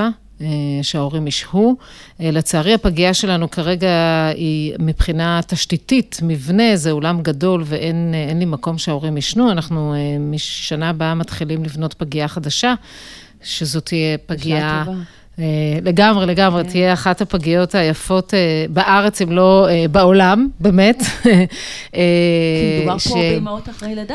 לחלוטין, וגם אשפוזים מאוד ממושכים וארוכים, ולכן בפגייה החדשה זה הולך להיות חדרים בודדים וחדרים לתאומים, עם יכולת של האימא לשהות בחדר עם מיטה, וממש שם היא שואבת, שם היא מניקה, שם היא יכולה להיות שם, מעבר לחדרי ההורים כמובן, המשותפים, אבל זה באמת הולך להיות סטנדרט אחר לחלוטין. זה, זה מה שחשוב, כי מאוד מאוד מאוד חשוב הנוכחות של ההורים עם הפג שמתפתח ונמצא אצלנו שבועות ולפעמים חודשים ארוכים. כן, אז זה כנראה הסיבה שמכל הארץ ישנם שבוחרים דווקא בפגייה של שיבא, ומה כיום מיוחד בפגייה? אז באמת אני חושבת שאנחנו פגייה מאוד ייחודית בכמה תחומים. ראשית, יש לנו צוות מאוד רחב ומקצועי מרופאים, רופאים שהגיעו ולמדו בחו"ל וחזרו לארץ עם ראייה של מה קורה בעולם בנוסף. יש לנו צוות פארה-רפואי עצום, פיזיותרפיסטיות, מרפאות בעיסוק, קלינאי תקשורת, פסיכולוגים, הכל רק שלנו, זאת אומרת, זה לא, זה רק של הפגייה. צוות רחב ותומך מבחינה התפתחותית, גם להורים, גם לצוות. כל התזונאיות, שהכל, גם עובדים עם ההורים, מסבירים להם המון הרצאות על מה, מה חשוב ואיך לגעת בתינוק, איך להרים, איך לעשות קנגרו. זה, יש חשש מאוד גדול להורים להתקרב בהתחלה כן. לפג ששוקל קילו או 800 גרם, ולעשות את כל החיבור והקשר הזה ולתת המון תמיכה. זה מהצד ההתפתחותי. כמובן, מהצ... מהצד המקצועי, אנחנו פגייה שמצטיינת כבר שש שנים במודל התמרוץ פגיות, ולא בכדי, אנחנו באמת מובילים וחדשנים בכל הדברים שאנחנו עושים, מביאים את זה מהעולם, ואחר כך הפגיות אחרינו. אנחנו פגייה שנחשבת, זה נקרא נוירו-ניקיו, היחידה בארץ, יש כאלה כעשרה בעולם, בארצות הברית, ואנחנו למדנו את זה מסטנפורד והבאנו את זה כאן לארץ, שבעצם ניטור מוחי. כמו שמנטרים חמצן וסטורציה וכל דבר אחר, אז גם לראות מה קורה במוח, שזה אחד הדברים הכי חשובים, ואנחנו עובדים הרבה על זה. מבעצם, כמובן, קנגרו, skin to skin, שזה כבר, זה מה שנקרא, זה bread and butter, זה כבר ברור שזה קורה. יש לנו, מה שעשינו פרויקט ענק, שאנחנו התחלנו אותו, ואחר כך כל הפגיות של מה שנקרא שומרי הראש, על מנת לשפר את ההתפתחות המוחית ולמנוע דימומים מוחיים אצל פגים. אני אישית נסעתי ליפן ושוודיה, שיש להם את התוצאות הכי טובות מבחינת, וקנדה, מבחינת תוצאות התפתחויות של פגים ופחות דימומים מוחיים. נסענו לשם צוות, למדנו את השיטות שלהם, הבאנו את זה לארץ, ולאחר מכן גם כל הפגיות הצטרפו כשנה אחרי, וזה פרויקט שכל הארץ התחיל עם זה. ויש לנו מסורות שגם אנחנו בין הראשונים שהיינו, זה גם סבים וסבתות. לצערי בקורונה עכשיו זה קצת פסק, אבל של בעצם איך להביא סבים וסבתות, כי הם אחר כך, כמו שדיברנו קודם, הם אחר כך אלה שעוזרים בבית, ונשארים בעצם עם התינוק, שאימא רוצה קצת לנוח. אז הבאנו גם אותם לפגייה עם הרצאה ולימוד מה זה פג ומה המשמעות, פרויקט אח גדול, שהבאנו את האחים. ויש משפחה, כן, שיש להם, הם יודעים שיש להם איזה אח בבית חולים, לא ראו אותו, לא שמעו עליו, הם לא מבינים לאן אימא נעלמת, והם היו מגיעים והיינו עושים להם, עשינו להם הרצאה, והראינו להם אינקובטור, ואחר כך לבשנו אותם ככה עם כל הטקס, עם הכפפות והחלוק, וראו את האח שלהם או האחות שלהם, וזה אחד הדברים הכי מרגשים, אפילו עשינו את זה גם לצוות הרפואי. לילדים של הצוות הרפואי, שכמה אחיות אמרו לי, וואי, עכשיו הילדים שלי יודעים לאן אני הולכת בעבודה, והם שואלים מה קורה עם התינוקות. יבינו סוף סוף כמה, כמה משקיעה אימא שלהם. אז זה מאוד מרגש, וגם בשביל לתת באמת תקווה, זה הדבר הכי חשוב. ואנחנו...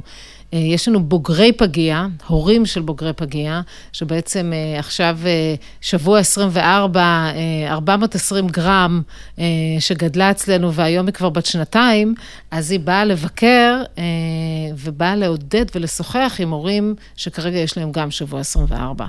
כי וואו. מי כמוהם מבין לליבם, ומבינים מה הם עוברים, והם גם מביאים את התקווה, כי הנה תראו, יש לי, אני עברתי את הכל, ותראו...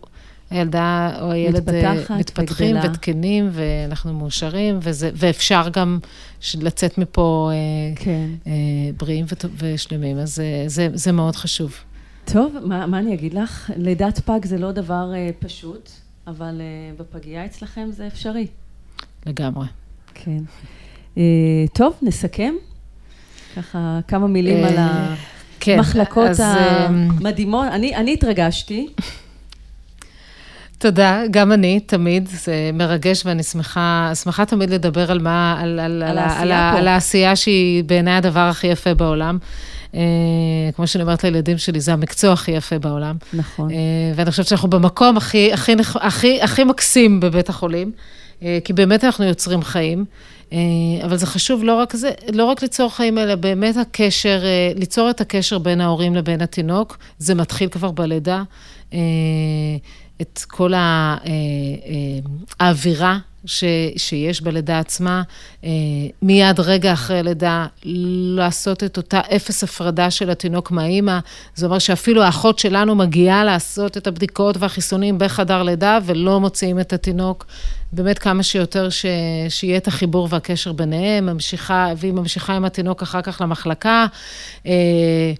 עד הבית, ואם היא עייפה ורוצה לנוח, אז זה בסדר, אז אפשר גם שאנחנו נשמור, ואחיות שכל הזמן נמצאות בשטח ו- וזמינות על מנת לענות על שאלות, ורופאים בכירים שלנו שכל הזמן נמצאים אה, אה, ותמיד זמינים, אה, 365 ימים, גם שישי, גם שבת, כל הזמן, אה, ובאמת אה, אה, לעשות את הכל כדי שהמשפחה אה, תצא מכאן, אם זה תינוק במועד לאחר 40 שעות אה, משתחררים הביתה, או פג שנולד הרבה לפני הזמן ונמצאים איתנו שבועות וחודשים, אבל הולכים מפה ו- ובאים להגיד חיוך. תודה על, ה- על החוויה, על באמת אה, להפוך את החוויה שלהם, אה, שהיא חוויה לא פשוטה הרבה פעמים, לחוויה טובה, לחוויית אשפוז שהם, אה, שהולכים איתה אחר כך. כן, כמו לחיים. שאמרנו, מזל טוב. תינוק שלנו נולד, וכדאי שהוא ייוולד אה, כאן בשיבא. תודה רבה לך, פרופסור ציפי שטראוס, מנהלת מחלקת ילודים ופגים בשיבא. תודה רבה.